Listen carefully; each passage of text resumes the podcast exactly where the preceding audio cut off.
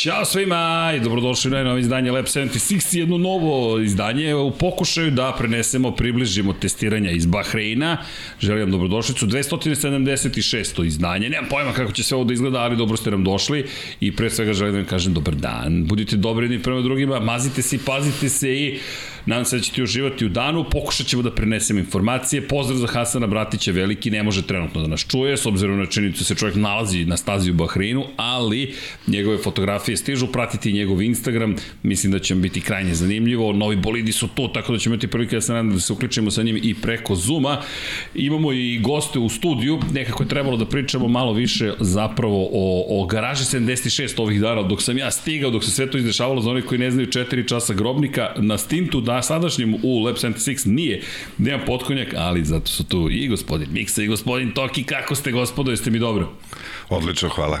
Odlično. A, ideja je bila zapravo sa Dekin da malo komentarišemo sve ono što se zbiva na stazi i da ubacimo Formulu 1, pa onda malo da spomenemo vaše iskustvo iz Grobnika. Međutim, pošto Deki danas, e, jel te, opravdano odsutan, što kažu, nema ga u ovom stintu, sad sam ja tu, tako da sad vam je teži deo zadatka pred vama. Nema veze, ovaj, navikli smo tamo da se snalazimo u novim situacijama, tako da sve ide prirodno, ja mislim. Da, sve bukvalno ide prirodno, ali ja ću da iskoristim priliku zapravo da, da kad ste već tu, pogotovo miksa iz perspektive nekog koji je pravio simulator i tebe kao nekog koji je koristio simulator, da pričamo malo i o tome šta to zapravo se dešava na stazi, koliko su simulatori biti tako dalje. Izmišljam zapravo u kontekstu toga što, ne, što smo hteli da pravimo neku drugu priču, ali mislim da ćemo sutra morati da uradimo specijal što se tiče garaže. Obavezno sutra ide specijal da pričamo utiske, imamo mnogo toga da ispričamo. Definitivno, vidio sam trailer, onaj trailer izgleda stvarno kao da je za bioskop spreman film. Ne znam šta sprema Deki, šta spremate, ali mi djeluje da će biti zabavno. No, U Bahreinu smo danas, i za onih koji ne znaju, počela su trodana testiranja, dakle prvi bolidi su na stazi, imamo i prve fotografije, ali polako ćemo krenuti sa njima, inače analizirat ćemo ih iz perspektive toga, dakle šta je ko doneo, šta smo to mogli da vidimo, koji su rezultati, koje sve jutro svozio, prvi neki po prepodnevni izveštaj, imamo dosta vremena da se družimo, pa eto, nadam se da će na četu biti ljudi, mi ćemo postaviti pitanja i svima onima koji su na četu, jel te ankete će biti aktivne, pa eto malo da se družimo, nadam nadam se da će biti dobro. Hasan u studio, e, pa da, Hasan, nadam se, i fotke su u špici, što kaže koja, već ste primetili nove fotografije i zapravo bih iskoristio priliku odmah i da se bacimo ljudi na fotografije pre nego što kređemo sa rezultatima, ali pre toga imamo jednu bitnu stvar i jednu bitnu veliku molbu, a molba se odnosi na našeg Šoneta i na našu Maju. Da, zaista vas molim, 1-4-4-5 na 30-30, ovo je lepša polovina našeg dragog kolege Nenada Milunovića, čoveka koji je komentator na sport klubu. Trenutno su u bici koju ja verujem da ćemo svi zajedno da dobijemo i ukoliko možete da pomognete, zaista bi puno značilo 1-4-4-5 na 30-30. Pritom, ko zna kako funkcioniše YouTube, ko donira nešto, klik klikne na ikonicu dolar u četu i donira bilo koje pare, sve što donirate tokom ovog podcasta ide za majno lečenje, tako da znate ukoliko možete sjajno, ukoliko ne možete, ej, znači nam i moralna podrška na nivou emocija pozitivnih, tako da pozitivna energija uvek dobro dođe pozitivne reči u svakom slučaju bitka traje, mi nećemo odustati, gnjavit ćemo vas, ne zamerite na tome, ali mislim da je to sasvim u redu. Inače to radimo, međutim u poslednje vreme nekako smo se malo utišali po tom pitanju zašto nemam pojma, ali to ćemo da popravimo, a s druge strane ovoga puta je onako malo ličnije, tako da bitka traje. Inače imate momci pozdrav od Bobana Slavković iz kolegi iz Kraljeva, tako da znate. Hvala, pozdrav za Bobana. Pozdrav za Bobana, ali ono što hoću da kažem jeste, ajmo da pokušamo maj da pomognemo, tako da ljudi hvala vam u svakom slučaju. A što se tiče onoga što se zbiva u Bahreinu, pa Hasan je već tamo, pokušamo i Hasanu malo da pomognemo u kontekstu obrade fotografije, ali smo neviđeno spori za njegovu brzinu, tako da se nadam da će se to unaprediti u narednih par dana, ali dobro, Hasan ima samo 20 i nešto godina iskustva kada je reči ne samo fotografiji, već o obeležavanju, podizanju fotografije i svega ostalog ali zapratite Hasana na Instagram profilu, vidjet ćete tokom ovog podcasta će se pojaviti i nove fotografije kod njega na profilu, tako da znate, imaćete mogućnost tamo da ih takođe vidite i imamo o čemu da pričamo, moram priznati da delo je zaista impresivno ono što se događa u Bahreinu u ovom momentu.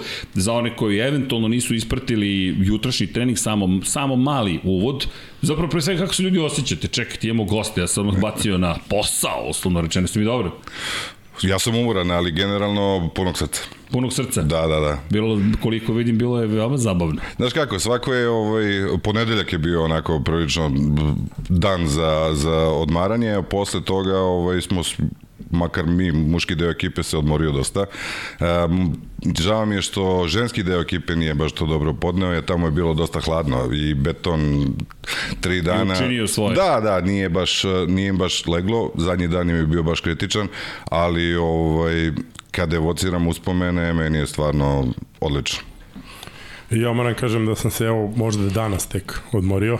Zato si sad odmah ovde. Da. Da te da. umorimo. Da, nema problema. Ja sam dinamično što kaže, ovaj nego ba, baš je bio onako da kažem naporan vikend ili je svega bilo, ali sve smo izgurali.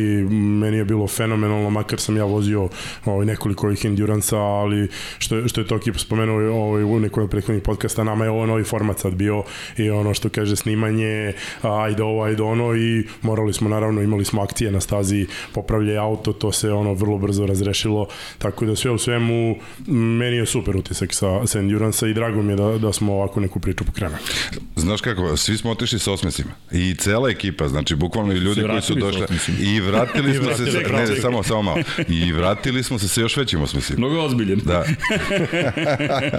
ne, što to, to je previše ozbiljno da bude.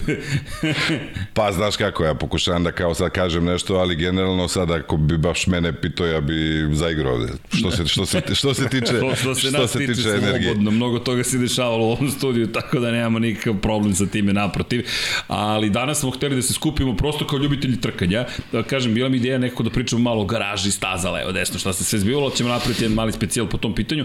A što se tiče Bahreina, ej, ovo je nekako početak sezone, znaš, znam da vas dvojice ste više MotoGP-evci, to, to mi je čudno, čekaj, trkate se na četiri točka, ali dva točka kada se prati, prati se dva točka. Pa evo, ja, ja moram se ubacim tu da kažem, možda će me publika malo isjetovati za ovo, ali ovaj, meni je MotoGP nevjerojatno takmičenje. Kompetitivno, a, znači ja od 12. pratim, mislim da nisam propustio jedan GP, sem ako sam bio negde na trci i nisam mogao da ispratim to dobro. Ništa, moramo te zarazimo Formula 1. Ovaj, ali mislim da ćete me zaraziti ponovo. Ja, ja imam neki uspomene Formula 1, ja sam sa mojom majkom gledao Formulu 1 na nekim vikend ručkovima i tako, ovaj, ali to, ono, to je ja i Formula smo, 1, pa ja to i mama to. smo gledali Formulu 1, to nam je bila jedna od ovaj, zajedničkih, da kažem, to je to. tema, o, ali kad je Šumacher napustio, moram kažem, bio sam Šumacherovac, o, kao što sam u MotoGP-u bio Rosijevac, neću otkriti šta sam sad trenutno u GP-u. Što, što, čekaj, čekaj. Pa, ne, otkriću, ali ne odmah. Ne odmah. Ne odmah. Sad si gledala. Ima tema da, za vidi, sad je, da, da, da, malo ronca da, da, da, da, da, okay. imaš crvenu majicu, možemo sad dve pretpostavke, ili je Mark da. Marquez ili Ducati.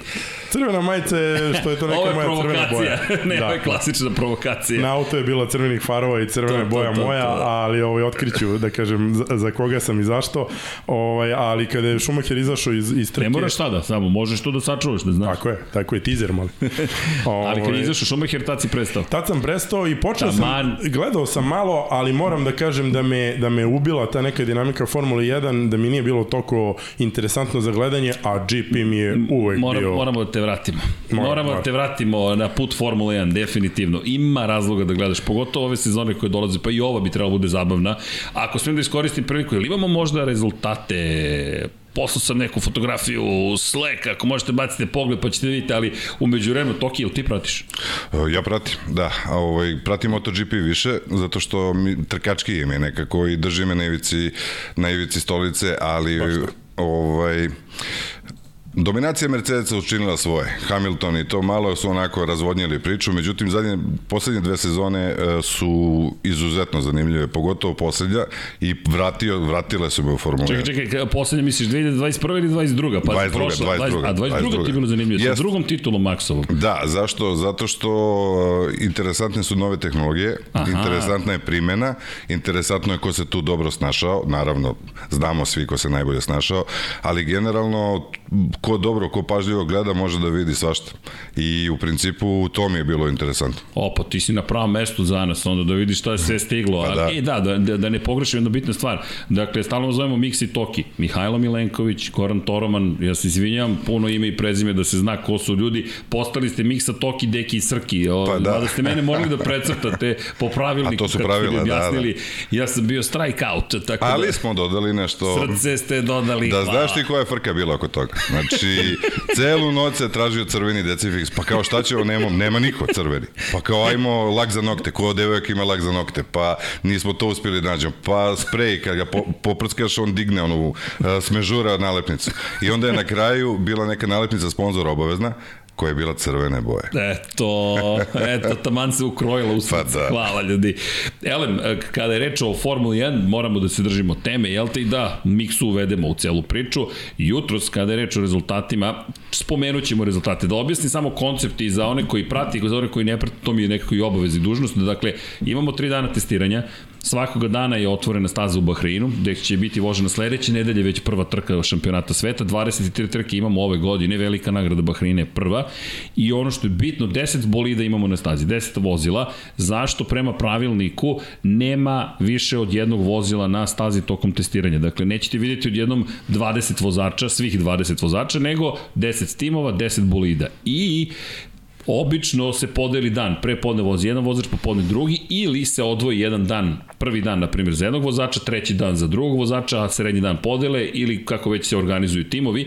U svakom slučaju, 10 vozača jutros bilo na stazi, imali smo priliku da vidimo i svetskog šampiona u novom Red Bullu. Inače, Adrian Newey jutros oko 6 sati stigao na stazu, čovjek koji je dizajnirao ovaj novi bolid. Vidjet ćete i fotografije. Nismo baš uspeli sve kadrove da, da, da, da uhvatimo, to jest Hasan je mega vredan, ali to je jedan čovjek koji pokušava sve kadrove da ispoštuje iz garaže, sa staze, sa teleobjektivima, sa široko ugonim objektivima. Puno posla mi pokušamo da pomognemo, kažem, spori smo, Hasane ne zameri, ali ubrzat ćemo se. No, Max Verstappen jutros je bio najbrži, ispred Carlosa Sainca u Ferrariju, Aleksandar Albon ili ti popularni Alex Albon u Williamsu bio na poziciji broj 3, Gvanju, evo, oh, hvala, hvala, screenshot je pao. Dakle, kao što možete vidjeti, Verstappen je završio vremenom 1.32.959, pričat ćemo i o vremenima i već negde se sluti da bismo možda mogli čak i da dođemo do rezultata koje smo imali u 2021. kada, su, kada smo imali neke neverovatne rezultate zaista. Tako da držimo palče da će se to desiti. Čisto poređenje radi, pošto ipak ovo priča o tome šta, šta to možemo da očekujemo u Bahreinu. Samo da napomenem, prošle godine smo počeli sezonu u Bahreinu i ne zaboravite da je pobeda pala zahvaljujući sjajnoj vožnje Charles Leclerc protiv Maxa Verstappena, ali odustaje Max Verstappen, odustaje Carlos Sainz. Elem, kada je reč o kvalifikacijama, čisto da damo neki kontekst ovoj priči, 1.35.58 je bila pol pozicija za Maxa Verstappena. Prvi dan pred sezonskih testiranja 2023. Ako može ponovo rezultat, molim vas, hvala. I Max je na 1.32.959, međutim 71 krug je već odvezao Verstappen. 72 Carlos Sainz, Williams, zahvaljujući Albonu 74 kruga, 1.33.6, inače kada pričamo o kvalifikacijama za konkretnu ekipu Williamsa, Williams je zahvaljujući Albonu imao rezultat 1.32.664 u kvalifikacijama prošle godine. Ne bih previše da tumačim rezultate, ali kada si samo sekund sporiji od prošlogodišnjih svojih kvalifikacija u prvom danu testiranja, to... Ovo je blizu, baš me, blizu. Meni to obećava. Sad, naravno, pitanje koliko su ostali napredovali i iz te perspektive vratit ću se u 2021. godinu. Takođe smo počeli sezonu u Bahreinu, veliki duel između Hamiltona, Luisa Hamiltona, Mercedesu i Maxa Verstappena koji pripao Luisu Hamiltonu, čuveno preticanje, pa van staze, pa puštanje i tako dalje, ali kvalifikacije te sezone 1.28.997 su vozili vozili i sad kada pogledaš gde su bili 2021. se se pitam čekaj, ako je ovo prvi dan testiranja i imamo ove rezultate, gde ćemo stići mi do kvalifikacije sledeće subote? Pitanje je šta su testirali. Znači. E sad, to je sad, o, jel, može, jel imamo fotku možda Maxa Verstappena? Ako imamo fol, to će biti malo teže. Gledaj me, pošto sam poslao 150 fotografija. A znaš šta je meni iznenađenje? Filipe Drugović, 40 e, krugova. Da, to će... To, to, Aston Martin. Ako možemo ponovo bacimo pogled na rezultate, da ispoštujemo sve rezultate pre što krenemo sa fotkama, znam da vas one i tekako zanimaju, ali Guanju Joe u Alfi, Alfa Romeo 67 krugova, 1.33.723. George Russell je prvi testirao Mercedes, 1.34.174, 69 krugova. Nico Hulkenberg i Haas 1.34.424, 51 krug. Filipe inače imao kvar prvi, prvo kvar. Stao mu je bolid u jednom momentu, Aston Martin, zamena za povređenog Lensa Strola koji je pao sa bicikla, nadamo se da neverovatno. Ali, Dešava se to. Ne, ne, to se de, ali uvek je povreda van bolida, uvek je povreda na nekom biciklu, na motociklu, u saobraćaju na, i, i nešto slično tome, na trčanju otprilike ali Filipe ima zanimljiva priča, njemu Juki Tsunoda se pojavio za Alfa Tauri, 46 krugova, 1.34.671, Pierre Gasly u Alpini, prvi njegov zvanični nastup za Alpinu, 1.34.822, 60 krugova i Oscar Piastri, prvi nastup u McLarenu, 1.34.888, 52 kruga. zanimljivo je bilo pratiti ih, ajmo, spomenuo se Filipe Drugovića, Felipe koji je imao najmanje krugova, ali su zadovoljni i Mike Krak, šef ekipe, rekao da je zadovoljan čime? Zrelošću Filipe Drugovića. To je pokazivo i prošle godine u Formuli 2. Upravo, Upravo to. To je to. Da, ima brzinu, ali ima i završava. Ima kefalu. Tako je. Ne ide u sulude neke duele, zna kako da pobedi trku, zna kako da vlada brzim bolidom i ovo mi je veliko iznenađenje da je se tako brzo naviku na Formulu 1, koja je velika razlika i skok, razlika. skok između Formule 2 u Formulu 1. I ima, ima još nešto, to, to da gledate, bolid, to nije za sla... Da, da, čekajte, čekajte, da vidimo, Hasan Bratić, naravno, legenda, ne znam da Hasane, ti sad pratiš podcast, e, pošto je ovo neverovatno, ali Uh, evo, uspe, kaže Hasan, pomogli ste mi. Uh, to, Hasane, bit ćemo... Šta smo radili? Evo, malo da vam otkrim. Uh, Hasan je sam ali nije sam, svi iz Lab 76 su sada uz njega. I u čemu je pojenta? Hasan kad fotografiše nešto, inače veze su slabe, pokušao je da kad fotografiše preko malo, ti poznate priča sa grobnika, router mu ne radi, to jest ne radi internet na stazi. To je ljudi nešto što je mene Ja moram iskrati, iskreno frapiralo i prošle sezone frapiram još više, ali mislim da će dva live view-a da stignu. Vi nabavljate jedan, mi nabavljamo drugi, ima da pokrijemo da. sve. Za one koji ne znaju, četiri SIM kartice ima da idu uređaj i pokupit ćemo signal, ima da šaljemo i video ako treba. Ali šta je pojenta? Hasan je na stazi i pokuša sa fotogra da čim fotografiše mobilnim ruterom, jel te uspostavi vezu sa, sa svojim serverom, pošalje fotografije i šta se onda gde dešava? Mi ih preuzimamo, tagujemo ih, dakle meta tagove ubacujemo ko je na fotografiji i ubacujemo u njegov sistem gde on jedan čovjek praktično novinska agencija, foto, foto agencija. To Hasan ne može sve da stigne, a da opet fotografija bude što je brže moguće u etru.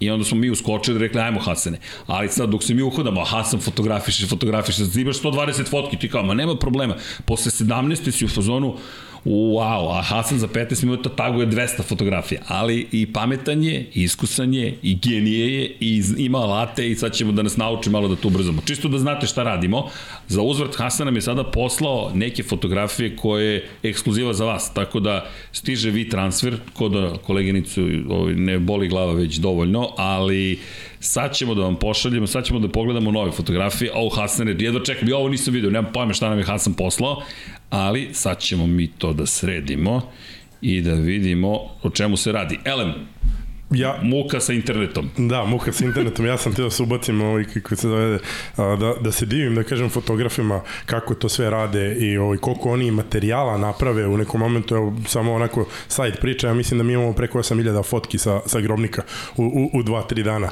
Ovaj, da, da ne spojlujemo, ali to treba pregledati sve. Znači, ako Hasan to sad radi na stazi, sve sam radi. On, on to ne može da uradi. Ne, ne, on, znači, on to uradi, ja ne znam kako, ali on to uradi. Svaka mu čast. Vidi, 12.000 znači. fotografija obično ima u fotoaparatu posle trkačkog vikenda. On tokom vikenda mora da izdvoji fotografije, da istaguje fotografije koje mora što pre da pusti, da ih uploaduje na svoj FTP server gde zapravo ima, provalio sam, ima skripte koje mu onda dodatno obrade i podignu njegove foldere i sve to onda funkcioniše i Hasan je potpuni genij. Taj si Hasan je genij, ako slušaš, nadam se da slušaš, a ako slušaš, moramo ti pošaljemo jedan Zoom link, dakle da zakomplikujemo dodatno još, priču. Još više, da. da mu nabacimo još jednu obavezu. pa, nadam se da će uživati. Ma i ja mislim. A vidi da nam kaže kakvi su utisci. Jutro si prva stvar, e, htio da me poštedi. Kao ne moraš da ustaneš u 6.45, ma u 6.46 počinju da pljušte fotografije. ja se budim u 7.45, rekao čekaj, čekaj Hasane, stigli, stigli, stigli su vozači, odmah kreće parada vozača, rekao čekaj Hasane, počela je sezona definitivno i te ćemo vam fotografije pokazati tako da znate. Samo da vidim šta nam je to stiglo. A u šta je sve stiglo. Inače što se tiče interneta na stazama, ovaj, u suštini uglavnom su staze malo zabačene, da kažemo, od nekih uh, naseljenih delova. I onda je tu, pretpostavljam, uh, problem u, u repetitorima, koliko ljudi, a naravno i na Formuli 1, mislim, ono, kad su, kad su zvanične trke i, i ovaj, bude mnogo, mnogo ljudi, mnogo gledalca i to onda ume da, da zašteka i nama. Nama konkretno nije bio problem internet, nešto drugo je bio problem, ali to je uvek onako, ne kažem, izazov. Imati dobar internet na stazi i odraditi sve što treba. Ma taj live mi smo probali, koliko se sećam, ti si ga u subotu uveče namestio, to je radilo besprekorno i to je radilo dugo, baš kao test. I onda u nedelju kao za baksu ništa, nula. Na, naravno da je radilo dugo kada nam nije bilo potrebno. Pa da. Tako je, i onda... To, to je normalna stvar. I znate da sam ja sa mora došao u Čile, u Santiago, da bismo imali dobru internet vezu. Da, da, Nije bilo da, da. drugih opcija. Više, jedili smo sve opcije, jednostavno nije, nije, nije moglo.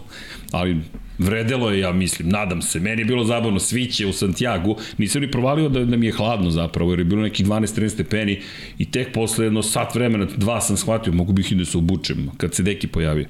Ali dobro, to je neka druga priča. U svakom slučaju, je li to, evo i fotografije, Lewis Hamilton stiže i kreće parada vozača, dakle, sedmostruki svetski šampion, velika sezona pred njim, dakle, neke nove generacije su tu, malo selfie ili možda priča s tatom Carlos Sainz mlađi, Ferrari naravno vozač, broj 55 prepoznatljivi je tu i naravno čovjek se priprema za krajnje ozbiljno za, za prvi dan, prvi zvanično radni dan ove sezone, vidjet ćemo šta dočekamo. Jel ste pratili, evo ga i Charles Leclerc, nova frizurica, porasla je kosa, to je sasvim okej. Okay.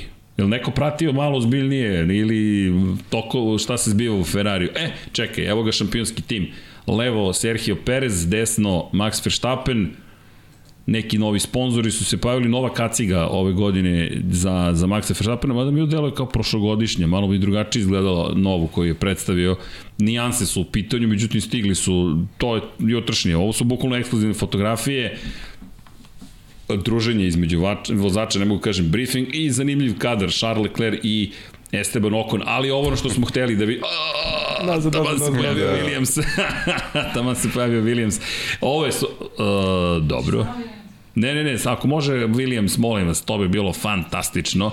S obzirom na činjenicu da nam je Williams zapravo prvi, prvi, prvi koji je stigao. Alex Albon je odmah izašao na stazu i odmah je krenuo testiranje. Moj najveći utisak po pitanju Williamsa, tu se sad slaže sa Tedom Kravicom sa BBC-a, nema sponzora. Nema sponzora. Bukvalno nema ni jednog jedinog sponzora. Dakle, da. imamo Duracell gore koji je super uklopljen kao baterija, Da, baš je fazon izgleda onako, baterija gore koja je izdužena. Bukvalno, imamo Golf koji se pojavio na graničnim pločama zadnjeg krila i napred ispred e, vozača, međutim piše Doralton Capital koji je vlasnik Williamsa u donjem levom uglu slike na zadnjem kraju bolida i ništa više od toga ne piše. Dakle, ja ne vidim neke ozbiljne spomene, ima, ima par na graničnim pločama na prednjem krilu, ali ovako ne bi trebalo da izgleda bolid Formula 1. Možda će imati neko sponzora kasnije u sezoni, ko zna. Iskreno se nadam, na zadnjem krilu piše Williams Racing, bukvalno bukvalno mi ne obećava trenutno, držim im palčeve, nadam se da će biti bolji rezultati, deluje da će biti bolji, ali mislim da su svi timovi napravili ogroman iskorak ove sezone po, po, po, po ponašanju vozača, po prvim izjavama, tako mi deluje. Inače, nova konstrukcija guma ove godine, koje su malo teže, tako da smo se vratili na istu težinu bolida kao prošle godine, da man su ih olakšali, onda je Pirelli doneo teže pneumatike, ali dobro, sve je to deo zabave. Pa dobro, lepo krenula je sezona, ne vidim ništa senzacionalno po pitanju samog dizajna bolida, inače prednji kraj zapravo poda bolida je podignut za 15 mm. Pa da, meni deluje kao da je, da je na zadnjem delu, onako, da je, da je geometrija malo drugačija. A, promenili su zapravo pod bolide je sada blago podignut time što su prednji kraj podigli za 15 cm i danas tokom treninga smo videli veliki broj zapravo različitih testova, pokušavali su da podignu bolid, maksimalno spuste, čuveno poskakivanje. Ljudi, efekt poskakivanja neće nestati te čuvene pliskavice, morsko prase, to će se pojavljivati, to, to je efekt prosto tla i to će se odražavati, jednostavno ćemo vidjeti kako će to uspeti da, da li će i kako uspeti ko da, da reši to.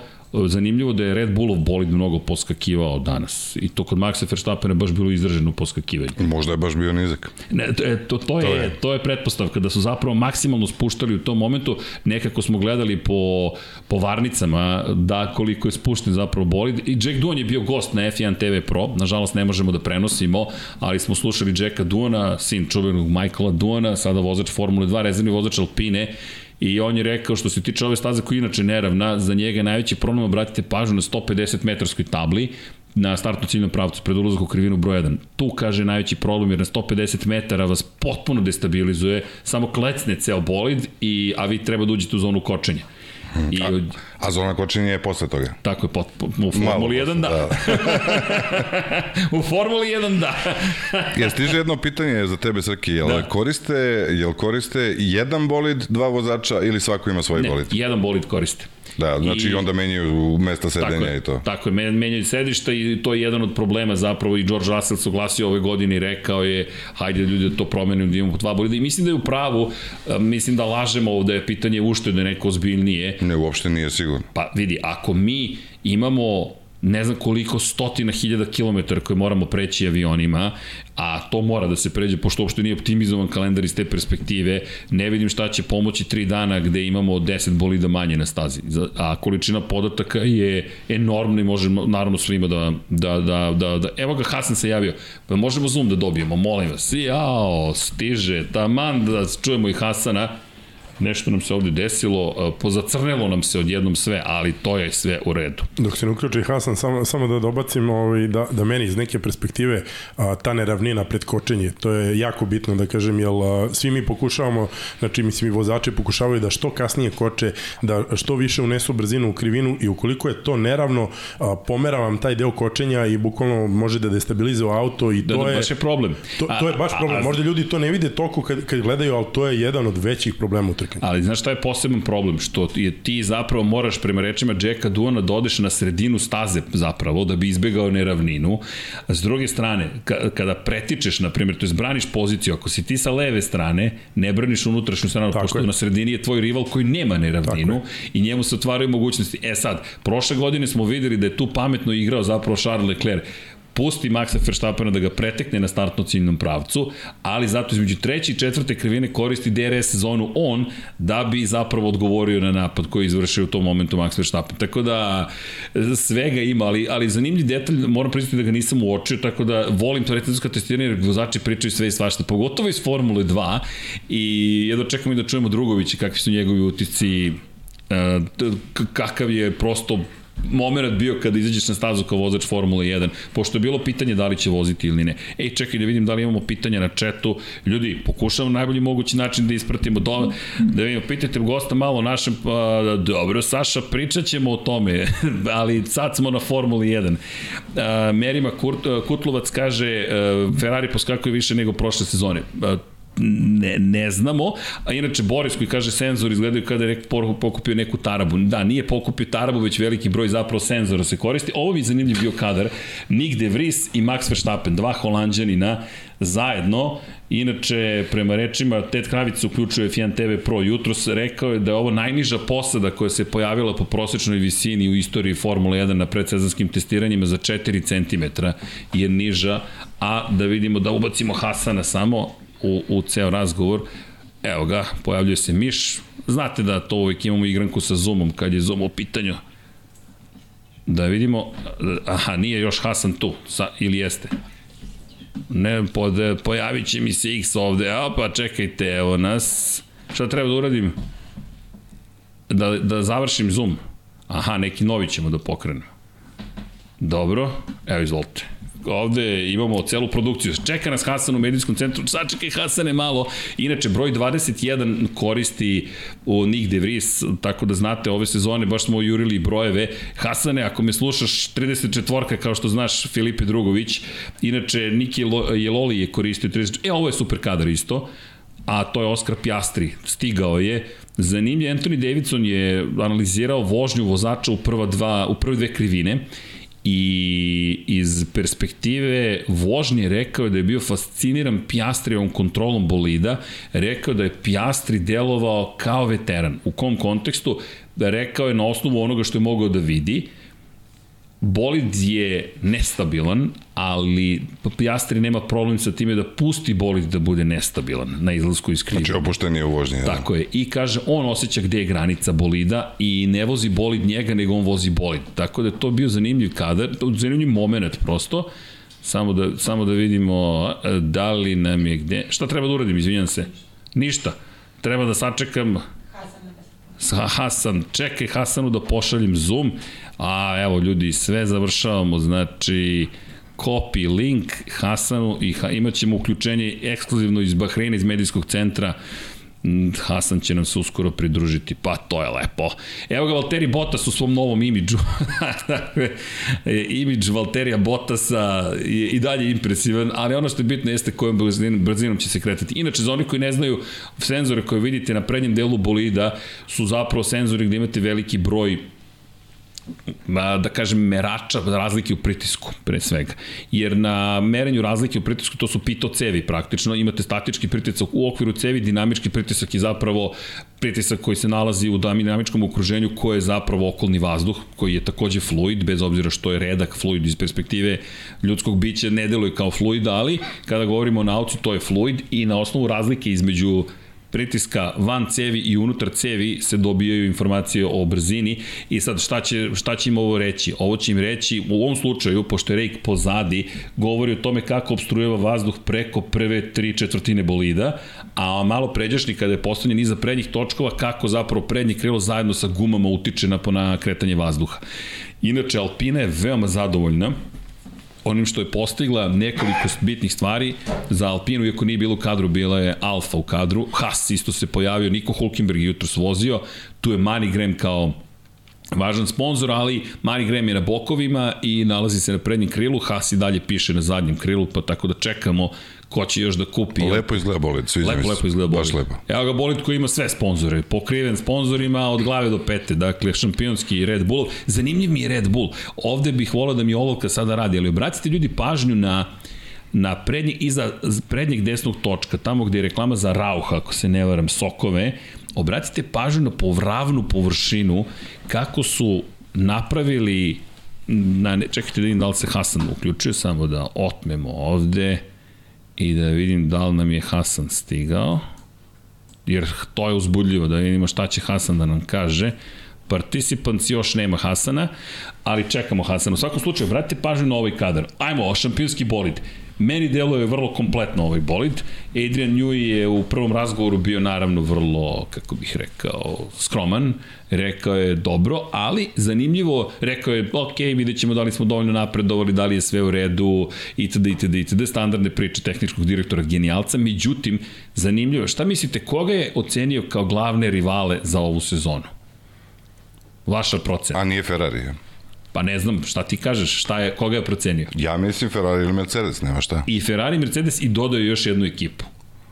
Da nije možda, mislim ja moram kažem nisam pratio da nije Alfa Romeo možda. Nije. Ne, ja mislim da je Aston Martin. Tako je. Da, da. Aston Martin je istakao. Toki kaže ne prati kako izgleda kad pratiš. Pa ne znam. Aston Martin je istakao Adrian Newey kao rivala od koga očekuje najviše. Ja moram ti kažem, e, meni ovaj bolid e, Red Bulla izgleda fenomenalno. Mislim da je najkompletnije ubedljivo i mislim da e, po, podsjeća mi na Ducati recimo u, u MotoGP-u, oni su došli spremni i mislim da, da je Red Bull u, u ovom momentu spremniji od ostalih. Evo ga Hasan, on kaže da je tu, ali ne znam, a, poslao mu pogrešan link. Ne, poslao sam jedan jedini link koji smo imali, ali ne vidim Hasana tu. Participants, ne, nema ga u ovom nema mi Hasana kao ne, čekajte, sad ćemo mi to da sredimo. Dajte mi sekund, ovo su sad iskustva, copy, možete samo da u Slacku kliknete paste. Paste, molim vas, izaći će, izaći će novi zoom. Tako da sad ćemo to da sredimo. Eto, Ja moram da pitam nešto ovako, pošto opet eto nisam pratio, znam za, za MotoGP kad rade testiranja, uglavnom imaju da. crne ove motore bez sponzora i vidim ovde da se priča dosta o, o tome a, da li imaju sponzor ili ne, jel a, je postojala i taj period u Formuli 1 da jednostavno dođeš bez ikakvih sponzora, sve zacrnjeno, da se možda i ne vide neke stvari. Jeste, ali ne na ovim testiranjima. Dakle, ovo su... Za, ovo su zvanična testiranja. Pa ne samo to, nego imaš premalo vremena, već e, za neke stvari drugo što će ovo da gleda ceo svet, sponzor je platio da bi to gledao i da bi se to videlo. Dakle, ponekad se pojavi Red Bull, se evo ga Hasan, stigo nam je Hasan, o Hasane, admit, sad ćemo mi da, samo da zatvorim ovo, collapse, close, evo ga Hasan, E, otet mi je. Čekaj, čekaj samo. E, otimajte Miša. Otmite Miša. Hasane, lepo izgledaš. Čekaj da te uključe. Čekaj da vidimo kad ćeš u kadar. Evo ga Hasan Bratić, to! Pa gde si Hasane? Ćao, Ćao čao. svima, Ćao, tako pozdrav. je.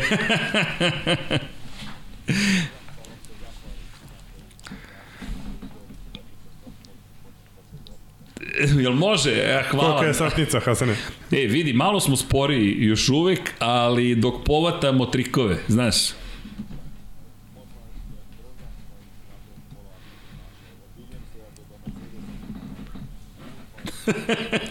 Dobro, sad smo Williams, okej. Alfa, alfa, čekaj, ko je alfa? ne veze, dobro mi izgledaš, jesi, jesi zadovoljan, krenuli se testiranja, Bahrein. Uh, izvini, moram da dodam, ne čuje se Hasan, kažu na četu. Ne čuje se Hasan na četu. Uh, desktop audio. Ja mislim da je to uključen Zoom možda. Sad ćemo to da sredimo. Da Sve nam je... Evo, sad ćemo, sad ćemo da uključimo. I uđi ti na full screen. Da uđem na full screen. Evo, odmah ću da uđem na full screen. Čekajte. Ali makar vidite tog lepog čoveka, pa eto, Uj, evo. baš, baš tako. Čuje se To sada. ja mislim maksimum, mislim da moraš na full screen. A view, aha, view speaker. Full screen. A, Da bi capture-ovao audio, pretpostavljam. A, hvala. Ok, može li sada? Čujete? Može sad, Hasane, sad krenemo iz početka, jesi mi dobro? Jesam, u, umoran. Ćao svima. Ali, ali, dobro, čao svima, tačno. A, so, Ovo, ali, ali, ipak je ovo malo neka destinacija, malo, malo duža, pa zato sve ok. da, dobro, jeli, pazi, dopisivali smo se iz aviona, šta su ti čuda Da, tehnologije, e, to pa, sam juče eto vidiš u kojim vremenama živimo, da, tačno. Neka, neka, nije, nije to tako loše. Tako, tako. Ne, sve ok, kažem ti. je- Jedva čekaš da, da počne sezona. Na kraju uh, u Abu Dhabiju se jed, jedva dočeku da, da se završi, a u decembru već gledaš uh, kad, kad počne, da, da, da počne ponovo iz početka. Ali eto, Pa to, to, to, to, to. Kao, e, s jedne strane, jao ne, počinje ponovo, s druge strane, jao da, jedva čekam, počni i tako dalje. Tačno, Ali tačno, dobro, tačno, Sve tačno, to tačno. u redu. Ne, ne. E, Reci mi, kako izgledaju vozači, jel su sve, delo mi da su svi sveži, raspoloženi, orni za rad? Svi su, svi su raspoloženi, baš ovo, ovi novi, ovi, ovi mladi hoće da, da, da se pokažu šta, šta znaju i da naravno da da gledaju pr- prvi put da idu sa bolidima na, na stazu i vid- vidi se baš da, da im je drago. Mislim, vrijeme je fino, 30 stepena, pa ipak uh, imaju do, dobre uslove. Super. Uslovi što se tiče staze, pokušali smo i preko mobilnih, tel, mobilni odmah sa staze da stigne fotografija, ali tu još moramo malo da čekamo izgleda. Kažem ti, mora i ja biti, mislim, eh, to se da se uhoda, mislim, eh, malo mislim da je možda ona rezolucija koju imam u kameru da je, da je, da je previše za, za slati. Morat ću je, je spustiti malo, pa onda će biti bit sigurno lakše. To ću vidjeti onda sutra može. Dobro, to su testiranje i za, i testiranje i za tebe pred Tačno, sezona. tačno, tačno. Onda tu isprobaš sve što treba i onda gledaš eh, da, da bude 100% na kraju. Evo, tu, tu su i Miksa i Toki, oni su sa Grobnika pokušavali da realizuju prenos, Da. ali bilo Pa dobro, mislim, mi, mi, mi imamo još uh, ovo dobro, ovaj, uh, nemamo gledalaca još, ali kad budu gledalaca, onda naravno, onda svak ima svoj mobilni, svak šalje poruke i sve ti imaš, piše ti 4 ili 5G, ali nema, nema šanse da, da, da slika izađe. Ne, ne, pa baš ne, pi, piše, da, to, to kao piše 5G. I meni u Chile upisalo 5G, ali Da. nije bilo ni 1G, a kamoli 5. Dakle, Da, ništa tačno, se nije tačno. samo stoji. Ali Movistar meni izbaci kao 5G. Ja kažem, Pa dobro, naravno, super. da, da. Pa imen kaže, imen ide i mislim ona, ja, ja vidim, ja vidim u prenosu da, da ide polako slika, da onaj e, e, e, gigabajte idu, ali e, traje, mislim, ja sam onda poslao nekih 17 slika i onda, ali to traje. Ja, ja ne vidim je li jedna gotova, samo polako, jedno po jedno ide, ali onda predugo, pa sam onda prekinuo, pa sam došao u pres centru, pa sam ti poslao iz pres centra, bilo lakše. Pa da, evo, evo imamo predlog, Aleksandar Tadić kaže ponesite Starlink antenu. Već smo istraž, istražili Starlink, problem sa Starlinkom Elona Muska, to je SpaceX je što antena mora da bude fiksna. To bi značilo da, moramo da se uh, naselimo, da ne kažem da živimo na stazi zvanično i da dobijemo fiksnu antenu za Starlink. Tako da još moramo da čekamo da Starlink malo Polako, bude... polako, da. Ali dobro. Što se tiče bolida, šta kažeš, kako ti izgledaju? Jel vidiš neke razlike u odnosu na prošlu godinu? Mi gledamo tvoje fotografije, sad ovde smo ko mala deca uživamo. Pa, to da, da ti ja pravo kažem, ja jo, još nisam ni, ni imao mogućnosti pravo da pogledam. Mislim, da sad kažem, što si pričao o slikama, šta imam do sada 2600 slika, dobro. Za pol dana, 2006. dobro, dobro. Nije, nije loš za po- pola dana. Nije loše za, Za pola dana. Da, da. da, da. Pa evo, baš sad komentarišemo koliko ste imali momci slika u grobnik, na grobnik 8000. Pa jedan fotograf je preko 8000. Nije Taj loše. možda, taj možda zaspao za, sa prstom na... Zaglavila mu, da, zaglavila mu prst. Desi se ponekad, desi se. Ne, ne, imaju velike zvezde, znaš, ti imaš tamo vozače Formule 1, mi smo tamo Pa dobro, imali i Dekije, to- i Miksu, i Tokije, O, znaš. O, to, to, da, to je taj men doživiti jednom take legende fotografirati, ona mogu penziju. Ve, sredit ćemo na vezu nešto, Dogovorit ćemo se nešto, Hasan ima još Ok, trka. do- dobro, Ne, ali super. svaka čast, prosto je neverovatno, znaš, i zadovoljstvo i čast da pričati sa tobom. I gledam jutro svoje fotografije i razmišljam, čovječe, ovo se upravo desilo. Jedno ga Hamilton, nova kaciga, novi kombinezon, evo ga Max Verstappen, evo ga Charles Leclerc. Vidim da Charles Leclerc ima malo dužu kosicu, otprilike. Malo, malo, malo, omatorio izgleda malo. Da, dobro, da, da mi, mi smo sve mlađi i mlađi. Ali kad vidim, ali kad vidim Piastrija, onda baš vidim isto neko dijete, ne, ba- baš to ne, niti ima brade, niti ima nešto, to... sve da, da, vaših, vaših da, klinaca. I ali Drugović, Drugović isto, to sve, to, i mladi su naravno. Da. Super, jesi uspeo da popričaš sa nekim, znam da je gužva, pitanje da li si uopšte uspeo s nekim. Alonso, šta. samo kratko Alonso, mislim, ako, ako znamo već malo, pa... Pa da, sam samo ako, Alonso, pa da. Onako, ono, ne, pa, pa dobro. Zna se Samo ko je, dvostruki ko je, šampion ko je, ko je šmeker, zna se. I šta kaže, kako ti izgleda sad u Aston Martinu? Pa dobro, kažem ti, e, ja sam malo samo ono pogledao kad su stajali, kad smo mi počeli ono e, 15 do 9 bilo je za, za, za Netflix e, onaj početak, svi, svi, svi bolidi na, na stazi, onda to došli vozači polako. E, ali mi, mi, mi nismo smjeli doći do, do, do pit, pit vola zato da, da ne bi smetalo Netflixu naravno, pa smo onda morali čekati u pit lane pa one slike kao Čekaj, što ali ste ti si zvezda Netflixa, ima tebe u Netflixu, Drive to Survive, svake sezone makar jedan kadar. Pa, biće, da, da, da, ponekad ima to isto tako, dobri stvari, ima loših stvari. E, znaš šta moramo da uradimo? Na IMDb da te ubacimo, Hasan Bratić, koga i glumi u Drive to Survive himself. Uj, joj, Znaš. to je Zubone Nogli, da, tačno. E, mora se ubaci. To je, pa Galeb mi je to uradio, pošto sam gostovao kod Galeba e, Nikačević, Agelasta, i onda, pošto sve svoje epizode stavlja na IMDb, i neko me zove, e, na IMDb-u si rekao, ja glumio ništa nisam, kaže, imaš, glumiš sebe kod, kod Galeba, Ali ima- rekao, okej. Ask himself. Super, super.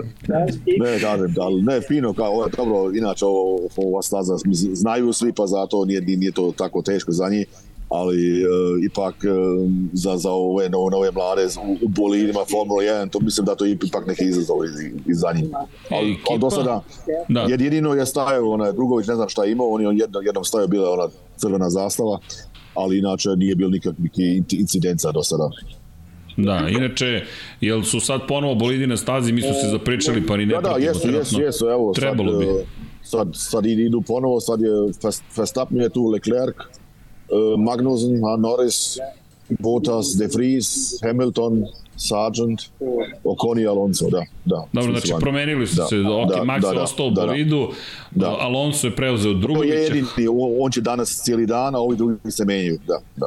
Jasno. Da, da, pa dobro, to nam je bitno. I to ono što objašnjavali smo baš, e, svaki tim ima samo jedan bolid i taj jedan bolid Da. koriste jedan i drugi vozač. Da, I to da, je to. Da. Da, to, to se iskreno Ali nadam se promeniti. Da. A, ima jedno pitanje za Hasana na četu i ja bih volio da čujem odgovor. A, kaže, pitaj Hasana čiji motor ima najviše decibela. Pa pošto ste tu sad na licu mesta, jel ima nekih noviteta? ne bi baš rekao, mislim, e, sad, do, do sada nisam e, čuo neš, nešto da baš ima neki ono što, što je najglasniji, prije je bilo uvijek, e, onaj Aston Martin ipak bio malo glasnije, ali još nisam primijetio baš ne, neke druge zvuka. Biću sad, mislim, imamo još vremena. Jasno, I pa sad, dobro. i sad kraj staze, pa ma, malo, da, tačno, i sad ću malo kraj staze, pa da vidim posle start finisha, baš ono čuješ ko, ko ima, ono, baš, baš vel, veliki uh, glas. Da, ove godine ne bi trebalo bude nekih većih promjena kada reč o motorima. Motori ne mogu fizički da se menjaju, softverski će takođe da, ih zaključaju. Da, da, da, to je, to je isto, mislim, to je isto, pa, ali možda neki no, za, za, za odspuf nešto tamo, možda neko nešto napravi, neki, neki drugi put da, e, za izlaz ili nešto, pa to ipak može nešto djelati.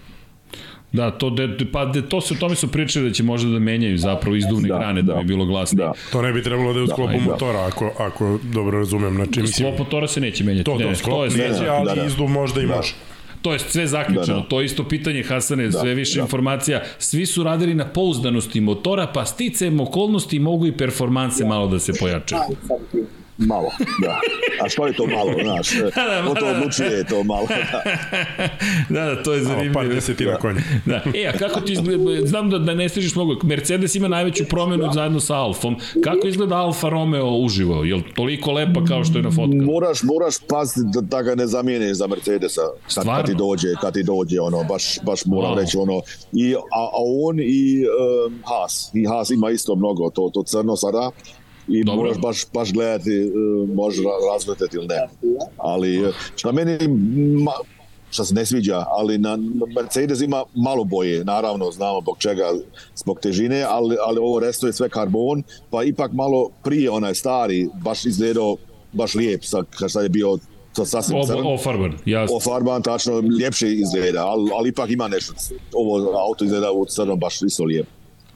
Da, inače, kada pričamo o Pjastriju malo pre, dosta su oduševljeni načinom na koje je vozio jutros na, na F1 TV Pro su, baš Da, smo slušali, i komentar je bio da Pjastri deluje, svima Pjastri deluje, bez obzira na godinu pauze, kao the real deal, što kažu, da je on taj. Izgleda, izgleda da može, da, da može baš, baš biti ono, ono što, šta su im trebali da ide, ide napred. Jer Mali nije, nije grešio, ja mislim, jednom i to ipak, eh, ipak neka dobra stvar kad taki neki mladi stane u taj bolid i, i ide sa 300 i ne znam koliko još i, i ne, ne, ne greši. Ima koliko još bilo ono malo kočenja, što ja znam, ali kod njega ga još nisam vidio.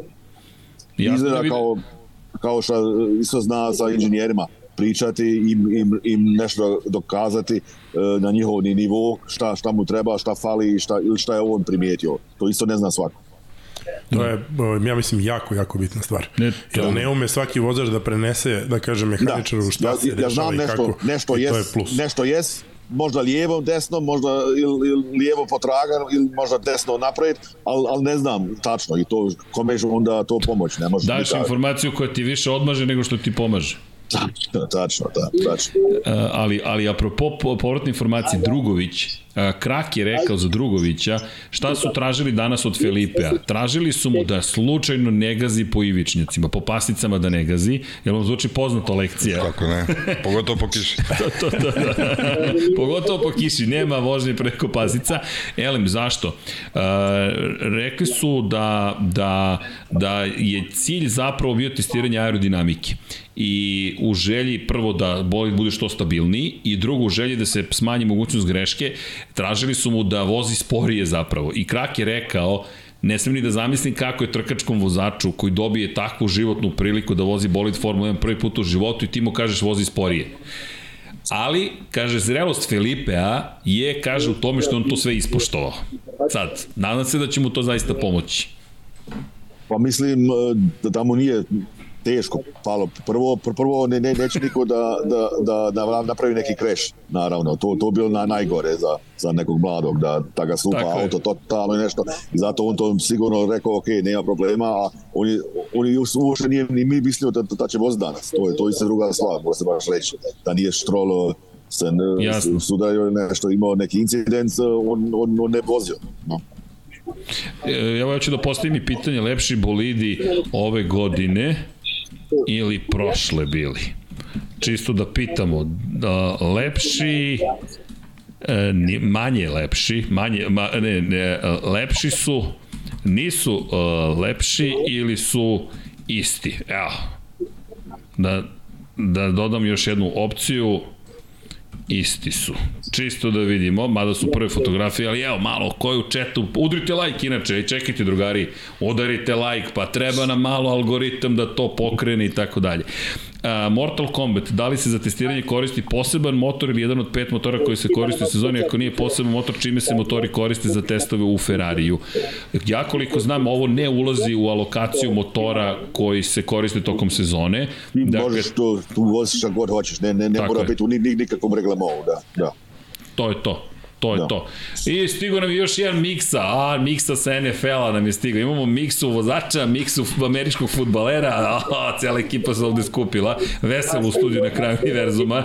Tu nam je i Toki. Ne stižete momci mnogo da pričate, ili ne zamerite, tu nam je, ha, Hasan nam je glavna zvezda. Ja naravno. upijam sve što kaže čovjek. To, to, da. to, to, to. I ja isto da kažem, Imam ja pitanje, ovaj, kako, kako Filipe Drugović deluje u celoj toj, eh, pošto nije očekivao da će voziti, a gledamo vremena, vremena su mu odlična, a nije imao priliku da, da, da svoj maksimum. Pa kako vama deluje on? Ne Pa ja da sam sad, ja mislim, da. mi- čuo sam, ne, to, ali ali čuo sam, e, mislim, ja, mi, mi sjedimo u ovom pres centru sa, sa ovim žurnalistima i do sada su baš svi oduševljeni šta je, šta je, šta je uradio. To, Da, to. To, to, to. Hasane, molim te kad ga stigneš negde, mi sad teško možemo da dođemo do njega. Pokušavali smo dok je bio u Formuli 2, sad je u Da. Formuli 1, sad je još teži put do Filipe, ali Pa pitaj lakše ga od... u formuli kad dođeš. Vidi, tebi je lakše, cenim, ali tebe znaju. Ali ako ti nije teško da, da vidiš to Drugović me kopka, znaš odakle, Odakle, Drugović, da, poreklo. da, da. šta se Okej, dešava, okej. da li ima neke veze. Znaš, Dobro. kažeš Bratić, Drugović, Pitaća, pitaća kraka, njega znam dobro već iz, iz, iz DTM-a, pa, pa će ja njega da, da, da, da mi da pet minuta sa njim. Već. Vidi, vidi, ako možeš, postaneš nam i reporter, vidi, pa to je ono suva ekskluziva. Univerzalan, sve za lap 76. to ti kažem, to. Pa moraš sam biti univerzalan, ne samo jedno rad. Mora, ej, vidi, malo pre sam spominjao, ne znam da li si čuo, ali uh, malo otkrivamo magiju koja stoji za tvog rada.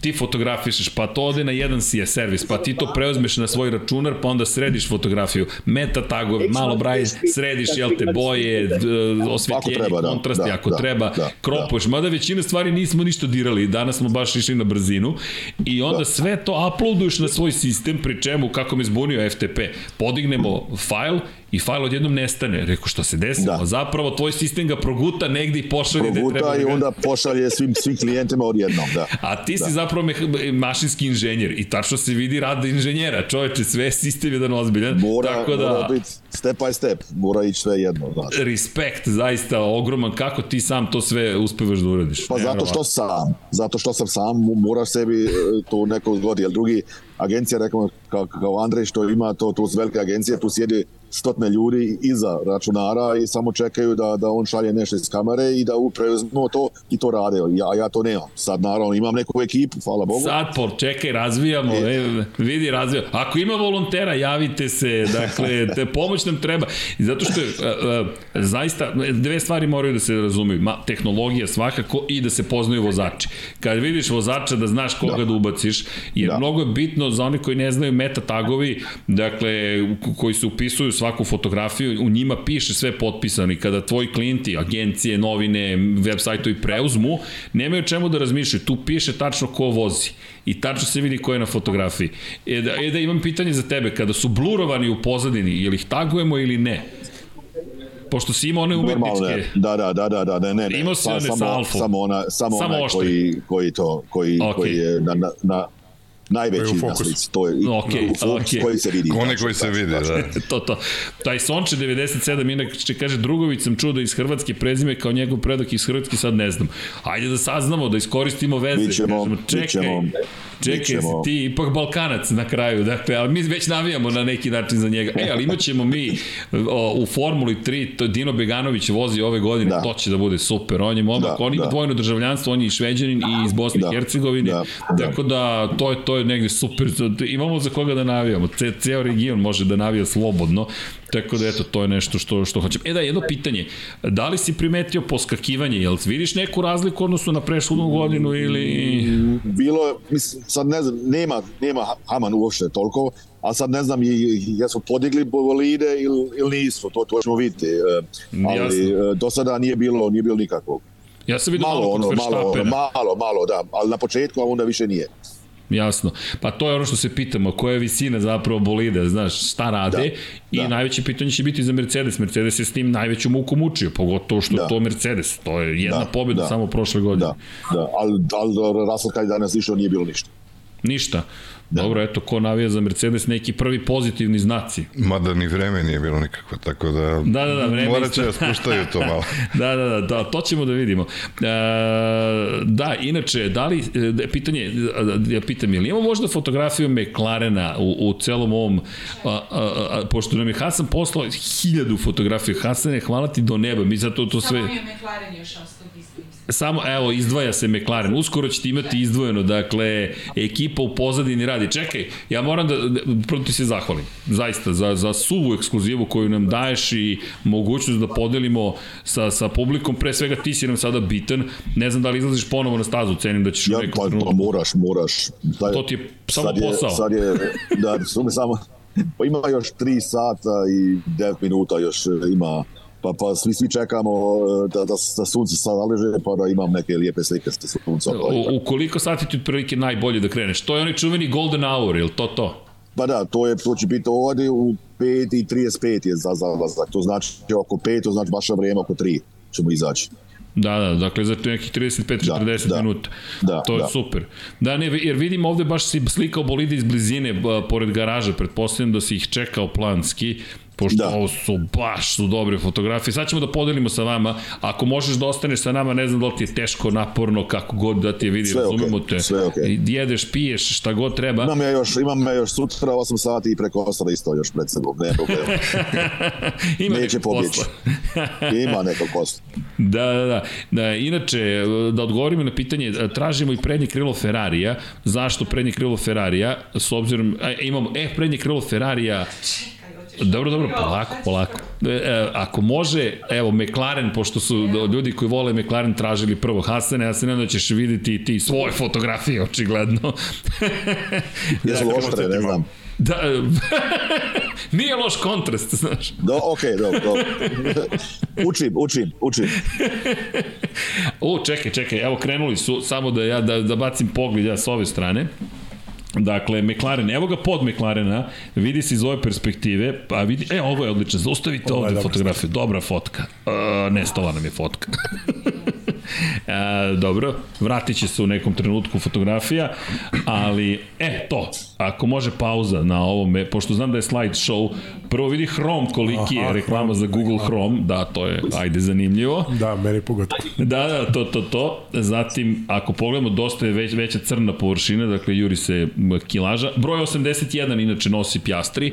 On je inače, koliko ja znam, nosio 21, ali 21 pripada Niku De Vrisu, tako da je Pjastri 80 jedinica i pa sad ne znam što su ovoliko krili zadnji, to je pod, nije baš nešto što nikada do sada nismo videli, ali ajde malo ćemo to podrobnije kasnije da pogledamo. Da. Ne znam, Srki, jel ti znaš e, odgovor na pitanje zašto svaki od bolida ima toliko crnog ove Da, da, godine? da. Ma, e, juče smo baš pričali o tome. Farbu skidaju. Kao težina je. Težina, težina, da. Jure, po- jure po 100 grama jure, jer ove godine, na primjer, pravilnik je rekao prvo da smanjujemo kilažu, onda su rekli, pošto je Pirelli 2, 2 kg teže gume doneo, onda se povećala dozvoljena kila- kilaža za 2 kg, vratila se na 798 kg po bolidu, a onda su dobili još pola kilograma za uređaj za merenje poskakivanja. Tako da su morali da nađu još pola kilograma i negde cene da od 180 do 300 grama mogu da skinu samo na farbu. I onda su bukvalno skidali farbu gde god su mogli, zato su toliko crni. Da, Hasane, ovo super su fotografije, hvala ti. Ovo je, ljudi, evo, svetska ekskluziva, možete da vidite podnicu zapravo McLarenovog bolida i iz ove perspektive možete da vidite prednji kraj e, poda kako je viši nego što je bio prošle godine. I to značajno. I to se značajno, baš se vidi, pa 15, centi, 15 mm, ljudi, to je centimetar i po, to je u, pri tim brzinama, na ovim bolidima, to je ogromna razlika. Mada moram reći da mi se baš sviđa kako izgleda McLaren. Vidi kako je lepa, o, ba, fasane, ti si bog, nema šta.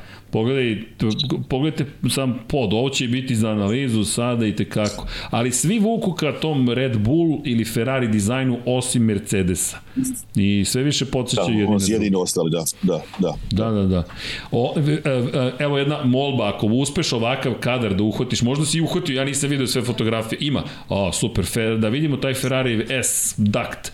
I već su počele igre, naravno, već su se timovi žalili, to jest već su tražili zapravo da se da se analizira da li je to legalno ili ne. Vidjet ćete kasnije prednje krilo Ferrari, ono je vrlo zanimljivo. Cenim da će uskoro ono što je Mercedes prvi primenio prošle godine zaživeti kod svih.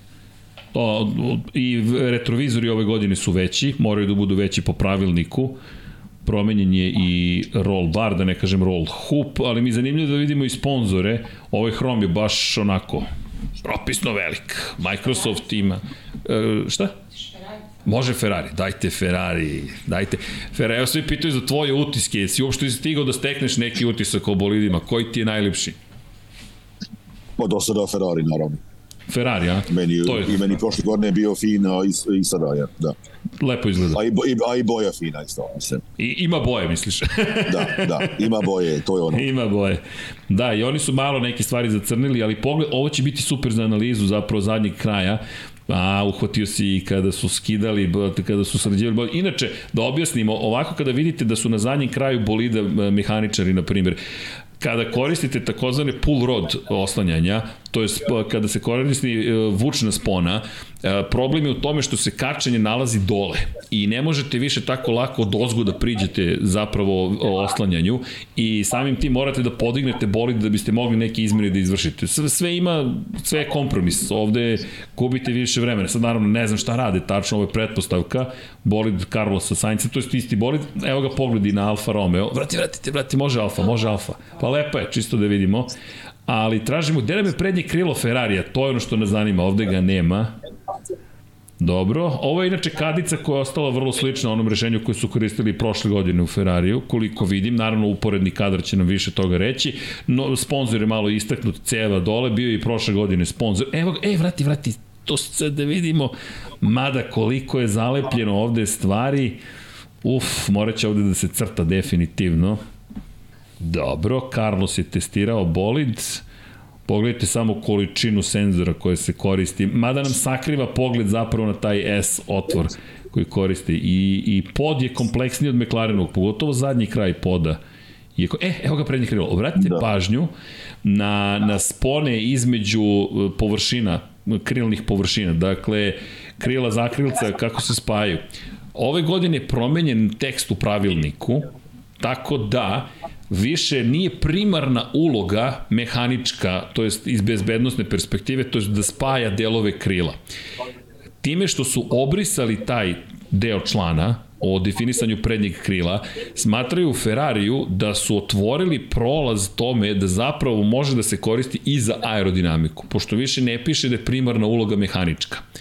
To je Mercedes prošle godine uradio u Americi, prvi, i ono što pokušavaju da učine jeste zapravo da preusmere vazduh tako da kada dođe zapravo do, do prelazi preko prednjeg krila ga usmere na spoljne delove i dalje od pneumatika. Tako da ima ozbiljnu ulogu ovo prednje krilo. U, super kadar, hvala. E da, inače, još jedna stvar se dešava.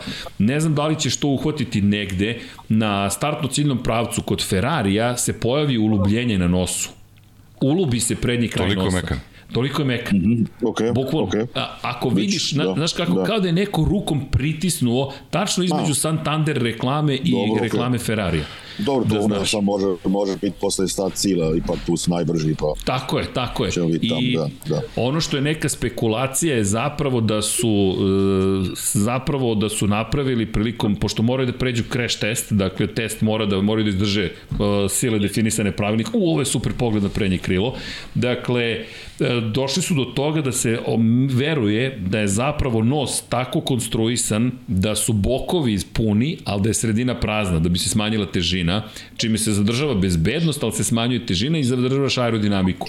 I bukvalno se ulubi ispod Santandera se pojavi neki elipsoidni oblik koji je ovako ulubljen i rekli su Ferrariju već da će to morati da srede, pa eto dok ne srede. ali meni su ovi nosači senzora fantastični, koliko su drugačiji kod Ferrari u odnosu na, na Aj, sve ostale. Pa da, da, da, nisu pravolinijski nekako. Uopšte i širi su i kao da mere totalno drugačija strujenja. A i na kraju krajeva i lepše su kao i sve na Ferrari. o, jer imamo to ovde neke navijačke strasti ili se meni čini. Pa ne, italijani su majstori, šta sad? da ne, pa to je pa juče rekao. Ako, ako pričamo o poziranju, broj 1, dakle titula je već, već dodeljena, e sad samo još i brzina. Možda i drugačiji oblik uh, senzora, mislim, nosača svega utiče i na aerodinamiku. Pa i korelacija, da, i to i korelacija sa vazdušnim tunelom. Jer da. ti zapravo moraš da napraviš korelaciju između onoga što se radi u vazdušnom tunelu. Tu je Alpina navodno prezadovoljna za sada stvarima, ne toliko testom koliko ovim, to još nema informacije, ali prvim testom koji su radili kada se pojavio bolid, da vidimo bokove, dobro, to liči na Ferrari od prošle godine u velikoj meri, nema tu radikalnih izmena, mada kažu da su sve to pravili iznova, i nema onih više širokih nosača, dakle, kao što možete vidjeti, kruće mi deluju podovi, ali dobro. Hvala Hasane, ovo je fenomenalno. Dakle, eto, suva ekskluziva za sve koji vole da prate Formulu 1 ove godine, eto, trudimo se da, da vam prenesemo još neke stvari. E, eto, to je to. Ka, ka, Tana Carbon, kaže Blaxican 21. Da, da, kažu da će da, da, da poprave, ali mi je opet fascinantno kada vidiš bolid Formula 1 kako mu se nešto samo oko ulubi.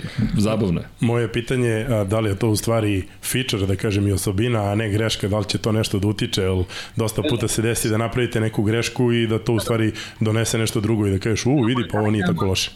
Ej, evo vidi, uh, zanimljiva je situacija, uh, izvini, molim te samo uh, na četu, da, da. kaže Felipe, moj pradeda je bio Austrijanac, a onda je stigao u Brazil 1913. godine, prezime je bilo Drugović, ali su ga promenili u Brazilu. Poreklo je slove, slovensko, deda je rođen u Beču, odrastao u Trstu. Tako da pošto su ovde carstva prelazila razna preko naše podneblje.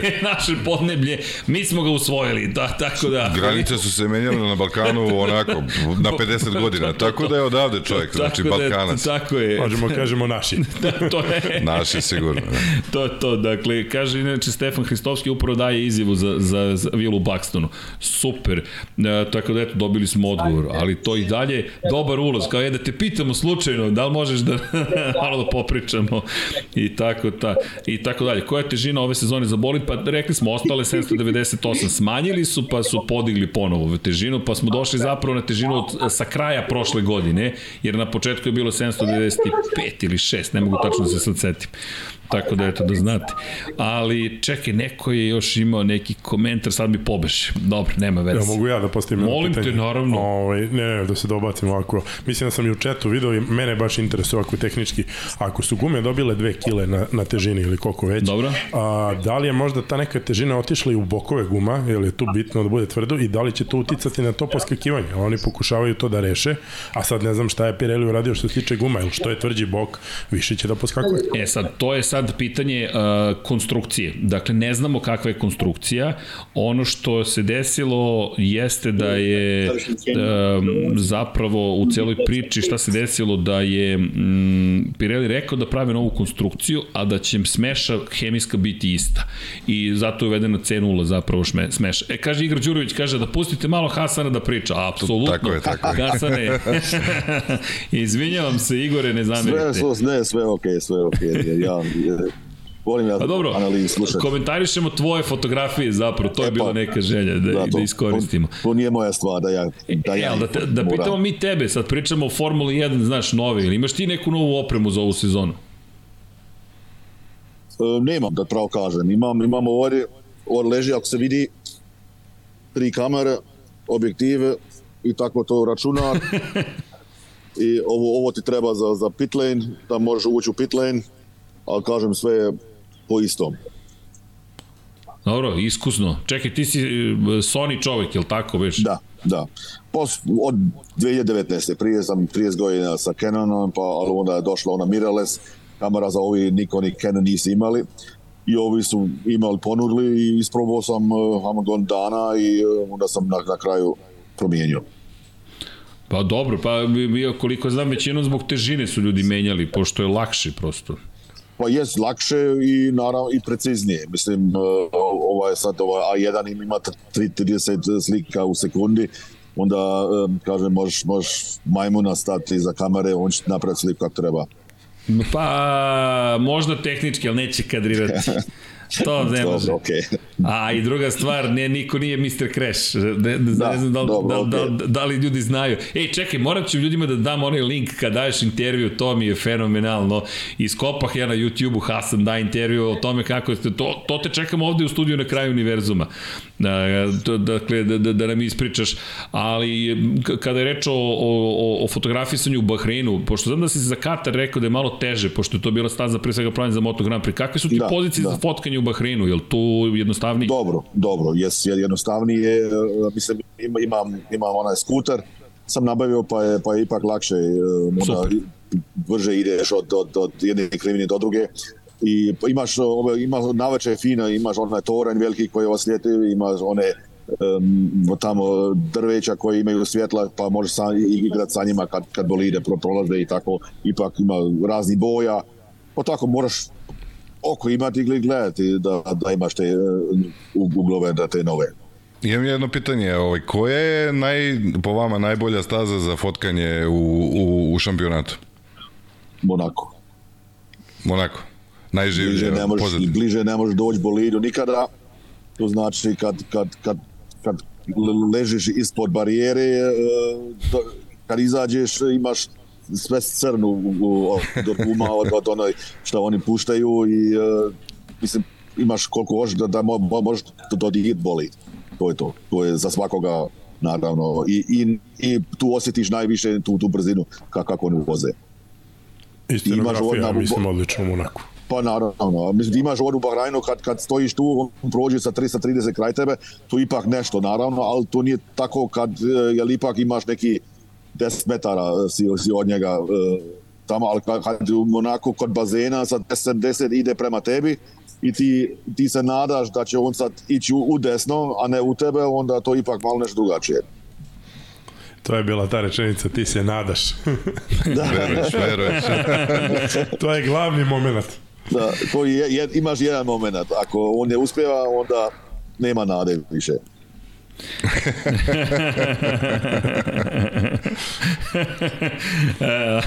da, da. Inače ima ovde nekih pitanja, ali koje nisu toliko vezane za tebe, pa ću ih ostaviti za kasnije, prokomentarisat ćemo i odsustvo i Njakija Ruede. Ali ajde, jel ti imaš priliku kada si na stazi da ih sretneš, na primjer, da li Ruedu, da li nekog drugog stratega, koliko uopšte imaš kontakta sa menadžmentom tima? ponekad mm, pa mi znam, mi se znamo to, to da, ali ja, ja, ja sad ne pitam ko, ko izađe ili ne, nešto to. Kad, kad imaš neki vozač, recimo na Whatsappu, on, on ti javi, evo, za 10 minuta ću, ću ići sa, sa autom na, na, tamo na stazu pa da gledam u, u krivini 12 šta ja znam tu, te ka- kako oni uđu u tu krivinu ili izlaze, i onda, onda može otići tamo pa sa njim neke slike napraviti kako on e, naslonja se na barijeru i gleda te, te bolide i tako, ali inače to svaki tim radi kako želi, e, ne- neki idu sa, sa biciklima, neko skuterima i tako, pa tu, tu, tu nema nek, neki raspored.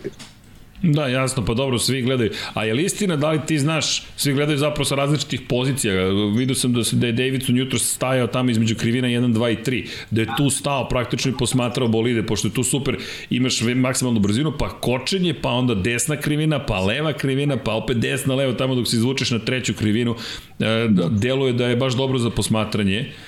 Da, ali pitanje ono koje hoću da postavim jeste da li znaš, da li, pošto u Moto Grand Prix za to znam, postoje fotografi koji rade za određene timove, dakle ne znam, rade za Hondu i ti znaš da oni fotografišu za Hondu i onda pokriju sve ostale garaže i odnesu fotografije Hondi. Pretpostavljam da formuli. otkad, otkad formula postoji, ima špionaža. ima, ljudi, ima ljudi koji cijeli život ništa ne rade drugo nego gled špionažu prave za druge timove. A mi svi znamo, ona je radi za Red Bull, ona je radi za Mercedes, ona je radi za McLaren ili za Ferrari. I, i on stoji, je, jedan stoji kraj drugog i, i on, ona, ona je slika onog bolida, ovo je slika ovog bolida. Mislim, malo je to smiješno ponekad, ali e, to, to, je- to je normalno, to, je, to svaki ima svoje. Mislim, i, ja ponekad dobijem, onda je, mislim, znam Andreja za Zajdla dobro i on mene ponekad ili, ili kraka, on do, dobijem e, neku, slušaj, imaš, imaš mogućnost iz, iz krivine 11, treba mi McLaren, onaj Ferrari, treba mi ovo, treba mi ono, ja, ili, ili, onaj, onaj, kad, kad, kad onu boju stave za aerodinamiku. na sa Jasno, strane. ili Flow iz boja, da, da. Flow iz, tačno, on svi hoće onda gleda, bi, bil mogao mi dati taj uh, kadar gdje, gdje se vidi kak, kako to ide kroz, kroz vjetar, kako se to promijenuje, to, to njima naravno puno, puno znači. To je, to je Halo Bing kako brat, cijena sitnica, nije nikakav problem. Da. ali sjajno. Naravno, e, ali pazi, prva stvar, paradoks. Radiš za Ferrari, fotografišeš sve osim Ferrarija. Da, tačno, jer ne interesuje te Ferrari za špionaž. On to Ferrari zna šta radi, da. I s druge strane, ovo mi je isto zanimljivo. Meni je to fascinantno zapravo kako radi, kako cijel taj svet funkcioniše. U suštini oni tebe vrlo dobro poznaju. Ti već 25 godina, to, to skoro 30 radiš.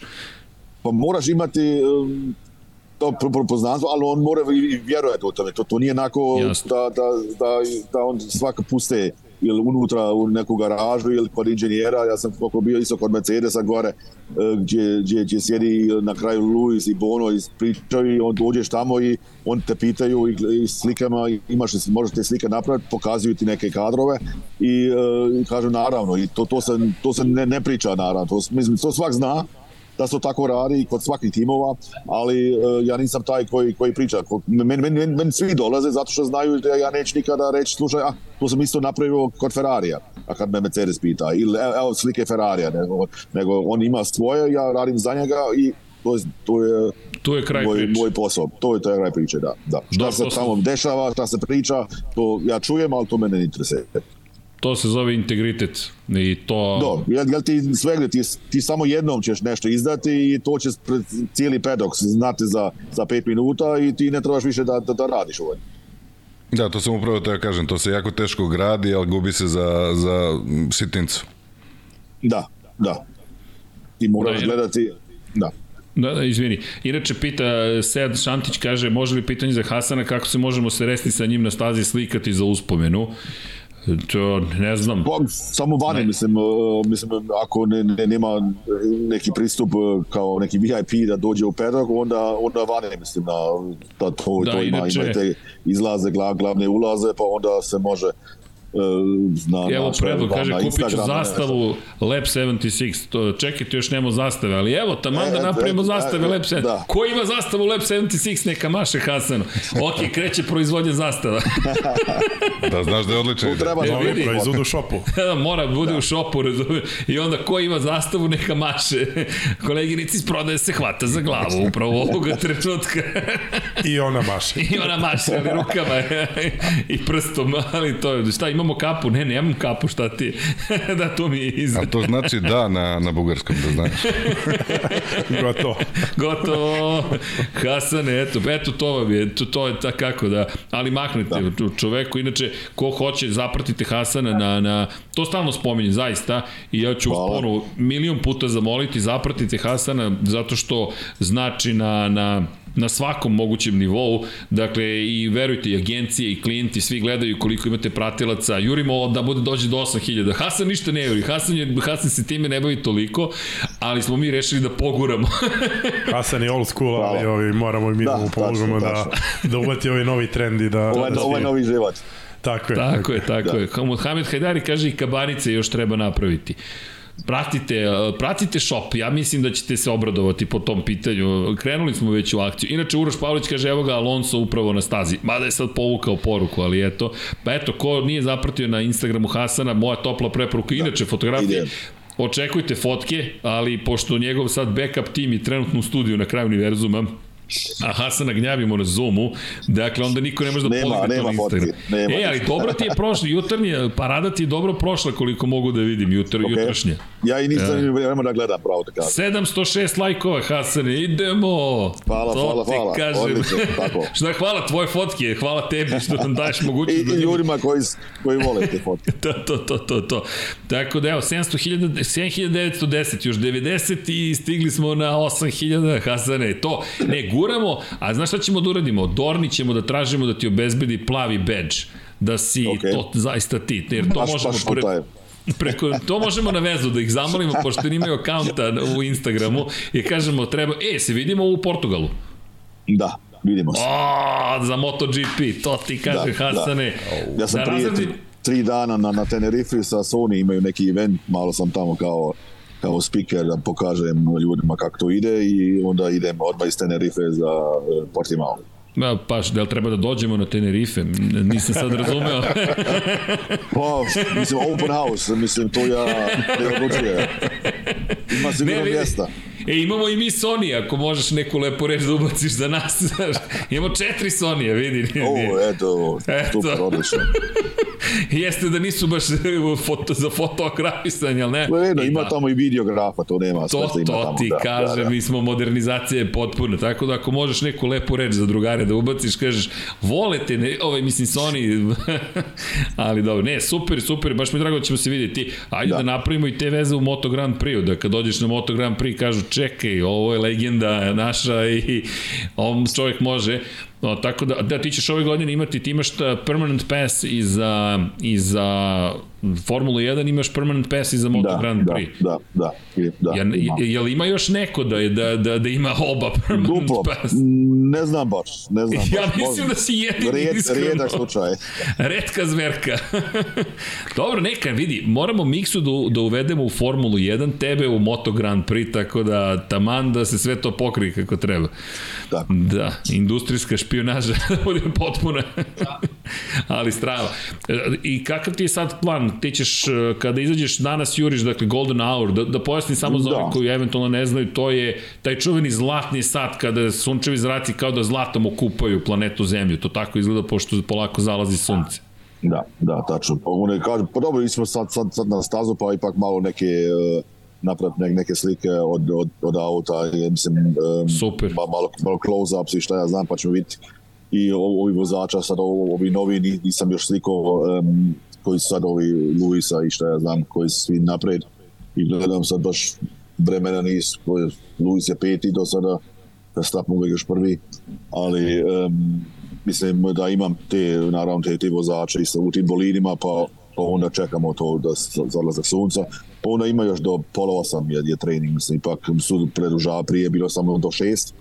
Taman si imao salazak sunca i gotovo, a sad produžio sad i po, do pola osam. Da, imali su, zapravo su prošle godine imali dodatni test u Barceloni, pa sad malo da. Da. više su im ipak dali vremena da makar da, malo nadoknade to odsustvo da, testiranja. Da, da, da, tačno, tačno, tačno. Koliko su tebi važni za posao predsezonska testiranja? Je, je, je, ti važno iz perspektive toga što, da, znaš, cenim da ovo interesovanje najveće za prvu trku, ali koliko ti je važno predsezonski, predsezonski test? Pa ipak, mislim, ma, opuštenije. Test je, ima, imaš, imaš mnogo vremena. I, mi smo opušteni, ali, ali vozači su isto. Mislim, oni imaju naravno svoj program, ali kad, kad završi, on, on isto hoda po, po pedoku ili sjedi pred, uh, svoj, svoj, pred kućom i, i pije neku kafu ili nešto, ali na, na, na trci to je sve timing od minut za minutu, uopšte nemaš vremena ponekad ni pet minuta s nekim popričati. A na testiranje ipak imaš malo više vremena, a i za nas nije, nije ta, ta, taka žurba, zato što imaš mnogo, mnogo vremena i možeš stvari uraditi, recimo, koji mi za trku ne bi mogao učiniti, recimo, dobro, imam sad skut, pa, mogu ići recimo na, na vanjsku stranu, unutrašnju stranu te, te staze, ali kad, kad si e, sam, onda ipak gledaš koliko ćeš ići daleko, jel treba se istim putem vratiti. I onda da, da što najbolje brže budeš u media center da, da slike svoje šalješ, zato bi ipak si u nekom krugu um, ti par dana koji um, nije aman isti, ali prije prilično je to sve isto, a sad možda testiranje može otići sat vremena na neku krvinu trošti, nako ipak da nešto isprobaš ili da so misliš možeš nešto tu, tu desiti i e, nis, izgubio si takozvani sad, ali nisi izgubio zato što imaš još 5-6 sat, sati i drugi dan još 8 sati i tako, pa možeš puno mnogo stvari isprobati i sa kamerom da, da malo ne, nešto, nešto novo, nešto možda isprobaš, ako ne uspjeva nikom ništa. Da, pa da, baš pravi predsezonski test i za tebe, pogotovo što da, je Da, prva da. trka tu. Da, sledeće da. nedelje kreće trka. Da. Kakve gužve inače u Bahreinu kada počne sezona, što se tiče publike i što se tiče generalno dešavanja nema, padoku? ovo, nema toliko. Mislim, do, padok ima, ima da, zato što su, od kad je Liberty došla, on su uh, hoće mnogo, mnogo, mnogo ti VIPs da, da uvode i to dolazi mnogo, ali u ovim zemljama na, na tribinama je, nije, toliko, recimo kao, kao recimo Monza, Imola i šta je u Europi, ili sad naravno u Americi ili u Južnoj Americi, ali um, u ima, ima ljudi, ali to ovi e, što su lokalni, to aman se niko ne interesuje. On, onaj šejk koji ima para, on on je u VIP, on je u pedoku, ali al na, na tribinima to najviše sjede baš ljude koji dolaze Maksa, od Maksa iz Holandije, Maksov na, na odmor koji sjede tamo, ali ovi lokalci to uh, redko posjećuju, on nema interes za to. Da, cenim da ekspatovi dolaze uglavnom, da, da ljudi koji da. zapravo rade u Bahreinu ili da, u drugim zemljama. Da, da, stranci, da, da, da on, on naravno, on, on dolaze, to, to da, ali, ali ovi lokalni njih to ne, ne, ne interesuje. Možda i skupo za njih, ne znam. Da, to je, to vidiš da to je zanimljivo, to, to mi nije palo na pamet. Da, I... da. A meni je interesuje da. koliko je recimo, ka, e, znate koliko je karta za, za recimo Nisam padok? još gledao, da, Odnosno kažem, za tribinu ja pored. mislim da je, da je bilo za, za, za dan oko 200 dolara. Normalno, obično, mislim, ne baš ova, ima, ima ono zlato, srebro i Da. e, pa bronzana, ali mislim Alo? E, tu je. E, čujemo se. E, da, e, ova zlatna je mislim oko 800 dolara. To je to je od na start finish na na, na glavnoj. Za Na za tri glavnoj dana. tribini, da, da. Da, da, da.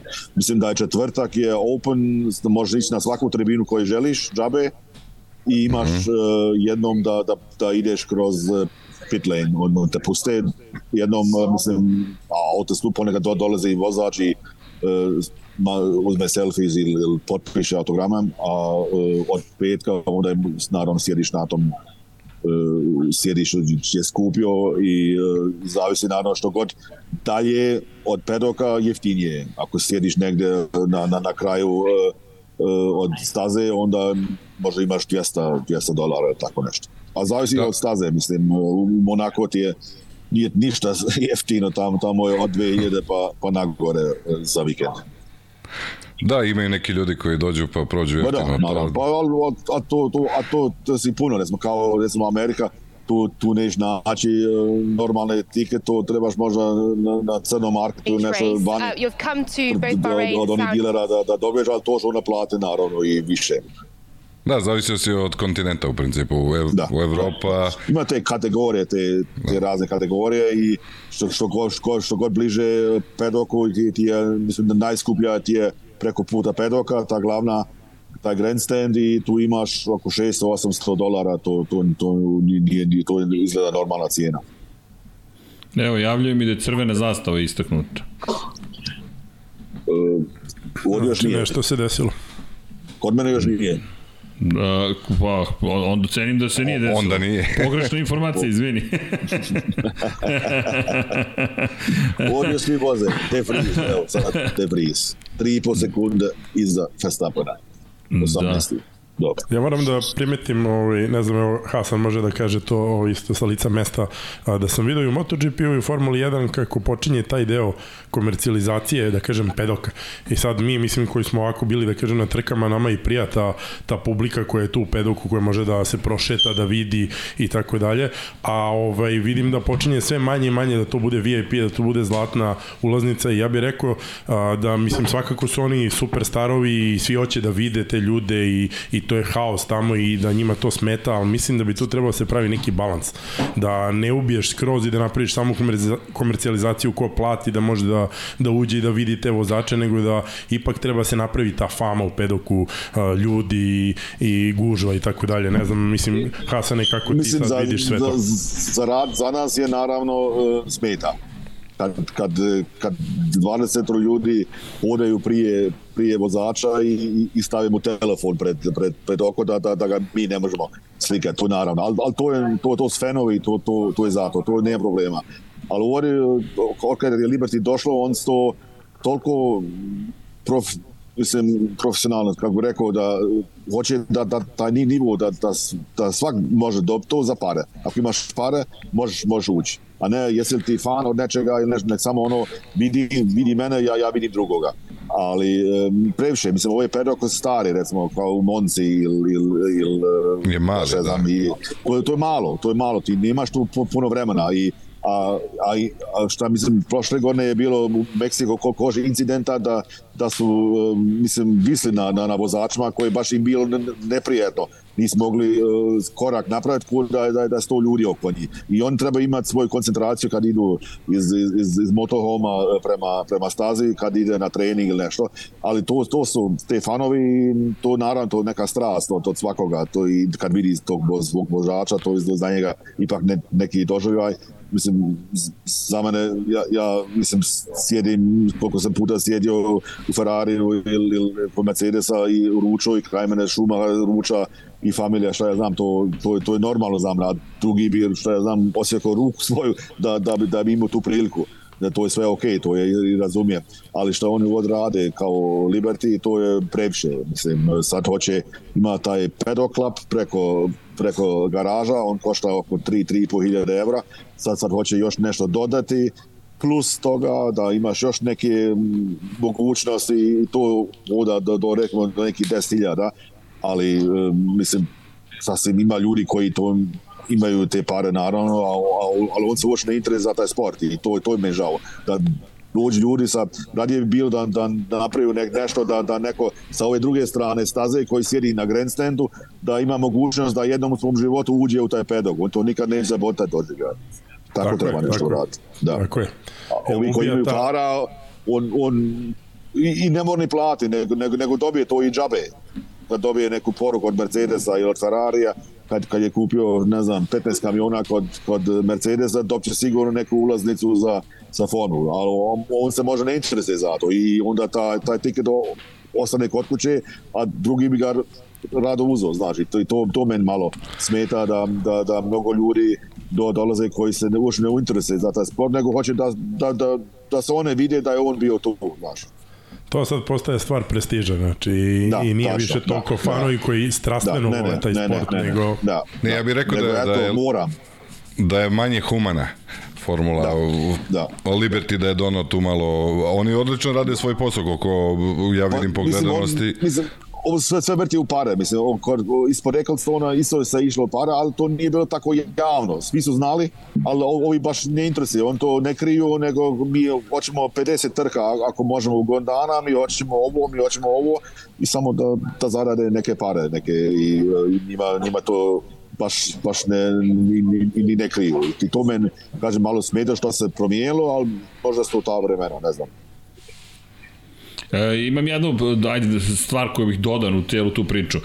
E, ljudi, koliko god bih voleo i svi koji su na Moto Grand Prix imali priliku da, da, da, da, da nas upoznaju ili da budu na stazi kada smo mi prethodnih godina mogli da uvodimo, znaju koliko nama znači da uvedemo svakog ljubitelja. Ono što ste lepo rekao, ko osjeća strast, mi hoćemo da otvorimo ta vrata. Nikad nismo ništa naplatili jer to nije, nije poenta. Poenta je zapravo da otvoriš vrata ljudima koji to vole. Ali, Da. surova istina je da kada možeš nešto da prodaš, ti ćeš to obično da prodaš. Dakle, Liberty Pa Media... sad je vrijeme za to. Tako je. Mislim, u ovom momentu... za, za, dve, za, za dve, tri godine možda u Ameriki niko neće više ne interesati uh, za formulu. Ja, ja kad sam bio u uh, Indianapolisu, kad su šest bolida bili na, na stazi, ja kažem u Americi on nikad ni, neće više voziti neku trku. Ja, ali eto, promijenilo se.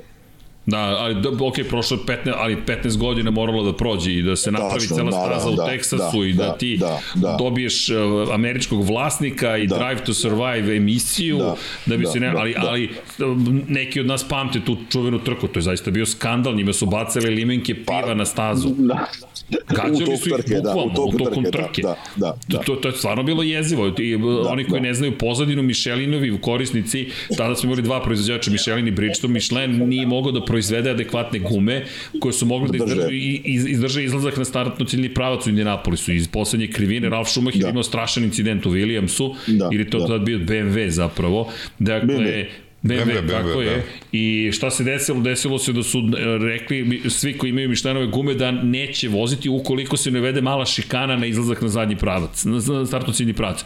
Bridgestoneovi korisnici njih šest je reklo ne, ne pada nam na pamet to što imate loše gume, usporite. Bukvalno su im rekli usporite Da, da. i Mišljanovi vozači su rekli ok, nećemo, odvezli su pripremni krug i umesto na startni poredak svratili se u garaže. Da. Ka- i i to sred auta. Indianapolisa. Da, da, da, da. Pri To čemu... je, to je zviždanje, ne, ne, nenormalno da je bilo šta se radilo. O, publika je surova u Americi. Ali ne samo, ne, ne, samo to. To je hram brzine. Uh, Indianapolis, mi možda Da. nemamo tu emotivnu vezu sa Indianapolisom toliko, ali Indianapolis u Americi je strašno to je poštovano meka, mesto. meka od uh, motosporta, da. da Hram, Americi, da. bukvalno. Bukvalno hram. I ti dođeš Da. u njihov hram i kažeš im, e, znaš šta, nećemo baš ovo da ispoštujemo. Pa ne možeš tako. Da, to su ti domaćini. da, da. To možeš da. Da. poštuješ ljude pre svega i to je baš bio skandal. Ali evo, kao što kažeš, Las Vegas, Miami, možda će New York uskoro, Texas svakako, Da, da, da. imamo Kanadu, imamo Meksiko. Mi imamo već sad Da. pet trka na severnoameričkom kontinentu. Mexico City, Montreal Da. i jel te od ove godine Las Vegas dolazi uz Miami i, i, i Da, Austin. da, Austin, da, da, tačno. 5 od 23 trke. To je već preko jedne petine trka se vozi na severnoameričkom kontinentu. Pa meni je Da, to super. da, meni je to bolje nego bliski istok. Što- Mislim, što generalno više izbog publike i svega. Mora bude Super, svega. Mora bude svega. Pa ne, treba da bude Za, I za svega. svakoga, da. Pa da, nego samo ja mislim da, ali to je proces. Ameriku ne možemo porediti iz te perspektive, ima tradiciju trkanja, Bliski istok je tek stvara. A i sad to je ono čuveno pitanje, kako da stvoriš tradiciju ako ti e, ne možeš da dobiješ trku zato što Ako nemaš, tradiciju. Da, da, Pa, to je, da. znaš kao, da, to je ono čuveno, zaposlit ću Šta je te kad budeš imao radno iskustvo. A kako Okej. da ga dobiješ? A kako, da Kako ga da ga dobijem? dobiješ, da, pa, Čuveni vrtlog. Pa kad se zaposliš. Da. pa znaš kao, pa da, negde mora početi. Negde mora da- probiješ malo tako onako tako da, da udariš i onda ide sve ostalo. Tako je. Ej, nekad, ajde, treba da čuvamo pitanje kad nam budeš bio gost ovde, ali ti pitam, jesi bio u Južnoafričkoj republici, jesi, jesi bio u Kelamiju nekad na trci? Nisam, nisam, samo sam bio 2010. na, na nogometnom uh, Na prvenstvu, a, da, lepo. da, ali, ali još nisam tamo bio. To malo, malo, malo prije, prije, prije mog vremena bilo. Jeste, da, Da, da, da, to je... Kelami. Dobro, Ali, ali je strašno staza ono što sam gledao. Pa jeste, nego, znaš, kao razmišljam, ko zna, više ne znam ko je kad počeo šta. Izvini, Hasane, da, da nekad smo i mi bili mladi, nismo imali sedu kosu od uvek. Dobro, moram ići dobro. sad, momci, sad je, koliko je sad, imam Hasane, malo, pol sata, imam sundowna i kažem, čuće mi se još, nema problema. Hasane, šta da ti kažemo, nego mnogo ti Ja- hvala. Ja prvo Vidi. moram se zahvaliti vama što ste to super obradili i meni dosta sati pomogli, naravno što sam ne, nisam morao ja te, te slike obratiti i no, mnogo, Tek mnogo ćemo ste mi da budemo brži po tom pitanju, znaš kako, sad, sad zna, ne, ne, sad znam gde, jer pazi, nismo imali loš briefing, mi smo prošle nedelje imali ceo briefing. Pa normalno treba bio- sjesti skupa pa onda e, Tako da, je, da, to, tako je. da to uradi, da. Ali vidi, kad prvi put kreneš, onda, a, kao čeka, ovo smo, ovo smo zaboravili, ili ovo nismo ni znali da će nam se desiti. Da, I kao, da. ok, vidi, jer, znaš gde smo pogrešili na početku? Kropovanje, da bude umetnička fotografija. I Hasan E, piše, aman, ljudi, brzina, ajmo, brzina. U, umjetnost dolazi kad imaš vreme. U to ime, e, želimo ti brz, uspešan dan, mi se Hvala, svakako hvala. čujemo. Čujemo, E, š- da. Samo šalji, možda ćemo malo sad da kasnimo sa, sa obradom fotki, ne zameri, ali sve će biti sređeno ne, sve večeras. okej, sve okej, to je sve super. Hvala To. vam i pozdrav Hasane. svima. Ćao svima. Ćao. Ćao, Ćao, svima. Ćao, Ćao, Hasane. čao, prijatno. Ćao, čao. Ćao. Uživaj. Strava, Hasan legenda, bukvalno. I, i, I mnogo je lepo kad, kad imaš mogućnost da pričaš sa čovekom koji, koji je tamo, na našem jeziku da, da se sporazumeš sa nekim ko, ko, ko je s poreklom sa ovih prostora i, i videli ste Hasan Bratić e, zastav Bosni i Hercegovine Da, da, da. znak, mnogo je lep taj Tako je, osjećaj, sretneš čoveka ej, mi, smo, mi još nismo sreli na formuli da smo zajedno bili na trkama Moto Grand Prix-a bili smo u Austriji i Holandiji i moram da priznam baš je lep osjećaj i neko sedneš i krene i naravno najglasniji smo vjerojatno čak smo glasniji od italijani i španac Ne znam, ne znam koliko ima ljudi generalno sa ovih prostora koji idu i slikaju. kako? Da izađem iz Zuma. Aha, izvinjam se, ovde mi daju instrukcije. Čekajte, nisam još završio moj deo posla. Izađi iz Zuma. Izlazim iz Zuma, čekajte. Evo, a, sedili Eto. smo. Kažem da ponovim, ne znam ko- koliko, koliko ima ljudi generalno sa ovih prostora koji prate to Formulu 1 slikaju. Ja znam, ja znam neke, uh, Srđan Petrović Fox, on je, viđen ga uh, ranijih godina pre nego što je postao pilot, vidio sam ga ovaj, da je pratio Formulu 1. Sad ja ne znam da li postoji ta komuna ko- Imaš, koji idu imaš redom. komunu, pa, pa, pa, pa, pa Andrej, evo, iza mene fotografija Andrej Isakovića, dakle, imali smo izložbu prošle godine baš iz Monaka, paralele Miloš Cvetković, Andrej Isaković, čuveni Suki, nažalost, preminuo je pre par godina, on je legendarni fotograf, bio Formula 1, Hasan Bratić i zapravo Andrej nas je upoznao sa Hasanom. I postoji zajednica, imaš, imaš um, koga sam zaboravio, uh, samo da se setim, ima, ima još par ljudi koji smo upoznali, koji su zaista, uh, da, da primjer, Vid Vorši, Voršića smo, smo upoznali, on je isto sjajan fotograf iz Slovenije, sa njim smo se družili u Mizanu prošle godine, samo da vidim, da, da, evo ga, vid, da, li je on u, u Kataru, ne vidim fotografije iz Katara, ali evo i vid Voršić stavit ću njegov, njegov Instagram, pa stavit ću i Andrejev Instagram u chat, ljudi, ukoliko ste mogućnosti zapratite. E sad, gde je mogao Hasan da nam pomogne i šta je uradio, Andrej to ne može. Andrej radi za agenciju i sve fotografije zapravo prava polaže agencija na, na, na fotografije. Hasan kao samostalni umetnik, bukvalno. Hasan je freelancer. Hasan je freelancer i sad sve ima prednosti i mane. Hasan s druge strane nema zagarantovane prihode iz da, perspektive da, toga šta proda ekipama, novinama, agencijama, to zarađuje.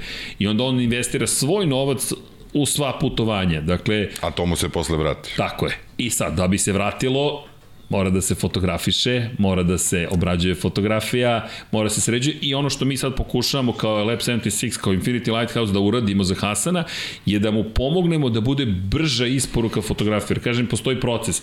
Ti fotografišeš tih čuvenih 10-12 hiljada fotografija. On pravi selekciju i onda pokreće celu priču i to je to.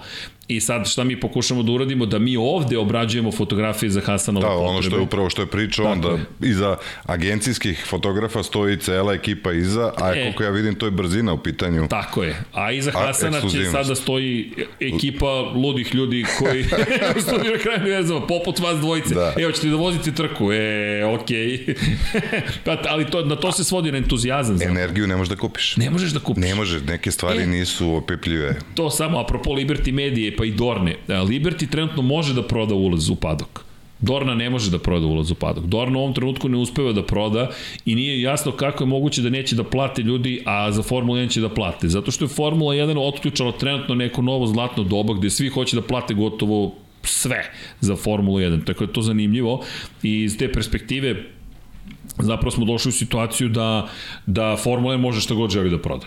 Ja mislim trke kao trke da, da, da po meni je MotoGP bolji. Međutim, cela organizacija Tako ipak je, je Formula na, ipak je Formula na mnogo većem nivou. Izvini, ukro sam ti kafu. A nije to moja kava. A to je to mene, to, šalim da. se naravno.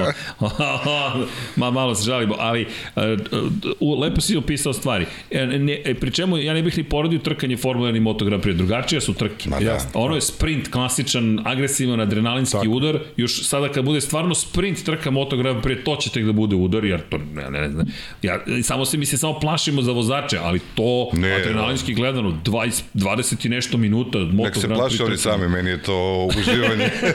Meni će biti uživanje. Dobro, oni su ipak na dva točka, mislim, mi vozimo na četiri, pa... Ma uživanje ono, će biti Ne, stvarno. uživanje svakako, mislim, ali opet 20 minuta udarnog trkanja, to ne znam, ja jedva čekam da vidim.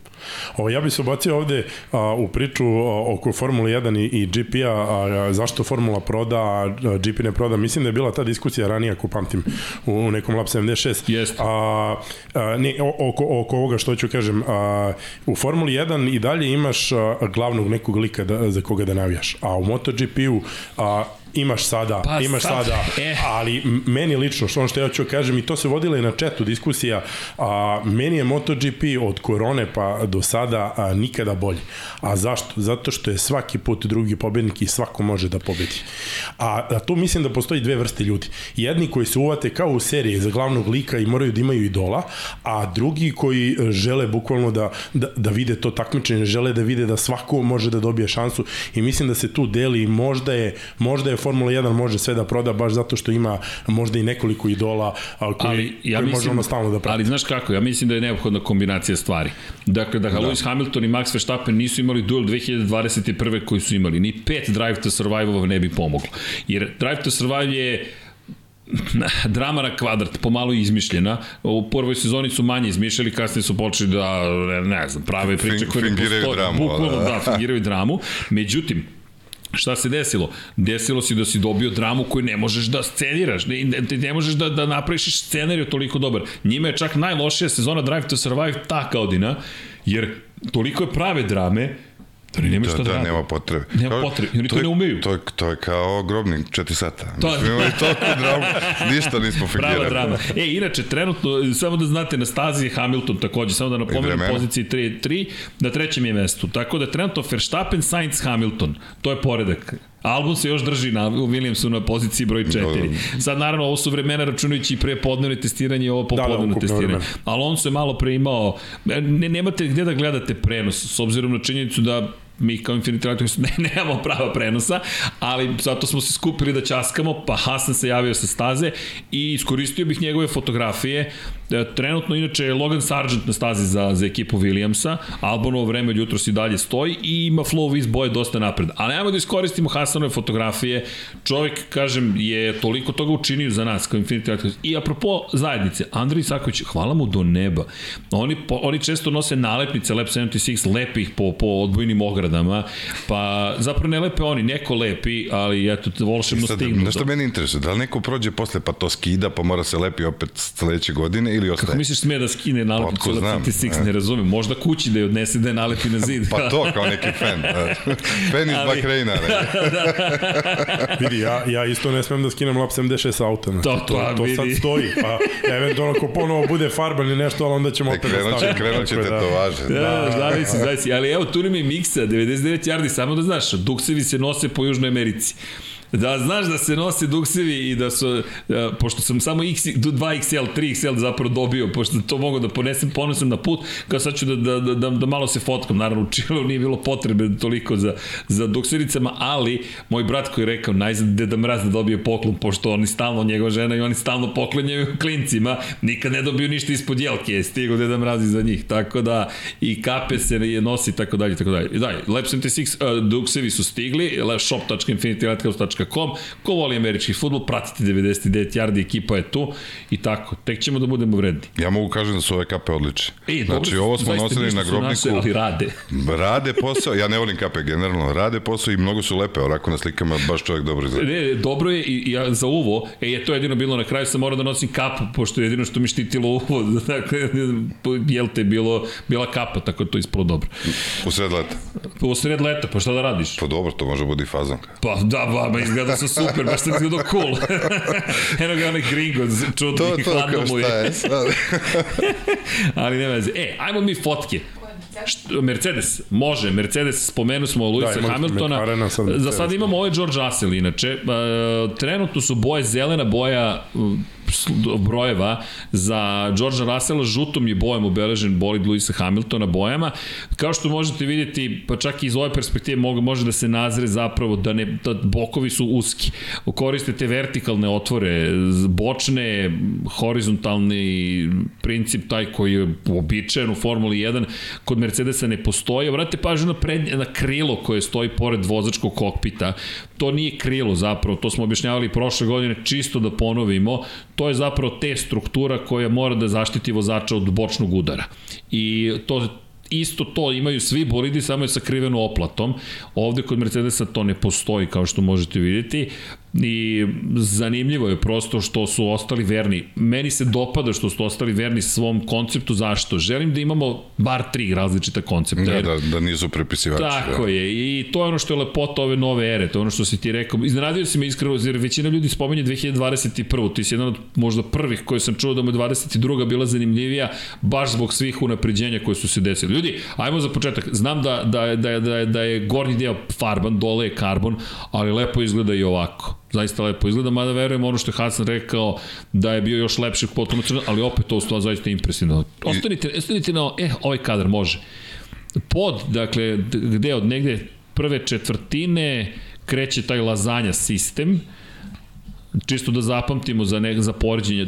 Ljudi, ovo su fotografije koje su stigle bukvalno pre par sati sa lica mesta. Još nismo stigli da ih više obradimo. Dobili smo ih od Hasana kada je počeo podcast. Ja se nadam da ste zadovoljni. Ja iskreno sam presrećan. Ne, ne znam ni kako bih opisao. Ni u najluđim snovima mi nije bilo na, ne bi palo na pamet da ćemo imati mogućnost da fotografije sa lica mesta dobijemo ovom brzinom i da dobijemo autorska prava da ih koristimo. I kada Hasan kaže da mu mi pomažemo to je ljudski minimum koji mi moramo da obavimo da, da, da Hasanu pomognemo u njegovom poslu. Apsolutno, jer ovo Ovo, ne ovo je ekskluziva, nema, Bukvalno. nema ekskluzivniji od ovoga. ne postoji, jedino da ste F1 TV Pro. Da, Ali polako. Infinity Lighthouse TV Pro. Meni je fascinantno koliko je Mercedes uži, faktički. Pogledaj. Ovo je, jer ja mislim da, da svi oni imaju taj pod određene dimenzije, ne sme bude širi niko Ne, ne, definisano je jasno. Tako, je. A koliko se poda vidi kod Ali, Mercedes. tako je, vidi bokove. I oni kažu da, bo, da problem sa poskakivanjem koje je Mercedes najviše osjećao prošle godine zapravo nije usled tog, tog horizontalnog otvora, to, to je odsustva horizontalnih otvora i žele makar do polovine sezone da probaju ovaj koncept. Ono što je zanimljivo, i Lewis Hamilton, kao najuspešniji vozač svih vremena, čovjek je sedmostruki šampion sveta, 103 pobede, 103 pol pozicije, čovjek ima je optimista, ogroman je optimista. George Russell kao relativno novo lice, sada već i pobednik, prošle godine jedini koji je pobedio Mercedes u Brazilu, je takođe vrlo optimističan, pa ajde da vidimo šta se desilo. Ima dovoljno promena da možda Mercedes ima rešenje uprkos tome što je ostao na ovom konceptu koji nije delovo tako upečatljivo, ali da ne zaboravimo, ovaj bolid, njegova prethodna iteracija je imala pobedu prošle godine. Jedno. I to jedva, da. Jeste, ali, ali zna, znaš sam kako to ide. Ti si nešto postavio, tokom sezone su napredovali, lobirali za promenu pravila, neke stvari dobili, ispostavilo se da su više pomogli Red Bullu nego sebi, ali okej, ajde da vidimo kako će ovo sada da se... Ja se samo ja bojim da kad Desi. ovaj, oni su dali maksimum Mercedes ozbiljna kompanija i oni su izvukli maksimum iz ovog dizajna i koncepta. Samo se bojim da nisu krenuli pogrešnom smeru i da sad sve ovo E, ali vidi, ajmo ovako. To ovo ti je sad po meni Las Vegas. Ti si sad kocka. Ti si se kockao. Kocka nije pala gde si hteo, ali nije baš da nisi dobio ništa. Pogledajte zadnji difuzor i pogled ove, ove fenomenalne fotografije. Ovo ćemo tek da analiziramo i, i, i sjajno izgleda. Ovo je zanimljivo koliko je visok otvor pozadi. E, Rake, takođe, brate, pažnju na visinu bolida napredi pozadi. Rake je zapravo, kada obično Rake koncept vidite kada je prednji kraj niže, zadnji kraj više, to kod ovih bolida ne bi trebalo da bude slučaj, s obzirom na činjenicu da želite što bliži podu da budete, da zatvorite Venturijeve prolaze zapravo pod, ispod bolida i da vas usisa zapravo razlika u vazdušnom pritisku. I iz te perspektive ovo, ovo, ovo je baš dobar kadar za, za uporednu analizu sa ostalima. a totalno je drugačiji nego Da, da. nego Ali to hoću ti kažem, pazi sad ovo, ti si sad u Vegasu i ti si sad bacio kockic ili dobio si neku kartu i ti sad gubiš pare, na primjer. U jednom trenutku dobiješ jednu ruku i sad čekaj, ili možda je bolje poređenje bridge ako igraš, uvek je ista karta koju si dobio, a da li možeš bolje da odigraš? Ne znam da li ideš kuće pa zamljaš pare pa uložiš još pa Tako se je, vratiš ili kao... odustaješ. Da, e, to je E. poenta. Ja mislim da su oni otišli kući po lovu. Ja mislim da su otišli kući po lovo, sad samo da ima da li će im se vratiti ta lova. Pa to je pitanje. ali to ne znaš, za, e, to je lepota, zato, zato ovaj prvi deo sezone mnogo će biti važan. A ako želiš da se boriš za titulu, ti moraš pobediš Red Bull Racing i Maxa Verstappena. Moj osjećaj, moj osjećaj neki gledajući uh, bolide ne deluje mi završeno kao Red Bull. Uh, Toto Wolff je rekao, smatra da će na početku sezone i dalje imati zaostatak. Inače, gledam trenutno krugove, 107 krugova Max Verstappen. 107 krugova je već odvezao. Šta je posvećenost, ja? E, e, ajde ljudi, jedan krug kad voziš. A ne, evo Deki nam se oporavlja, Deki nam se još oporavlja. A, a, a, a čekaj, ovde govorimo o bolidima Formula 1. 107 krugova, 107 svaka krugova. čast. Sa G-silama, pa mislim da se ne lažemo, u Twingu nema G-sila. Pa to sam da, Da, ti mi kažem. smo odvezli 90 i kusur Zavisi koga pitaš, Deki kaže da ih ima. Ne, Pa- naravno, uvijek ima nešto. Za, u, ra, za, u odnosu na simulator ih ima, da. Da, da, imamo Teo simulator, ovi kućni je iza tebe. Da. Nije baš ko Mixin, ali nije loše. Ba. A je, da, ajde te pitam, kako ti je bilo u simulatoru? E, super je simulator što se tiče učenja staze, stvarno, znači mesta skinuli su stazu vrhunski, stara i tip je staze, znači mnogo su višli e, run-offovi Da, da. Na, simul, na simulatoru, staza, pregibi, momenti kočenja, sve isto. E, I to je nekih, ajde kažemo 70%, e, ti dođeš na stazu već pred pripremljen za, za trku. E sad, Kad dođeš na stazu, kad sedneš u pravi auto, pravi auto se ponaša drugačije. Simulator ne može da priđe, možda neki najnovi uh, igrica Formula 1 i to sve oni možda, pošto vidim da imaju jake lige ovaj, koje se igraju u e-sportu, možda su oni došli do, do podešavanja takvog da je to približno, ali ono što je nama mi bilo, a, bilo je da da smo morali da radimo još tih 30% na stazi. Jasno. Znaš, i onda... E, Znaš da što te pitam? Max Verstappen je rekao ove godine nema nameru da da Danielu Ricardu ulogu čoveka koji će imati više vremena od njega u, simula... u kontekstu vremena koje je raspoloživo jednom vozaču koji se takmiči. Daniel Ricardo je treći vozač ne takmiči se. 109. krug je upravo završio. Dakle, ovo što, to je dvostruki svetski šampion u de facto najboljem bolidu. Honda je rekla motor je jači ove godine nego što je bio prošle godine ti u rukama imaš sve što je potrebno. Ovo je prvi dan zvaničnih testiranja. Ti već imaš 109 krugova. Ok, on je jedini vozač koji vozi i prepodne i popodne, ali kada saberemo krugove, Hamilton, Russell, Russell imao 69, Hamilton ima 26, dođemo do 95 krugova. I dalje je Verstappen taj koji najviše provodi vremena staza. Šta se teo ti kaže? Mislim da, da, i ono što je Hamilton ranije pričao vezano za simulator ne, ne interesuje ga. Možda je, sad uh, govorimo sad simulatorima koji koštaju po par stotin hiljada evra. Ne, ne, to ne, ne košta milion. Milione, Ovo dobro. su sada, e, sad, simu, čak nemaju, izvini, samo znaš, McLaren još uvek nema para da, na, za taj simulator. To jest, u cost capu tek će da ga naprave i Aston Martin. Da pretpostavimo da je to 90 8% realno. Šta ti dobijaš onda u simulator? Ti možda probaš hiljadu jednu stvar. Tako je. Hiljadu jedan klik, jer e, tempo se dobija, znači sad imaš hiljadu jednu kombinaciju, ovde klik jedan, ovde drugi klik, to ništa ne radi. Ali pomeriš jedan klik, onda odjednom, eto je pola sekunde.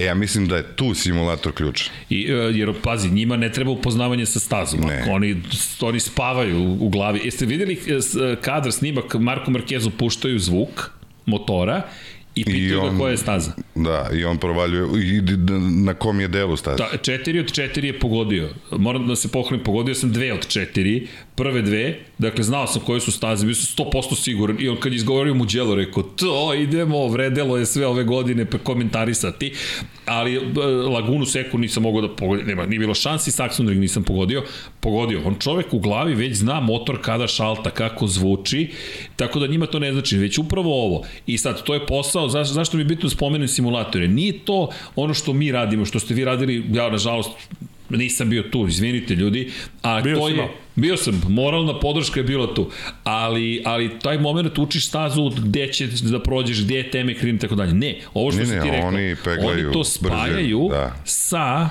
zapravo njihovim bolidom u virtualnom svetu, koji opet je spojen sa vazdušnim tunelom, a vazdušni tunel ti kroz ova testiranja povezuješ, praviš korelaciju sa onim što se dešava na stazi. Zašto ovoliko senzora, zašto svega? Mnogo je kompleksno to. Sve. Ljudi ne shvataju da je priprema bolida, inače cela trka je jedan algoritam. I ti moraš da pogodiš sve elemente tog algoritma da bi to na tom nivou bilo uspešno.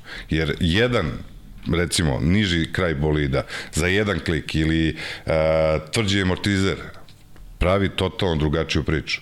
I šta je njima simulator napravio, a i nama kad smo bili, nama je dao vreme koje ne možemo da imamo kad smo na stazi, da pripremamo to to. nešto. To je cela fora. To je to. I njima daje vreme, mislim, što oni rade to na drugačijem nivou, oni mogu da uvote smernice šta sve da probaju i kada vide negde neko smer za poboljšanje, onda na kraju to mogu i da probaju u vazdušnom tunelu i na stazi i tako dalje. Znači mogu da ubiju dosta vremena potrošenog. Vidi, zato jeste i ograničeno, dakle nemaš ti beskonačno vreme. I to postoji ograničenje. U simulatoru Tako je, postoji e, pa ograničenje. Znaš, jer dolaziš do toga, ti sada, na primjer, imaš veliku prednost kod, kod bogatih timova koji imaju stare simulatore, stare, moderniji simulatore u koje su investirali pre cost cap-a, pre nego što su im ograničeni bili budžeti. Sad se to malo izjednačava. To ulazi kao minuli rad, znači ne, ne uzima se u, u, u formulu. Tako je, tako je. I znaš, i to su sada e, stvari koje pokušavaju timovi da nadoknade, da neko da nadomeste taj nedostatak. Zašto je simulator toliko važan? Hteo sam namjerno da iskoristim kad ste već tu, planirali smo malo da ubacimo priču o garaži, ali mnogo mi je lepa priča o Formuli 1, mnogo je bitno, počela počele sezone, ja, ja, ja, ja, mi smo mega uzbuđeni, Pajina danas ne može da bude sa nama, ali ljudi, družimo se, tu nam je Miksa, to, to je ekipa je na okupu, dva, dva, dve Mikse, dvojicu Mik, Mihajla imamo, ali... Ispostavilo se čest, čest nadimak. vidi, ne, Miksa krug i Miksa NFL, nema tu šta, zna se. Imam ja drugara Miksu iz uh, turizma, isto kao vodiča. Miksa turista. Tako da ima, ima Miksi puno. Da, inače, u ovom trenutku na stazi Hasan je negde na stazi, vidjet ćemo i da li će stići od njega neke nove fotografije uskoro, ali čisto znate, kada izađe ono što smo rekli, mora da se vrati do medija centra gde je dobra veza i tek onda možemo da dobijemo nove fotografije, ali nećemo naravno čoveka ni da gnjavimo, niti da opterećemo. Međutim, da iskoristimo fotografije, Mercedes je ostao dosadan svom konceptu. I kažem, meni se to dopada ovo što si ti rekao, ne znam gde su, ovo je 50-50. I sad kladište. I meni se, zašto kažem, dopada što su sadržali koncept. Zato što, a kako mi, izvinjam se, što po 100% znamo da taj koncept ne radi. A šta ako radi? Mm, Pa, mora A se šta ako dokaže. ti dobiješ tu to što si sad rekao te pola sekunde?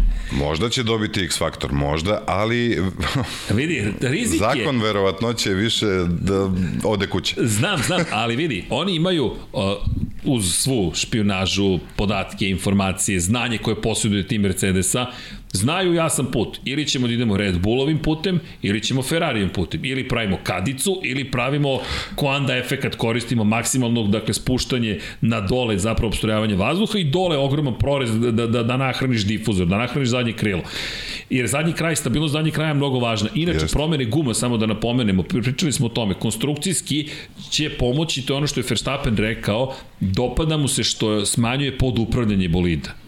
Vi kao trkači znate ko podupravljanje, svi mrze podupravljanje, zato što ti to usporava, sporiji si. Preupravljanje, beži zadnji kraj, ali osjećaj brzine drugačiji. Zavisi na kakvoj stazi. Na sporoj stazi, recimo, pod upravljanje nije loše recimo na stazama kao što je Monako, kao što je recimo u našem šampionatu Ušće. Ne podešava se auto da beži preko zadnjeg dela, nego da blago ide preko prednjeg dela. Jer tad možeš da zadržiš veliku brzinu Ali kroz krivinu. To je opet manji broj Jeste, manji broj je takvih staza, a pod upravljanje, ovaj, odnosno bežanje e, bolida ili automobila preko zadnjeg dela, generalno manje opterećuje gume i drugo, e, pravi br na brzim stazama značajno brže vreme. pre, pre, preupravljanje. Da, da, da. da pre, dakle, oversteer, taj takozvani understeer. Understeer je znači da manje, manje skreće nego što treba. Ti a želiš, a over- on neće da skreće, on nastavlja A pravo. oversteer je da skreće više nego što si ti u stvari dao volanu. Da, to je meni, odnosno, to je, izvini, ono da, što, odnosno da beži zadnji deo, to je. E, meni u Naskaru to zabavno iz perspektive, motor ti je napred. Znaš, da. motor ti je napred, on, to je kao da si zabio nešto sebi napred i treba da skreneš, a pogon je pozadi. Kardan lepo prođe dole, prebaci na Tako, pa točku. to ti je probaj da voziš BMW brzo, to je to. Znaš, i kao, kako ćemo? Pa, malo drugačije nego jednosed. Jednosed pozadi. Sve pozadi, Tako bolje izbalansiran. Da, ali u svakom slučaju, eto, Mercedes videli smo, to su prve, prve fotografije, bit će ih još, ali da iskoristimo svih 10 timova, malo da ispoštujemo. Ferrari smo videli, šta imamo? McLaren smo videli, hoćemo Alpinu. Ha smo videli, Kako? I, ili Aston Martin Aston ili. Martin, Ajmo Aston Aston Martin, Martin. ajde, E, evo ga, e, evo, to je taj koncept, ovo su, hvala Hasanu, opet fotografija Aston Martina, ne vidi se lepo rupa koja se nalazi čak ni iz ovog kadra, zadnji točak desni zaklanja. Delo je kao klasično rešenje Red Bullova, ali tu kod slova C, kod Cognizant, dakle, otprilike postoji kao rupa još veće, kao da su uzeli kadicu, sistem Red Bulla, koji možemo lepo da vidimo kopija prošlogodišnjih de facto Red Bulla, mada oni kažu da su nezavisno to sve razvijali, kako god, i nešto što su povukli od Ferrarija. I, I nekako svi govore u prilog tome da je Aston Martin potencijalno najozbiljniji tim ove godine. Broj 34 od timova koji nisu u borbi za titulu. Dakle, 34 za Filipa Drugovića je lepi kadar. Ovo su prvi njegovi kilometri u, u, u zvanično u Formuli 1. mislim da će ovo da urami. Da, da, da, da, da. I zaista je, zaista je lep trenutak. Pri čemu, da, jedna od informacija, pa to je bilo i u četu, hvala vam puno, oštećen je u garaži, oštećen pod bolida Fernanda Alonso u jednom momentu, pa su zato imali pauzu pre nego što, su mu, pre nego što se vratio na stazu. Inače, E da, Srke, ti imaš pogled na vremena. Kakav su vremena Alonso u odnosu na Alonso je sada Drugović? šesti i daleko od onoga što je Drugović, dr- daleko, veći je bolji od Drugovića za 9, za 8 desetinki. Alonso je bolji. od Alonso, da, da, Drugovića, da, izvinjam se, nisam vidio ovu poslednju fotografiju, samo pogledao sam na... Ovo, je lep, ovo su lepi kadrovi, zaista. Evo, obratite pažnju na prednje krilo. A, Pričat ćemo o prednjim krilima. A, Površine, k- kako pokušavaju da iskoriste kada je reč i preusmjeravanju vazduha, što ka centralnom zapravo delu bolida, dakle, da, da, da nahrane opet pod što je više moguće, a opet kako će pokušati da iskoriste zapravo ove spone koje postoje na, na krilima i zakrilcima da preusmere vazduh van spoljnog dela guma. Tako da će ovo biti vrlo zanimljivo, ali Tačno se vidi prelaz, ja se sećam te spone kad su bile okrugle, sad su spone aero- aerodinamični Tako deo. je, tako je, počinju da ih koriste. Da. To je bilo zabranjeno prošle godine, ali ovo meni deluje kao da će sve više da bude oštrih ivica i da će zapravo praviti neki... Bukvalno aerodinamika, znači tako je, ništa. tako je. Aerodinamika i naravno analiza oslanjanja. Moramo da dobijemo analizu oslanjanja i zadnjeg i prednjeg. Alpina ima, a pričat ćemo kad dođemo o tome kad do Alpine, ali evo pogled na sređivanje bolida, kao što smo rekli, crvena zastava je bila jutros samo za Felipe, a bio je kvar na bolidu. I to je otprilike to. Inače, meni je sakrivena slušalica bežična u levom uvetu. Ja slušam šta se događa trenutno u Bahreinu, ali čisto da ispratim ako se nešto desi. Tako da, šta da vam kažem, studio na kraju univerzuma je na kraju univerzuma, da. Izgleda da, da, ovaj, da oni isto nemaju problem sa težinom s obzirom da su Na boju. na, obojeni. da, da, ofarbani su, ofarbani da. su. Deluje. I Alpina kaže da su mnogo, da je da boli mnogo lakše nego prošle godine. Ok, ovako nam lepo izgleda. E, hvala, Alpina. Pierre Gasly, prvi izlazak na stazu u Alpini, zvanični, za Pierre Gaslija, desetka na plavo roze bolidu. U, ovo je super kadar, dakle... Hasane, ruke ti se pozlatile u To je ono što je pričao o onoj špionaži, ne? Da, da, da, ovo će da kupe ovo kad budu videli kod njega na u biblioteci. Boga mi. Boga mi. Čekaj, ovo je senzor sakriven zapravo u, u vazdušnom otvoru. Ovo je fenomenalan detalj. Dakle, senzor, pogledaj, to se ne vidi tek tako, moraš baš da pogledaš. Pozdrav za našeg Hasana Bratića. Brzina, pritisak, strujenja vazduha, sve. Tako je, tako je. Pogledaj ti ovo, dobro. Inače, ne znamo u kojem će, trebalo bi u roze bojama da bude. E, da vidimo ovde, desetka je tu, ne vidi se zadnje oslanjanje, nema veze, opet lep pogled, pogledajte i broj fotografa, zainteresovanih lica, jednih Ferrarijevi inženjeri tamo, levo. Onaj gleda usisnik. Ovaj, gleda sa Šta ti je to tu? Da, da, da, čekaj da vidim malo. Da, Renault i Tek imaju ozbiljan posao u Renault. Jedini koriste svoje pogonske jedinice i da, Alpina je, ali treba treba Renault potreban mu je dobar rezultat i to smo predstavili već da pričamo ko će biti drugi tim Renault, ja cenim da će ga on u jednom trenutku imati. I obratite pažnju na graničnu ploču koja je sponsor Renaulta, Microsoft. Mhm. Bitka IT giganata, tehnoloških giganata da. tu i kripto svet. Čekaj, ti si iz kripto sveta, ideš negde u, u ovo skorije vreme, putuješ Jeste, moram, moram da odem do, do Singapura, ovaj, odakle mi je firma, ovaj, imamo nešto da radimo. Ovaj, Ti si ali- u kripto svetu. Jeste, jeste. I meni je tu interesantno, video sam i u MotoGP-u, pratići prošle, preprošle sezone, da, da je iz kripto sveta ovaj, došlo dosta reklama ono, u stazu i to. Tako da ovaj, mislim da, da je i u kripto ušao u sport ovaj, ozbiljno i Pa na sve strane. da, da, na sve strane, ali dobro, je, to je Dobro, priča za to, je- sebe. Ne, ne, ali okej, je- ide to gore, dole, Jest. znam da je tvoja industrija, nego da, da mi prisustujemo to usponi, padovi, svi prate bitcoine i tako dalje, tako Da, dalje. da. Ali, ali ne samo to, dakle, iz perspektive, kada pričamo sponzorstva, važna sponzorstva, kripto je izvanični sponzor, što Aston Martina, što zapravo, okej, imamo i naravno pad cijeli, cijelog jednog exchange-a koji uništi u velikoj meri mnogo toga, ali kako to obično biva, ide, ide to, posle krize dođu i neke nove stvari tako dalje, tako dalje. Upravo sam ostao bez interneta, zašto, šta se desilo? Aha, znam šta se desilo kupi kabel od 50 eura da bi radio. Ne, nemojte kupovati kabel od 50 eura, kupujte od 100 dinara. Isto će da rade i moći ćete da ih menjate češće. Ovako, toga da vas obuzme što ste kupili nešto koje što je kao super. Znači sve što je skupo ne mora da je kvalitetno. Jel? Ne mora, apsolutno ne mora, ali sam bio ubeđen da su da je, da je ovo dobro pošto je delovalo zaista onako impresivno i sad sam ostao bez zapravo zvuka, sad ne znam šta se zbiva na stazi, ali to ćemo odmah da rešimo. U svakom slučaju, pozdrav svima koji ste sa nama, udrite like ukoliko ste tu negde, dok gledamo ove ekskluzivne fotografije Hasana Bratića. Inače, pogled evo na bočnu stranu kod Alpine, ovo podsjeća na Red Bullov koncept, ovo je vrlo jasan put kojim su i oni krenuli. To je, da, plagijat, mislim kopija. Pa, to je inspirisani. Inspirisani, Inspirisani tak. su. Samo što, samo što mene nisu inspirisali sa, sa rešenjem dizajnerskim, tako da ne bi da uredim nikog. Ne, ne, okej, to komentarišemo, to je... Da. Nekako mi je ovo posmatrača. ovako, da, lepo, lepote u oku posmatrača, ali stvarno mi nije E, ali na teško je nivou. rešiti, pazi, BVT Teško je rešiti boje, to je sponsor nerešivo, jeste. i mora da bude roze, a tvoja tradicionalna boja je ova plava koju vidimo gore, ne znam kako da ih spojiš, pa onda crnom odvojiš da bi malo uštedeo na težini, ali oni kažu da nema potrebe, da su zaista olakšali bolid značajno i verovatno će Roze biti bolid u prve tri trke koliko znam. Bolje skroz roze nego ovo. A to ti sad pazi sad muka, ti promovišeš Alpinu kao ekskluzivni, to jest luksuzni, ne, luksuzni sportski automobil zapravo, Alpina to treba da bude jednostavno Renova, da premije, premium marka za- kada za ljubitelje brzine. kao Fiat Abarth, kao Tako je. BMW modeljenje. I sad ti si jednom roze, a kako ćeš da kažeš sponzore, ne bismo vaše pare. Ne znam, morat će se potrude, ali stvarno nekako je čudno, ali mogu da razumem tematiku. Ja, ja recimo 10-15 godina vozim i vozim dan danas za klub Gaga i oni su bili, pomogli su i ovu priču oko, oko E, 4 hvala svim sata. našim da. sponzorima iz Zagrobnika. I čekaj. generalno boje kluba Gaga su roze i zeleno. Znači jedno slovo G, G je zeleno, pa A ide roze i to, to u, uklopiti u auto isto dramatika. Evo, dobacuju mi ovde, Aston Martin nije bio roze, ni sa BVT-om. E, pa E. oni imaju stav. Stav, verovatno. Samo je petalno. samo je Vettel nosio da na kacigi i to je to, ali to ti je to, stav. Stav. Mi smo britanska zelena boja, British green, sorry guys, i ide u negativ. Zeleno i belo, belo su ispisane stvari. Nije, ovo stvarno je onako.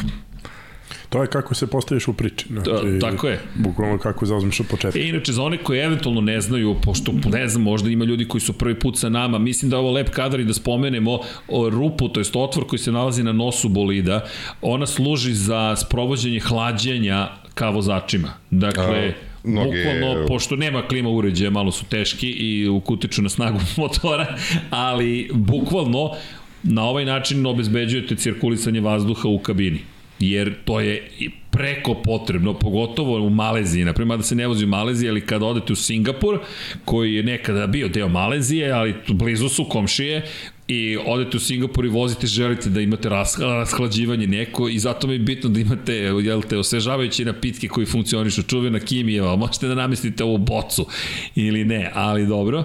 I pogled još jedna bitna stvar, obratite pažnju na iako je van fokusa, gde piše FIA, pa malo dole desno, gde imate praktično jednu kao pregradu, dakle ako, kao greda da stoji. Obratite pažnju na taj deo, tu se vodi žestoka bitka po pitanju aerodinamike, jer tu zapravo imamo splitere, imamo pod deljenje zapravo protoka vazduha i pokušavaju da ih usmere i na, na, na sve moguće strane da, da zapravo da upravljaju tim delom vazduha i obratite pažnju pogotovo kod Red Bulla, tu je dosta kompleksan sistem koji su razvili, tako da je to nešto što, što je baš ozbiljna zona razvoja kada je reč o, o unapređenju bolida.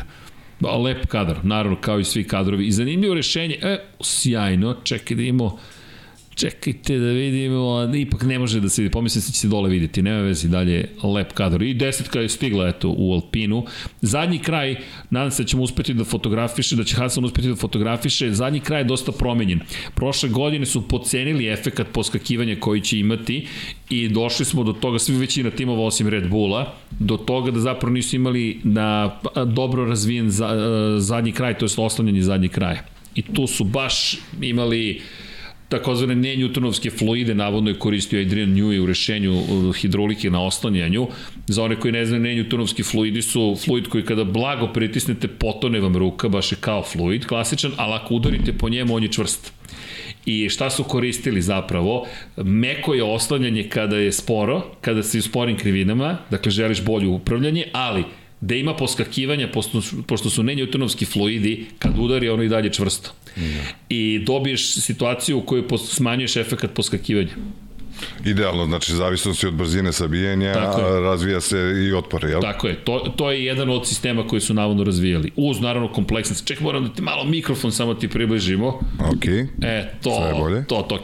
Dakle, i šta sad imamo? Imamo situaciju da Zapravo Adrian Newey je čovek koji je pratio istoriju Formule 1, pošto je poskakivanje postojalo u prvoj eri korišćenja efekta tla. Suknice I, one. Suknice, tako da. je, čuvene. I a, imali su problemi sa suknicama, to ljudi zaboravljaju. Da, trošile su se. Trošile su, trošile su, se, trošile su se suknice i ti udaraš i onda dobiješ poskakivanje, ovako skaču. I onda od pola trke nema prijanjenja, pošto su oni bili, tako je, tako je. oslanjali su se na to. I kada pređe preko ivičnja, kada pređe preko pasice, bom, I Da, samo kao pop, o, Samo se otvori. odlepi, E, da. tako je, jednom, jednom, e šta sad, pa sad malo manje prijenje boli, sad malo pleše. Sad ništa, malo izlet u prirodu. Ne, ne, baš je, baš, baš je bilo to, baš je bilo to nešto što su zapravo toliko želeli da eliminišu, da su na kraju zabranili efekat tla Da. i doveli do Formule 1 koji mi poznajemo do se početka 80-ih do pre dve godine. A sada smo se vratili nazad. Sad imamo ponovo efekat tla, a šta ćemo sad? Pa ponovo imamo poskakivanje. Ali Adrian Newey, istoričar auto, automobilizma i čovjek koji je pratio naravno 24 časa Le Mana je bio u toku i to je sad navodno Alpina značajno rešila. U, čekaj, evo pitanje, da ajde da vidimo šta publika kaže, zaboravio sam na anketu, možemo da zatvorimo anketu, lepši su bolidi, nisu lepši, isti su. 68 kaže lepši su, posto 702 glasa, hvala ljudi što ste glasali, nisu lepši 7% i isti su 25%. Ali, evo pitanje, koja od ove tri ekipe će biti bolja? Čekaj da zatvori zapravo, nije mi još dozvolio. Ajde, Ja tamo da se sad- ubacim u priču o, Da. da. ovo što smo pričali sada o, o očvršćavanju oslanjanja da bi se izgubilo to poskakivanje, u stvari to udaranje u zemlju. U suštini to, to, to se vidi razlika između jednoseda, na primjer, znači formule i običnih automobila, jel, da recimo u tim touring automobilima, što se zovu, da kažem, gradski automobili koji mi vozimo po trkama, ti imaš uglavnom amortizere koji recimo imaju podešavanja na, na sporo pomeranje, na brzo pomeranje amortizera, znači kad, kad se nešto dešava, neka rupa poskakuje ili tako dalje, a imaš i kada je auto u krivini i da kažem polako se naginje i obično su neka podešavanja da ti želiš na to brzo, ovaj, na brzo pomeranje amortizera želiš da ga omekšaš, da bi upio te neravnine. Ali kod formule je problem što ti ako ga omekšaš, on će da udari u zemlju jer je mnogo nizak i da otkoči. I mislim, ono, to je interesantno. Evo, interesantno je što su oni menjali strukturu uh, ulja, pošto svaki amortizer radi na ulje. Znači, ovi gasni amortizeri koji se koriste, oni nisu napunjeni gasom. Samo, gas je samo iznad i on služi kao dodatni pritisak, ali sve funkcioniše na ulje. A ovde sad, u, u ovoj teoriji imaš ulje koje je gušće ili manje gusto u odnosu na brzinu kretanja o, klipa kroz, kroz njega. Tako je, Znaš, tako je. Jer mi možemo isto i kod nas, mi možemo da podesimo high speed i low speed bump. High speed bump se uglavnom podešava na mekše kad je, kad je staza neravnija, a low speed bump je ono koliko će auto da se nagne u krivini, odnosno koliko će amortizer da ga zadrži, odnosno da izvrši dodatni pritisak na gumu. Tako Jeste, da, jeste, i to sam ja samo da, da, kažem da, da. koliko je kontra. Mi težimo Da, da, da. ga omekšamo ka, kada je neki uh, neravnina ili nešto, a ovde u formuli u stvari hoćeš da ga stvrdneš da ne bi formula udarila o, u pod. Zbog aerodinamike, Tako pošto je. mi nemamo aerodinamiku. Da, da. Inače, pitanje da li se zna da li Drugović sutra vozi i da li ima neke informacije da li je sigurno da Drugović zamene za strola ako ne vozi. Ili idu na skovistu, vratiti Fetela na trku ili će uzeti Mika. Zapravo, trenutna informacija je da ukoliko ne bude vozio Felipe Drugović, to jest ko bi mogao da bude izbor pre Felipea, Stoffel Van Dorn. Stoffel koji je vozio u McLarenu, međutim, to nije potvrđeno, niko ne zna i Felipe zapravo danas je na neki način vozio vožnju kandidature za Mislim da, se, nedelju. mislim da se preporučio. Po Ja mislim da se preporučio, hajde da sačekamo, nadam se će Hasan dobiti neke informacije, pošto e, zna kraka, i ukoliko krak može da mu da neke informacije, to bi bilo idealno. I e, hajde da držimo palče, da ćemo dobiti tu informaciju. Neko nam je stigao u gosti ili se meni čini? Kaže, ne, ob, ne obraćaj pažnju. Dobar dan. Dobar dan! Pa kako ste? Pa čekajte, pa udrite like kad ste već tu uživo. ste dobro? Evo, super, teo sam kapu da kupim. kapu, to je na pravom ste mestu. Dođite da kupite kapu, taman dok je prava, pravi moment, za tu lepu kosu dugu. A, naravno. to frizora, to se čuva glava. E, evo imamo ovde, ko želi može da svrati u Svetogorsko 46 svakoga dana, prodavnica radi, možete uživo, možete u gotovini, možete karticama da platite, ne možemo još na rate, ali dobro nam došli, evo mi ovde malo časkamo Bahreinu i tako dalje. Svaki tako da- vodi top shop ovaj sad. Top shop. Svaka čast. Sponsor ovoga prenosa, Pa pa to. shop.infinitylighthouse.com. E, čekaj, kad smo već tu, uh, Miksa, može mala pomoć. Možeš da udariš tranziciju na fotografiju ako mi imaš scenu sa, za Maju. Ne znam da li je obeleženo ili nije, sad te malo mučim, ali za našeg Šoneta da, da dok, dok ne dobijemo fotografiju, ljudi, molim vas, Ovo je, kaže, malo ličnije. Naš Šone i svi mi zajedno borimo se za, za Maju, njegova draga, nažalost je u situaciji da je potrebna pomoć svih nas, ko može 1445 na 3030 u Republici Srbiji neka pošalje imate na, na ekranu i račune što dinarske, što devizne i tako dalje. Cena SMS poruke 200 dinara, PDV se ne naplaćuje. Ovo je lični poziv. Dakle, nama znači još više nego inače. Uvek nam znači, ali neću vas lagati da prema Šonetu i Majne osjećamo još veću empatiju, to su ljudi koje mi poznajemo, Miksa pogotovo, Miksa i Šone su proveli, ja ne znam koliko sati dana zajedno u kabini, Hvala, svako dobro želimo. Hvala i nadam se samo da se javim i, i da, da se družimo tokom cele sezone. Pa, ono, pa naravno gled, gledamo se svakodnevno. To, vidimo se, hvala puno. Sve najbolje. Ali hvala i ovo su lepe stvari, dakle pozitivne emocije i energije i to želimo da prenesemo i za Maju. Ako ste u mogućnosti, ja vas preklinjem, dakle 1445 na 30 30 i još jedna bitna stvar. Ukoliko donirate bilo šta tokom današnje emisije kroz YouTube, sve te pare idu za Maju, tako da znate.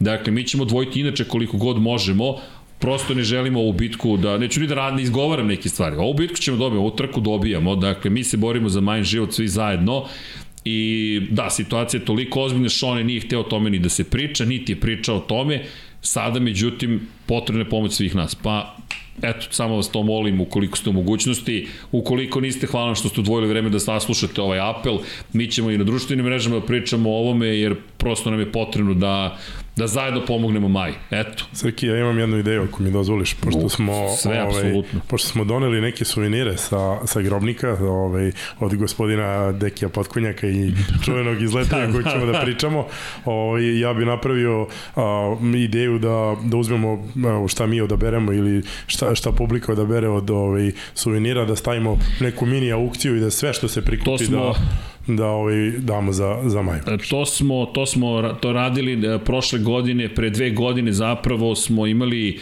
nekoliko akcija u kojima smo učestvovali. Inače između ostalog Martin Nađem je dao bio točak sa sa sa Tora Rosa, to smo uspešno prodali, ne kažem prodali, nego se skupljeni novac, dakle čovek aukcionar koji ne želi da se zna uopšte ko je, je došao, kupio, a, imam neku ideju, još neke stvari koje su u studiju da, da stavimo na aukciju, hvala ti, slažem se u potpunosti sa, to, sa tobom, ako niko ni ne kupi, mi ćemo ga otkupiti, tako, tako, to, da, biće tako. dalje dakle, deo priče, ali mi ćemo maj da pomognemo kako god znamo i umemo, tako da eto. I hvala puno u svakom slučaju svakome na podršci.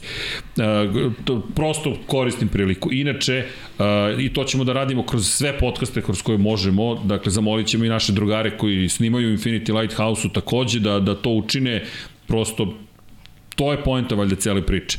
Da budemo d, d, ljudi pre svega. I iz perspektive ovoga što se događa u Bahreinu, nastavit ćemo naravno da pričamo, da prenosimo. E, koga nismo prikazali? Mislim da Alfa Tauri uopšte nismo prikazali ni jednom i mislim da i Alfa Romeo i Alfa Tauri treba spomenuti. Inače, Nick De Vries je trenutno na stazi. Očekujem dosta iskreno od Nika De Vrisa. Evo pogled na Alfa Tauri dozgo. Evo sa strane, ovo isto kadar standardni već. Jel te, svi su sa, sa senzorima izašli na stazu. Orlen je novi važan sponsor. Ako možemo da ostanemo na ovom kadru na trenutak. Ako se sećate početka, ko se još seća početka ovog podcasta, mi smo zapravo, da, ovo nije podcast, ovako bismo mi proveli popodne inače. To je lepota ovog posla. Kao da sedimo u kafiću i Tako gledamo... Je. Inače bismo pričali o ovome. Sve bi bilo isto, da. da. inače bismo pričali, ali šta hoću da istaknem u ovom kadru, Orlen se nalazi na Oreolu, Orlen se nalazi na nosu, Orlen se nalazi na zadnjem krilu, Orlen se nalazi na bokovima dole na podu. Dakle, Alfa Tauri dalje glavna robna marka, to je brand koji se promoviše. Alfa Tauri je modna kolekcija, modna konfekcija, za, to je konfekcija Red Bullova, zove se Alfa Tauri jer to Alfa Bik, jel te, glavni bik u društvu i Alfa Tauri, ovo je moja četvrta sezona, ovo je Alfa Tauri AT04, Yuki Tsunoda, Nick De Vries. Nick De Vries ima samo jednu trku u karijeri, ali ja ne mogu da ga gledam kao početnika. Šampion Formule 2, šampion Formule E, osvajač poena u svojoj prvoj trci za Williams u sred Monce bio 9 i 2 poena osvojio. I da, Yuki Tsunoda iskusniji za upravljačem Formule 1, ali ne znam kako vas dvojice gledate, meni Nick De Vries deluje kao da će vrlo brzo postati vozač broj 1. Po meni je on mnogo veći talent od uh, Cunode. E sad, uh, Formula 1 je čudna. Uh, Nekome legne, nekome manje. E, Mislim da Nick De Vries vozeći prošle godine pokazao da ima neku određenu brzinu, ali to sve zavisi, vidjet ćemo stvari pravu sliku ove godine. Da, ovo, ovo, je, ovo je baš probna godina, pri čemu mnogi, kažem, izlazi, juče smo pričali o tome, pa i ja, izlazi knjiga Maxi Nick, dakle u, u Holandiji o tome ko, o njima dvojici Maxu Verstappen i Niku De Vriesu pošto su bojica Holandjani i uticaj Maxa Verstappena na, na razvoj automobilizma, to jest ljubavi prema Formuli 1 u Holandiji, vrlo ozbiljno organizovano. Pa čuli ste Hasana, ljudi planski dolaze u najvećim brojevima zapravo da gledaju Maxa Verstappena iz Holandije, tribine su naranđaste pogled inače i malo pređašnji, ne govori nekoj revoluciji kod Alfa Tauri. Slično Red Bullu, kao da jednostavno znaju šta hoće, plan neki postoji i u skladu sa time, ono što je problem za Alfa Tauri što su dosta pod- podbacili prošle godine, i nisu imali željene rezultate, pogotovo Pierre Gasly je podbacio i ovo je prilika za Nika De Vries iz te perspektive. Ako bude uspešna sezona, da kaže Pierre Gasly koji ima pobedu, veoma je talentovan, bio je fabrički vozač Red Bulla, jedan kratak period, pola sezone pre nego što ga je zamenio Alex Albon, je sada u Alpini, a ja sam bolji od njega. To Yes, može da bude poruka. 100% ima motivaciju uh, i 100% će gledati da se dokaže. Pitanje je samo u kom, na kom nivou su u razvoju ovog bolida. Ne deluje mi kao da su 100%, iskreno. Deluje mi kao da nema nekih suštinskih promena. Iskreno ne vidim ništa sada senzacionalno. Da, tako da vidjet ćemo za 7 dana. Ajde, da, da ovo su sad nagađanja, da. onako malo se igramo. Ček da imamo trenutno stanje. Kada je reč o vremena, ovaj, u odnosu na kad smo počeli podcast i gledali su se pomerili Ne, nešto. ne, ne, Verstappeno vreme 1.32, 8.37 i dalje stoji. Da, Da, Sainz je da, drugi, da. Hamilton je treći. Sainz je inače imao 72 kruga, svaka čast. Dakle, odradio je gro posla. Ono što mi to takođe govori, pouzdani su bolidi. Dakle, za razliku od prošle godine gde je bilo kvarova, većih manjih, ali u suštini su odustajali vozači, trenutno to su stotine krugova u jednom te istom bolidu i ništa. Sve stoji na svom Da, mestu. prošle godine u ovo vreme su se raspadali po, po, Bilo je svega. pogotovo Haas. A, bi, da, da, dobro, bilo je svega. Mada dobro, Haas, to je više, više Mik Schumacher uticao. Ali okej, čekaj, vidim ko nam nedostaje. Imamo 19 vremena, A da, mora da bude 19, zato što Čeko Perez danas neće voziti. Tako da Perez vozi su- i sutra zajedno s Verstappenom, ujutro Verstappen, popodne Perez i onda Perez trećeg dana vozi sa Dobro su se podelili. E da, neko je pitao ko će sve da vozi. Neko Čekajte, je pitao da li će Drugović sutra da, da, vozi. da, da, da. Pa možda. Uh, čekaj, evo već neke, neke reakcije, piše Nebojša, kaže, Max u odnosu na Sainca skoro pola sekunde prednosti da ne bude repriza prošle godine, ajde idemo kada Leclerc izađe na stazu. Leclerc je izašao na stazu i trenutno je još uvek daleko, ali nemojte suditi po vremenima. Još jedna bitna napomena, uvek kada je reč o Bahreinu i sličnim trkama, kreće se danju, završava se noću. Ljudi, temperatura drastično pada noću, ali raste vlažnost vazduha. Tako da se sve menja, dakle, sagorevanje motora je drugačije. Vi morate potpuno... Mapa motora mora bude totalno drugačije, da. Tako je, tako da nemojte porediti jedan na jedan trenutno rezultate. Ovo su divne stvari, krenula je Formula 1, imamo prve Pa kadrove. pogotovo ne danas, to možda trećeg dana će neko pokušati brzi krug. To da, to da. Ali vidi, e, da, ali da ne zaborim rečenicu, čekaj, čekaj, Hasan nam je poslao raspored vozača. Evo odmah ću vam reći samo da nađem gde mi je Hasanova poruka, kad ko šta vozi. Ovako, dakle, Drugović, nema još uvek odluke o tome ko vozi sutra i preko sutra za Alfa, ta, za, Alfa, za Aston Martin. Ali mislim da je to opet ona priča koju je Krak dao intervju za F1 TV Pro. U zavisnosti od današnjeg Kako se rezultata. pokaže, da. Jer vidi, Drugović deluje da radi dobar posao, ali mi to ne znamo. Mi ne Ne, znamo. ne, nje, on je imao zadatak da testira nešto. A on je pored toga napravio vrlo respektabilno vreme Jeste. u odnosu na vremena koje su sad izašla. Tako da ja mislim da bi baš pogrešili ako bi nekom drugom dali, velika je kocka, ako bi nekom drugom Jeste, dali. ali, da. ali gledaj sada, ako ti znaš već sada ili slutiš da bi Lance Stroll mogao da propusti prvu trku sezone, da li sada kažeš, ok, ako će Stoffel da ga menja, ajmo Stoffelu da damo pre podne ili ceo jedan dan da testira bolid i da se spremi za trku sledeće. A zašto bi ga Štofel menjao, a ne Samo rezervni vozač? zahvaljujući iskustvu. I zato što je i Štofel na spisku rezervnih vozača Aston Martina. Jer on jeste zvanično rezervni vozač Filipe. Međutim, Aston Martin na raspolaganju ima i Štofela Van Dorna i Mika Schumachera. Da. Pošto Aston Martin i McLaren imaju ugovor da ustupaju jedni drugima vozače, onda McLaren može da ustupi Štofela, a oni mogu da ustupe, Aston Martin može da ustupi Drugovića i obrnuto u svakom smeru to ide, zapravo su svi de facto Mercedes. Mislim da se ovde Drugović otvara prilika i ako bude bilo čisto, uh, kako bi rekao, gledano ko može Vozački. najviše, da, vozački, ko može najviše timu da donese, brzine, to bi trebao po meni da bude Drugović. Ako su neke druge kalkulacije u pitanju tipa da li neki sponzori, da li se pita možda i, i i vozač, Mercedes možda. da li se možda pita i vozač, Lance Stroll, da li se pita ko bi teo da, Da, ga to menja. ne znam, s obzirom da je sin vlasnika ekipe, možda u ovoj Šta situaciji. da se desi, ne bi se zameni pitao. ga Drugović i bude brži od njega. Pa, Ništa. Onda da se razumemo. Pa to. U ovoj situaciji apsolutno ništa. Ne još. Dakle, ne, možda ne, nego jednog ne dana. bi, ne bi voleo čovjek, znaš, tako da... Ko bi voleo? Pa da. A vidi, ko bi voleo? Pa to je ono što stalno pričamo. Znaš, nekom smrkne, nekom svane i šta sad? Šta, šta ćemo... Ne, ja sam ti rekao iz i aspekta, ja kad bi me birao, kad bi me e, menjao neko da je bolje me menja neko sporije, da ispadne da sam ja brz. Razumeš? Pa dobro, Zato se vozači Pa pa da. pitaju. zavisi šta voziš. Mislim, ono, ako vozimo endurance ili tako dalje, želiš da... Ne te- pričamo o Formuli 1. da. Pa dobro. Kako na vodenicu, znaš, Da, čekaj, da, da, e, da, da. Mi endurance vozači. Sutra čekaj. pričamo o endurance. Ne, ne, sutra naravno, ali opet je pitanje kako razmišljaš. Ako razmišljaš iz svoje kože, mislim možda neko opet da bude timski ako Ja samo kažem bude da je to principu vrlo komplikovana stvar i da ima mnogo faktora koji utiču, to sam teo da kažem. To se Da. svi slažemo. Inače, Christian Horner trenutno daje e, povratne informacije i pitanje je da li je zadovoljan kako bolid izgleda trenutno na stazi, pa eto čisto da prenesemo. Jel kaže, ono što smo pričali, sad smo u drugom tek treningu i evolucija je prošlogodišnjih bolida, RB19 je zapravo unapređena verzija RBA 18, pa to adaptiran za nova pravila koja stupaju na snagu ove sezone.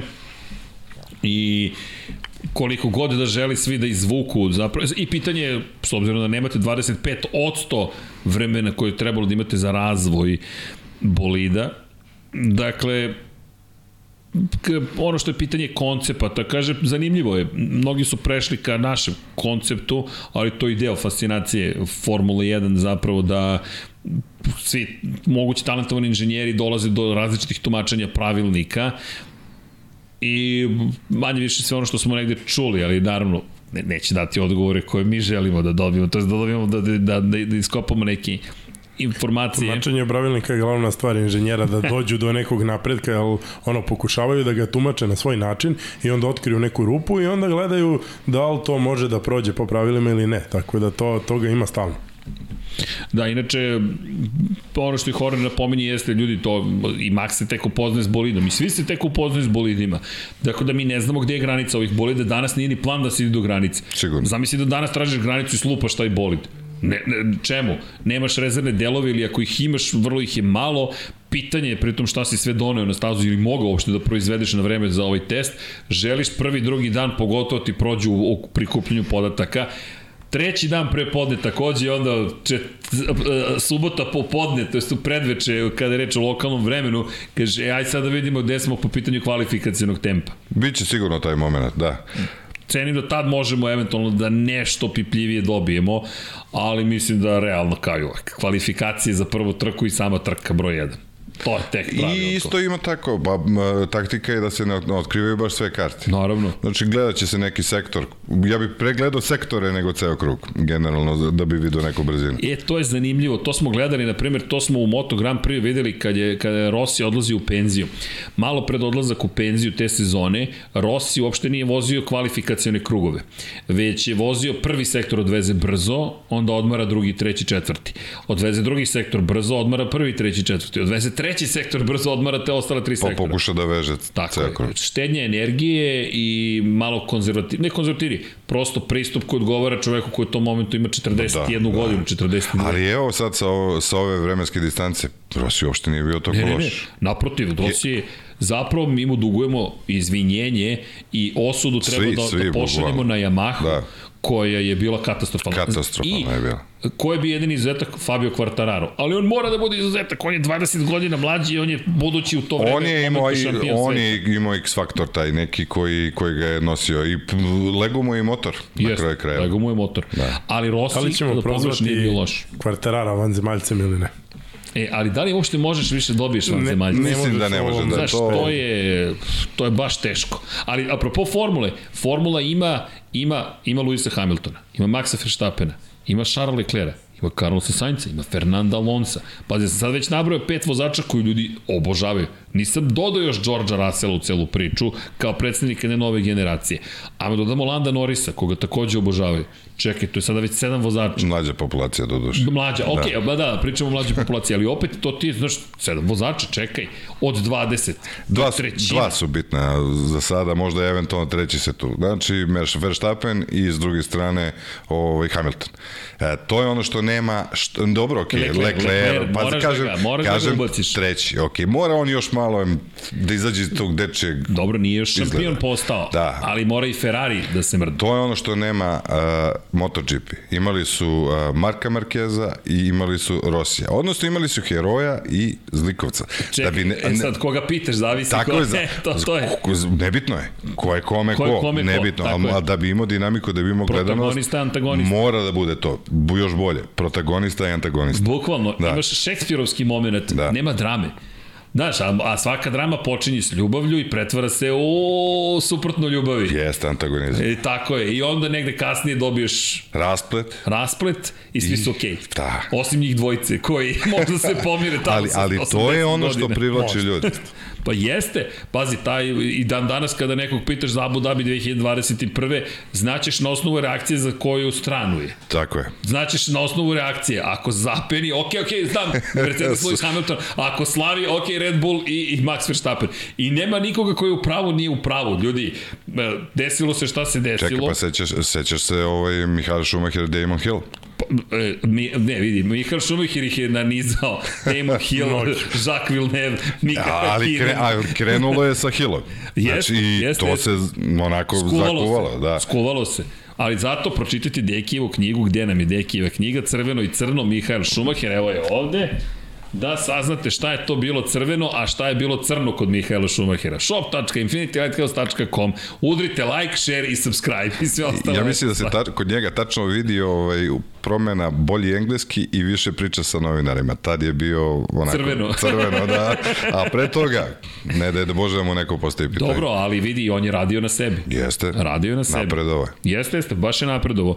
Inače, trenutno u jednoj sekundi prvih šest vozača, ako išta ovi rezultati znače, Verstappen, Sainz, Hamilton i dalje stoji, Albon će stati izgleda na četvrtoj poziciji dosta dugo, ali Hamilton je sada na 6,5 desetinki za ostatka odnosu na Verstappena i to stoji.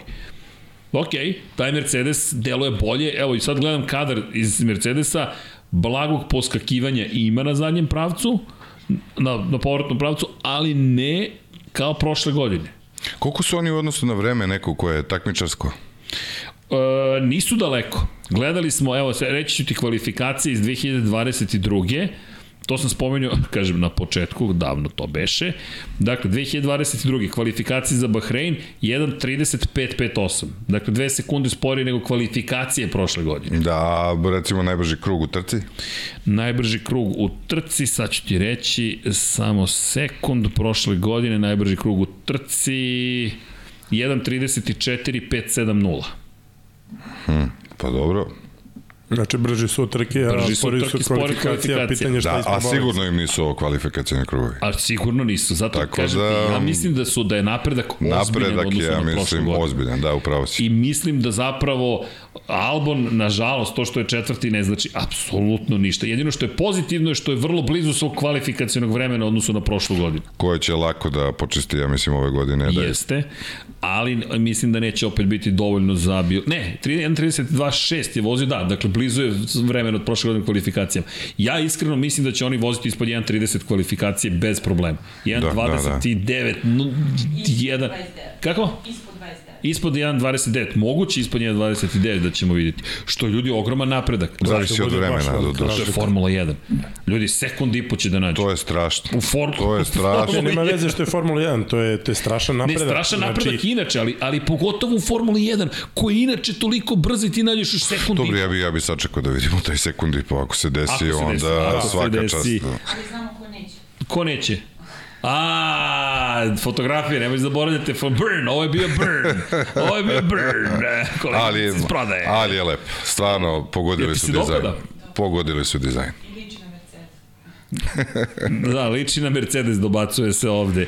A, vidi, Manigram, to smo pričali, kažem, vidi se jasno na bokovima, na prednjem krilu nema pozadi, ima tu još prostora za prodaju, da se budžet još obezbedi granične ploče, malo da se popune i napredi pozadi, ali jeste lep i Niko Hulkenberg za, za upravljačem bolida. Penzioner se vratio. Mighty Hulk. Da. Ajde da vidimo da li će biti besan ove godine, da li će da pobesni. E, zanimljive su mi te kombinacije. Imaš o, Albona, ne Albona, oprostite, Okona i Gaslija koji se nisu podnosili nikada praktično i imaš Hulka i Magnusena koji su imali onu čuvenu scenu gde jel te, ne mogu ni da citiram, Kevina Magnusena šta je rekao Niko Hulkenberg, oni su sada najbolji drugari. E, može ovaj, da ovde stari, stari, stari, kadar, kadar, kadar. Lepo se vidi kadica, ali vidi se i oštrije ivice kod, kod ovog bolida. Ne znam, držim im palčeve, zaista bih voleo da, da je dovoljno konkurentan bolid da mogu da osvajaju poene. Ono što mislim da je filozofija jeste daj da osvajamo poene. Kevin Magnussen je to potvrdio, imao je pol poziciju u Brazilu, najzabavnija pol pozicija poslednje tri godine, ako ne i više od toga. Da. A mnogo je bio lep trenutak kad, kad je Kako rekao, nije? Ma ne, ne, ne, ne možeš da slavite, ne možeš da slavite, nije još gotovo, nije još gotovo. Možda imam kaznu neku, a da, ne, da ne, da, ne, pa možda za neko ipak uspe da. nešto, ko zna, ali imali su pol poziciju i, i naravno poene. I držim im palčeve, ajde da vidimo. Hulk bi trebalo da donosi poene. Nikad nije bio na pobedničkom postolju, ali, ej, ako bude bezbedio bodove, to će da bude više nego zabavno. Nemam neki baš komentar. Haas je prošle godine e, okrenuo najviše, mnogo su, ljudi su baš masovno pričali o Haasu pred početak sezone, da je to bolid koji će iznenaditi u 2022. i to se i desilo. Ove godine svi pričaju o Aston Martinu i dosta se priča o Alpini. Evo, baš imamo anketu, čekaj, raspriča smo se, zaboravili Da anketu. Šta kaže anketa? Inače, donacija za Maju, hvala, Aleksandar Jurić je donirao 10 bosanskih maraka, hvala zaista na tome i Mortal Kombat je svetioničar početni hvala još jednom kažem sve ćemo to donirati za Maju, tako da znate. E, kaže Stefan Drobnjak, džabe je Haas lep kada nema Schumacheru tu. E, da, da vidimo, ovaj Ferrari od prošle godine sa malo promenjenim prednjim krilom i novom farbom. Aleksandar Tasić. E, S jedne strane da, s druge strane ne. Sam Ferrari kaže zapravo da iako je evolucija bolida su oni ceo bolid praktično novi pravili. Dakle, da je mnogo toga promenjeno što se ne vidi i pogotovo donji deo bolida. Ja ne želim nikom da izleti sa staze, ali kada se to desi, desit će se nemimno, želim da ga podignu da mi vidimo ispod tog bolida šta Ja se rekao, možda ćeš reći da... da... Ne, ne, ne, ne, ne, ne, ne, ne, ne, ne, ne, šlep da ide gore pa da mi bacimo pogled. Da, Kao, kao mehaničari budu morali da rade nešto oko, oko gibljenja pa ga podignu. Zato što E, mora... ali ne može da se vidi ispod, zato Da. kad, ti, kad, kada dođe šlep pa su fotografi ispod pa zalignu pa Hasan negde tamo Sigurno će da uhvati kadar. To ti, to ti kažem, to moramo da nekako organizujemo. E da, kada spominjem Ferrari, nisam odgovorio, a mnogo je važno pitanje. Vest koja je danas stigla iz Bahreina, nema i Njaki Ruede. Za one koji ne znaju, Njaki Ruede je glavni strateg Ferrarija, ili je bio, ne znamo, dobio je pod novim rukovodstvom Frederika Vassera ne otkaz, već novu ulogu koja podrazumeva da će biti u fabrici. Neće dolaziti na stazu. To je kao što je, na primjer, Honda rešila da dovede Kena Kavaučija za novog tehničkog menadžera, a svom bivšem tehničkom direktoru rekla ostani u Japanu. U korporacijskom smislu to je otkaz, samo što se to tako ne kaže. Tako je. Samo nisi zaista dobio otkaz, dobijećeš platu, ali više ne radiš ono Pomeren što si, si da. To ti je ono u filmovima, imaš da mi radiš naljasci, znaš, to je. Pošaljite. Pa da, ali, ali tu smo negde zapravo. Pa. I ti kada, t- t- Takeo Yokoyama je u Moto Grand Prix čovjek koji je bio tehnički direktor godinama, ja pamtim njegove reči, arogantne reči, baš smo ih i citirali 2019. kada su osvojili sve tri titule, vozača, konstruktora i tima, kada je rekao mi smo gladni, tek smo počeli. 2020. Marquez se povredio, niti pobede, niti uspeha 2021. bilo je pobeda zahvaljujući Markezu, ali ne tih uspeha prošle godine, poslednji šesti u šampionatu konstruktora. Dakle, samo četiri godine kasnije od čoveka koji je na vrhu sveta, Takeo Yokoyama, je sada u Japanu i radi saljaski zapravo. Pa da. da te parafraziram, citiram kako god, šta je pojnta? Polako sa uobraženošću, polako sa arogancijom. I to je, evo Miksa je tu, NFL vam je najbolji primer toga. Uđeš arogantno, imaš jedan poraz godišnje, nema Super Bowl titulu. U playoff kad uđeš, Hoćeš arogantno da pristupiš nekome, važi, vidimo se sledeće sezone. Kad I onda krene, kad krene sanjaš. naopako, krene više stvari naopako, Tako to je je. Murphy. A inače Fa- Ferrari se nije proslavio sa strategijom. Nije. I, i priča je zapravo da prema rečima Frederika Vasera, rekao je kada se priča o strategiji ili o aerodinamici na nekoj drugoj temi, e, trebalo bi da, da izbegnemo fokusiranje na vrh piramide. Treba da se fokusiramo, pretpostavljam, na celu piramidu i e, prema njegovom mišljenju, to je više stvar organizacije nego čoveka koji sedi na zidu tokom trke, jel te, na startnom ciljnom pravcu i donosi odluke. Ok, ali ukoliko je tako, zašto je čovek koji je sedeo na zidu ostao u fabrici? Pa verovatno ima neke, neke zasluge. čisto, čisto pitam. Ne, ne, ne, ne to. Nego, zašto ga nema i dalje na zidu, ako nije samo do njega? Ja mislim da Vaser baš politički igra vrlo pametno. Ok, reći ću vam ovo, ali pogledajte moje poteze zapravo i mislim da, da je na pravom mestu da u toj Ferrarijevoj politici kompleksnoj može da se i tekako snađe. Pa inače, kad neko novi dođe, ako krene mnogo radikalno, ne može dugo da traje, odnosno razvije otpor. Ipak je on došao kao nov u neku komunu koja, više, koja traje godinama. I vrlo je teško tu uspostaviti odma u startu ozbiljne rezove. Mislim da on ide politički, mislim da je njegova strategija izuzetna. Mislim da će dati rezultate. Da, inače čovek koji će zameniti zapravo u celoj ovoj priči i Njaki Ruedu i sad svi, jel te, se bavimo njime, je Ravin Jain, ja se nadam da mu tačno čitam ime, zamolit ću Hasana da sazna, koji je čovjek iz Indije zapravo i on će preuzeti zapravo ulogu i Njaki Rueda će se baviti sportskim aspektima ekipe iz fabrike, to je U prevodu. Po, sve smo se, se razumeli. Dakle, novi čovek, pa da vidimo da li će to pomoći, s obzirom na činjenicu da je bio zadužen za, strat, za, za trke. E, vidjet ćemo Ravin šta će učiniti, inače radi se o čoveku koji je diplomirao fiziku, Dakle, još jedan vrlo školovan, naravno, kadar. Ima masters iz matematike i teoretske fizike, što je vrlo zanimljivo. Ima matematički mozak. I to pazi sad ovo, na Oxfordu je sve to postigao. Mi govorimo o izrazito školovanom čoveku. To, to je za indice, onako, oni su vezani sa Amerikom. Da, sa engleskom, sa engleskom da. I on je o, rođen u Indiji, odrastao u Engleskoj, kao mali se doselio u Englesku, ali šta hoću kažem, školujte se ljudi. Zaista školovanje je, uvek se školujte, da li formalno ili neformalno, neformalno ili napredovanje je mnogo važno i o, jedna vrlo pismena osoba, inače kažu da da je ajde, njegov sada zadatak bukvalno ono što je radio i Njaki Rueda, ono što je meni zanimljivo, radi se o čovek momku koji ima 26 godina, Iskustvo E malo sad, tanko. ali, e sad, ali ako pogledaš, ako malo baciš pogled ka Red Bullu, nema tamo mnogo starijih stratega, a možda malo drugačije sada razmišljaju. I jedna od stvari koju Mercedes spominja, oni preko 100.000 simulacija obave u okviru priprema za trku u fabrici. 100.000 različitih kombinacija strategije pre nego što stignu. Sad od tih 100.000 treba izabrati drvo od šume.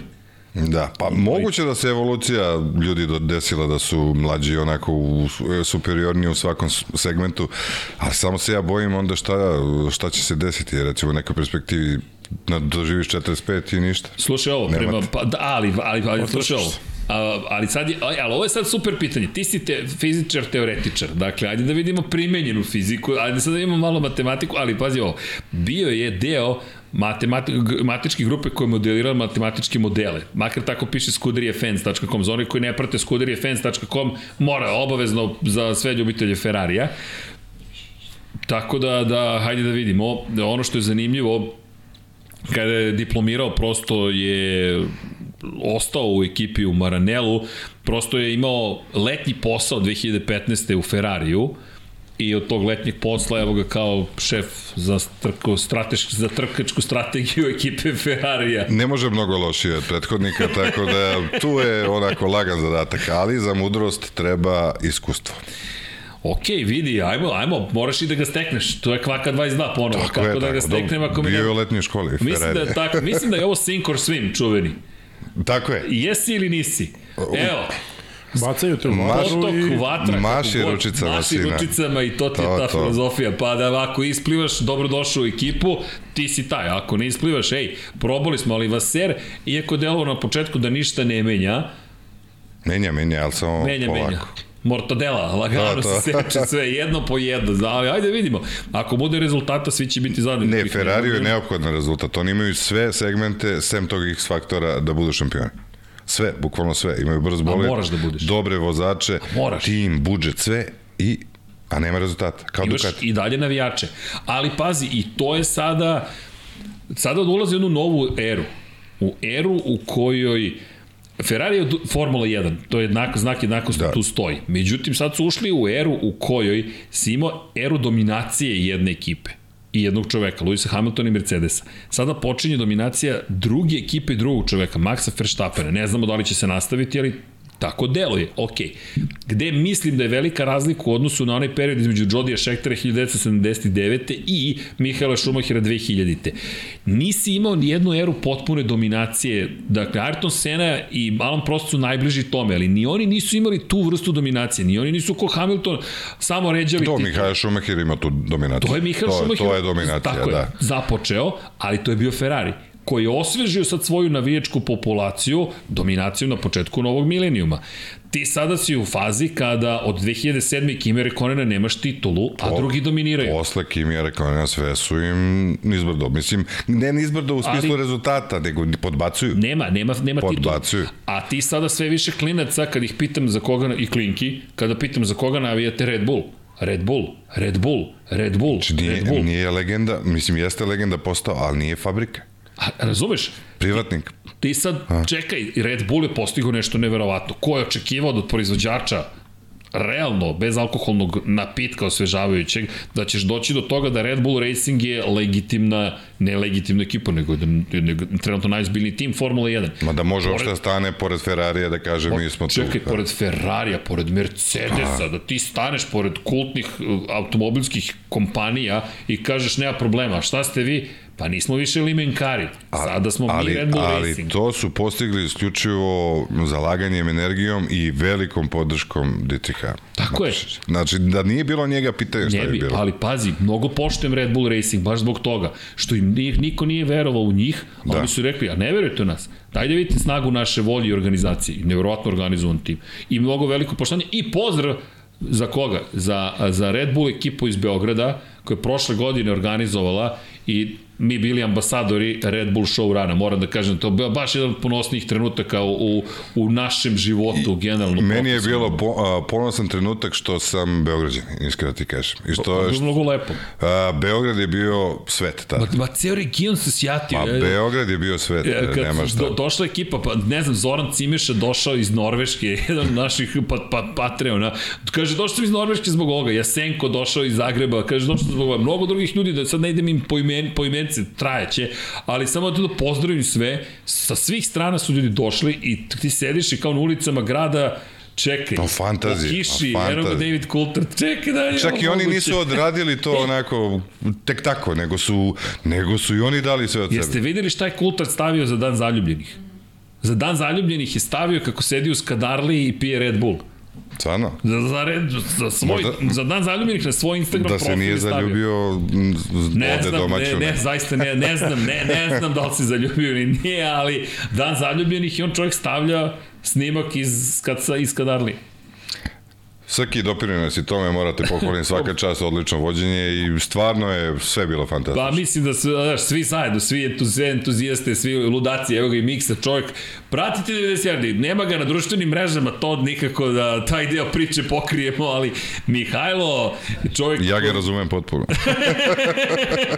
Ali samo pritisak, pritisak i mi smo Pritisak, pritiskali pritisak, Tokija i na kraju otvorio. Znaš koliko da- smo Paju pritiskali isto da otvori Pavle Šivković 28 i neće i neće, ostojite mi na miru, kažem Pajo moraš, hteo ne hteo, Mihajlo znam, znam da znam da nećeš, ali Neće taj film. neće taj film da se gleda, ne prikazuje se u ovom bioskopu, znači ideš na TikTok odmah. ali činjenica Miksa i cijela ekipa kako promovišu NFL, dakle ako postoje dve osobe koje su, ja ne, tri osobe, ajde, iako se Deki ocelio Ameriko, to su Pedro Jovišević Žule, Dakle, čovjek koji je zajedno sa Dijanom Golićem pokrenuo priču i Evo ga ovde, gospodin Mihajlo Stevanović poznati kao Miksa. E, Ističem ga namjerno zato što je čovek koji stvarno pomera sada kako se radi NFL na neki drugi način. I to su sve ti neki ludi, lude entuzijaste koji rade. E, to je sve zajedno pomoglo i publika da, ali osjećam potrebu da kažem baš hvala celoj ekipi koja je to osmislila i gde smo krenuli. I to ti opet priča o Red Bull Racingu. Približio ti je Formulu 1 Ajmo, gde je Ferrari, gde je Mercedes na ulicama, dajte i to da vidimo. Ali dobro, inače šta se zbiva u Bahreinu, to, evo još malo fotografija, Evo, Hasov i inženjeri rade za Red Bull. Došli su malo da vide. Šta ima tu kod vas? Da, da pitaju koliko može, može da Koliko da razvije. razvije, Da. E, da, koliko može. Svi ovi fotografi su kao Milan Da. Bobrik. A ti kao ne znaš koliko ali niko da ne gleda od pri- od prilike od čoveka. Znaš, ono kad se dešava akcija, svi gledaju ljude koji guraju. Ovi E, svi gledaju po delu. Gledaju dole. Jeste, ali pogledaj, pogledaj sponzore. Pogledaj te sponzore. Mobil je na graničnoj ploči, Bibit je na, na, na, na prednjem krilu. Može, može nazad, može nazad. Hard Rock kafe Ma, koji se nalazi na, strašno. na, na, na blatobranu, ajde da ga tako nazovem, na, zapravo na ele- aerodinamičkim elementu koji treba zapravo da, da pomogne da, da se obstrojavanje vazduha preusmeri ka spolja. Pored toga, na sledećoj fotografiji ćete pogledati, Tag Heuer je ispred, Oracle je ispred, pa je sa strane Oracle koji je dao pola milijarde da bi bio u narednih 5 godina glavni sponsor Red Bull Racinga. Inače, ovo nije Rocket, čisto da znate. Bilo je tu dosta zabuna. Rocket koji je jedno vreme bio glavni sponsor i ekipe Williamsa, nije u pitanju Rocket, nego je Rocket zapravo u pitanju. Čisto da, da znate da, da se radi o Rocketu. Dakle, govorimo o e-commerce-u zapravo i to je tehnološko softversko rešenje zapravo. Slično je napisano kao Rocket, pa tu postoji malo, malo zabune, ali zapravo to je još jedna kompanija koja je zvanični sponsor Red Bulla. Pored toga, Red Bull, jedva da piše Red Bull, ali svi znamo da je Red Bull Racing, pošto Sad- je sad više nije ni bitno, Nije da. ni bitno. Zamisli dokle su stigli Da u razvoju svoje robne marke. Ti prepoznaješ ona keca, inače bolid izgleda, ljudi izgleda spektakularno čisto, kao da iz apoteke izašao. Uh, I pogledaj na kameri, tamo je, su pito cevi, da tamo gde će biti kamera, sa desne strane, pogledaj pod dole, isto kompleksnost poda, i opet pito cevi male, iz, ispod Armora, Armorola, koji je još jedan, jel te, sponsor, pa onda imaš Siemens, pa Hewlett Packard je tu, Honda ponovo piše na bolidu, možda bi neko rekao da ih ima previše, ono, u, za neku lepotu, znaš, Mislim za da, neki da, stil da, i to. glavni, da finansijski direktor Red Bull Racinga nema problem. Nema problema s tim uopšte, verovatno. Verovatno je rekao, ne, ne, nemojte vi ništa da brinete za nas, sve je ovo u redu.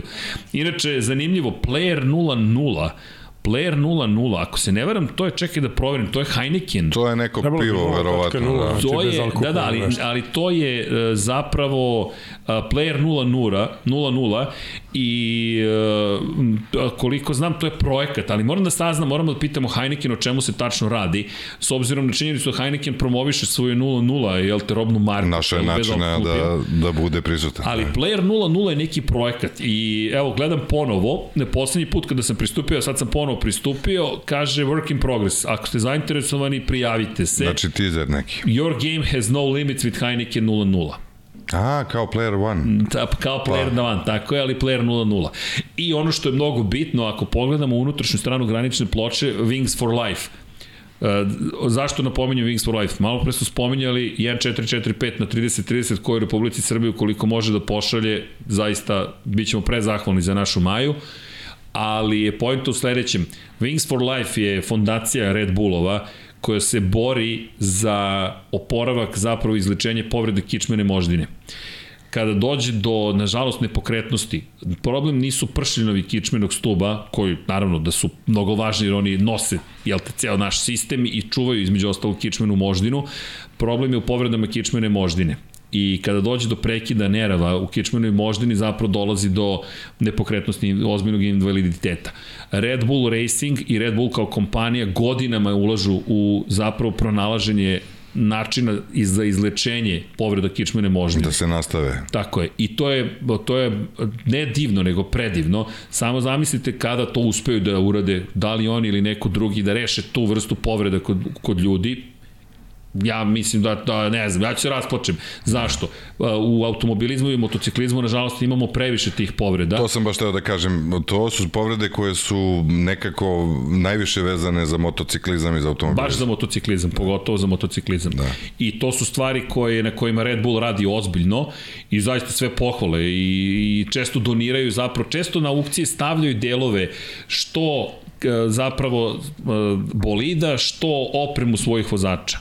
Inače, nisam izvinjao se video, uh, Đera je donirao 7000 dinara. Hvala Đero, dakle to, to ćemo isto da, da, da prosledimo za Maju. Uh, Đera je dva puta izgleda donirao. Ne znam da li ste želeli Đero, ali hvala. Dakle, preusmirit ćemo svakako novac Maji i hvala vam zaista na tome. To je neka, neki naš mali doprinos celoj priči i mi ćemo se potruditi, kažem, i, i ko je, ko je raspoložen sutra 99, jesmo sutra miksa online, tu smo, od, dakle 99 yardi, uveče, mi ćemo sutra imati specijal garaža 76, evo nije mi bilo, kad se vratim onda u velikom stilu, ne izlazim iz studija, živim za stolom. Kako, kako? Treba tebe da pita. Treba mene Miksa da pita. Ok, prozivka je zaslužen. E, ali Miksa, dakle, od svih stvari, nestao je internet za Lab 76, Formula 1 i za 99 yardi. I onda sam se sutra ujutro prebacio u Santiago, seo kola dva, dva sata do, do, do kuće u Santiago na kabel klik i onda izbačte. Tako da sutra se družimo odavde. Izveni još jednom. Što je sigurno sigurno. Da, da, da, ali, ali ne, još, još se obradovao, završio se Super Bowl je bio, još gledao Super Bowl sa Burazerom u Južnoj Americi, to nije bio plan, ali kao, gledamo drugačije. Le. Ej, vidi, izdržali smo sa španskim komentatorom neko vreme. Moj Burazer razume, ja ne, onda je bilo, daj mi drugi audio kanal da razumem šta se ovde događa, šta, koje su izjave. Jer prenosi sa, sa lica mesta zapravo izjave, ali džaba, sve sinhronizovano. Tako da još nisam dovoljno naučio uči španski, ali jedno zanimljivo iskustvo. Elem, e, Red Bull, kažem, radi neke divne stvari, eto mi pokušamo Maj da pomognemo pre svega i, i Đera, evo kaže, ipak ste jednom donirali, i 5 britanskih funti je donirao koje 7, hvala, i Vedran Vulović je donirao 250 dinara, hvala vam zaista na tome. E, možemo samo da vratimo onaj prethodni kadar, ja se izvinjavam.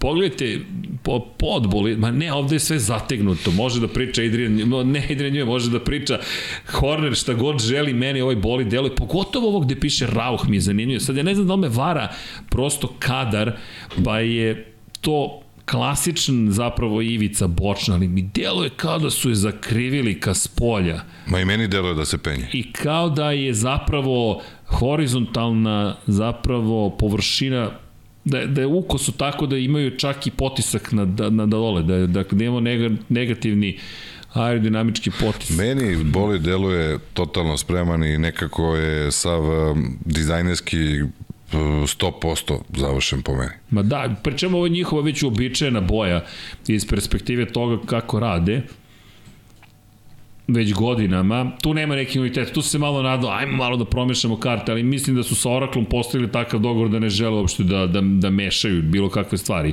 I da ti bude jasno da si u eri koja je trenutno. Pri čemu šta je ovo? Aha, Castore. Da, da, da, da, da, i to je sponsor koji se spominjao. Takođe imate Inter MX, dakle kada govorimo o meksičkim sponsorima, ali pogledajte vi moć Red Bulla da Čeko Perez koji je često dovodio meksičke sponzore, ne može li da dođe do izražaja koliko sponzora imaju. Dve stvari, popularnost Red Bulla druga stvar, njihova služba za prodaju oglasnog prostora, ja mislim da je ovo najbolja služba koja postoji. Ne znam šta sve nisu prodali, što ti kažeš, možda ima i malo previše, više se ne vidi, ali dobro. Dobar, dobar kadar. Evo je i Flow Viz boja, zelena boja koja se nazire sa desne strane. To je ono što je pričao Evo je Hasan. da, na, ta Hasan na zadnjem krilu. Za one koji eventualno ne znaju, koji su možda prvi put sa nama ili su zaboravili, ta boja omogućava zapravo da vidite zaista protok vazduha u primjeni na, u razmeri 1 prema 1 na pravom bolidu koji će se trkati, jer u razmeri se rade modeli u vazdušnom tunelu. Da, ovo je e, praktično mogućnost da ti vidiš e, kako, kako obstrujavanje vazduha na tako stazi. je, tako je. Inače, da je reklama i za, Red Bull kolu, organic kola sa unutrašnje strane. Dakle, nema šta nisu izreklamirali na ovom bolidu, okej. Kažem ja, Inače, zanimljivo, nema mnogo otvora za hlađenje, a 30 stepeni. Dosta je zatvoren bolid. Dakle, to mi je sad samo pretpostavka da zapravo nemaju probleme sa hlađenjem bolida. Pogledaj iz ove perspektive. rekao bi da nemaju uopšte. Da je sve zatvoreno. Po čemu smo u pustinji. I ovo je prepodnevni trening. Šta to znači? To je vrem, temperatura, Pa, 30 stepeni Celzijusa, pa to je pristojno, nije najviša moguća temperatura, očigledno negde oko 40 zna da bude, ali hajde da vidimo, noću se vozi, ali gledam, znaš, iz perspektive staza gde će biti problema sa hlađenjem. Mercedes ima probleme sa hlađenjem, Barcelona će biti dramatična po tom pitanju, Iz ovih trka recimo, uh, sad ne znam kako je koncipiran, mislim znam kako je koncipiran uh, motor Formula 1, ali auto kad nema problema sa hlađenjem uglavnom je ide na bogatiju smješ i nema problem da, nije na ali maksimum. Znaš šta zaboravljaš? Bateriju. Ona greje isto. baterija, izduvni sistem, to gore, to dole, sve se topi bukvalno i onda naravno što više otvora veći je aerodinamički zapravo otpor i želiš da bude što zatvoreniji bolid, da bude što površina ravnija. Ali ako mogu to da postignu da se bolid ne pregreva, to znači da tako su... Je, a ovo, ovo mi deluje da su unutra šta god da su radili i kakav god da je sistem hlađenja kako god da je unapređenje. Mercedes je s tim imao problem. Ako pogledamo, možemo baciti pogled, izvinjam se, na Ferrari iz, iz ptiče perspektive. Ferrari je potpuno otvoren kada pogledam. Da. Ferrari je potpuno otvoren. I ne samo Ferrari, ali mi je samo zanimljivo detalj, sad vidjet ćemo da li smo upravo, da li smo nešto namirisali ili ne, ali mi deluje da su to su dosta, do, dosta dobro uradili. Ja bih dodao nešto ovaj, kad je po, Toki Da, spomenuo da, Smešu. Ovaj, kažem, pošto nisam pratio Formulu 1 odavno i ovaj, ja sam saznao jedan podatak, možda mnogi ljudi ne znaju da se a, Formula 1 vozi na jako, jako siromašnu Smešu. Ovo, znači, ono što se vozi u gradskim automobilima... 14, a? Ne, siromašnije, 16. Na 16 ide. Da, Lambda 16, ovo, ili ti AFR 16 prema nešto. Evo, po, izvini, pogledaj samo ovo, kada već pričamo o otvorima. Da, da, Ferrari ima, Otvorenije. mora da se hladi. Znači ima, razvija veću temperaturu. I ovaj odnosno. sistem kadica. Inače, hvala puno za donacije. Nina Živković je donirala 1000 dinara. Amir Suljkanović je donirao 5 eura za Maju, Aleksa Valter 50 dinara, hvala. Ljudi, svaki dinar znači, Sve, apsolutno, svaki dinar svaka znači. valuta koja god daje i juče smo isto uspeli da skupimo određenu količinu novca, sve ćemo to da uplatimo, dakle, da, da, da prosto povedemo računa jedni od drugim i hvala vam na, hvala vam na razumevanje za, za kompletnu podršku. Ne, ne znam ni šta bih vam više rekao od toga, zaista hvala do neba. I ponavljat ćemo hvala i hvala i hvala i hvala. Inače, ako možemo da vratimo prethodni kadar, Mada si ovde lepo vidi lazanje. Vrat, eto, ispod AWS-a, eto, Amazon Web Services, kada pričamo o, jel te, gigantima i reklamama. E, e pogledajte ovde sad, zanimljivo ko, ima nove sponzore, da kažemo new money, old money. Ray-Ban je ovde veliki sponsor, dakle možete ga vidjeti sa strane, Ceval Logistics, dakle, ko, dakle logistika, o, Santander kao veliki sponsor, došao je zapravo u velikoj meri sa Carlosom Saincom, Estrella Galicia, još jedna španska robna marka, iako je zapravo vlasnik toga Belgijanac.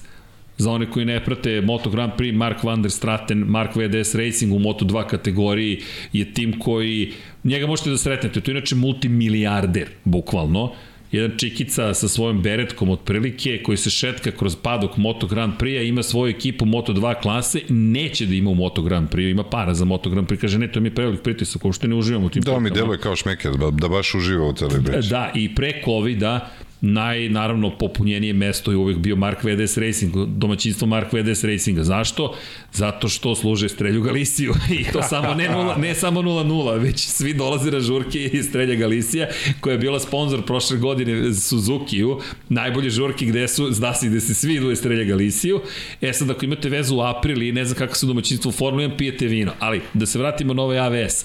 Ispod AVS-a, obratite pažnju na ovaj otvor. I ako pratite liniju otvora, može da se vidi da je otvor u pitanju oca i sunca. Dakle, kada pratite na desno, danas nemamo olovku, ali crtaćemo, imate taj otvor gde su vazduh preusmerili sa bokova Dakle, tamo gde je Ferrarijev znak skroz desno, tu malo ispred je otvor i vazduh koji prolazi zapravo u obliku S slova od ozdo na gore.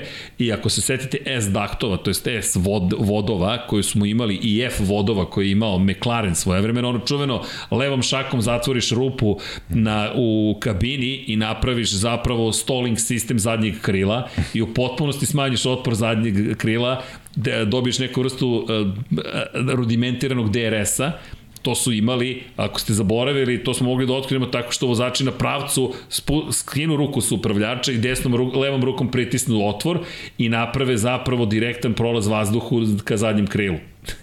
I to se Pojačaju downforce, jel? Tako, ne, ne, ne, smanje, ne, ne, smanje, smanje, konto, smanje, da. smanje ti, zato što si na pravcu i zadnji ne treba ti, da. ne treba. Ne, da, treba ti što manje otpora da budeš što brže. Tako je, i onda su pravili stalling sistem zapravo, slome, bukvalno kompletan aerodinamički sistem pozadi i nemaš otpor vazduha, u stolu si, Dakle, Kako krilo... su to, na šta mene interesuje, kako su to provalili? Mislim, ja, zato što su vozači tokom vožnje spuštali ruku sa upravljača i nešto držali ovako. Ne, ne, kako je vozač znao da to treba da uradi? Verovatno je nešto da se... Ne, ne, to su im napravili inženjeri. Aha, misliš da to ne, bilo ne, ne, ne, namerno ne, ne, to se zna. Da, da. Oni su bukvalno projektovali bolid s idejom da će vozač rukom da zatvara taj sistem.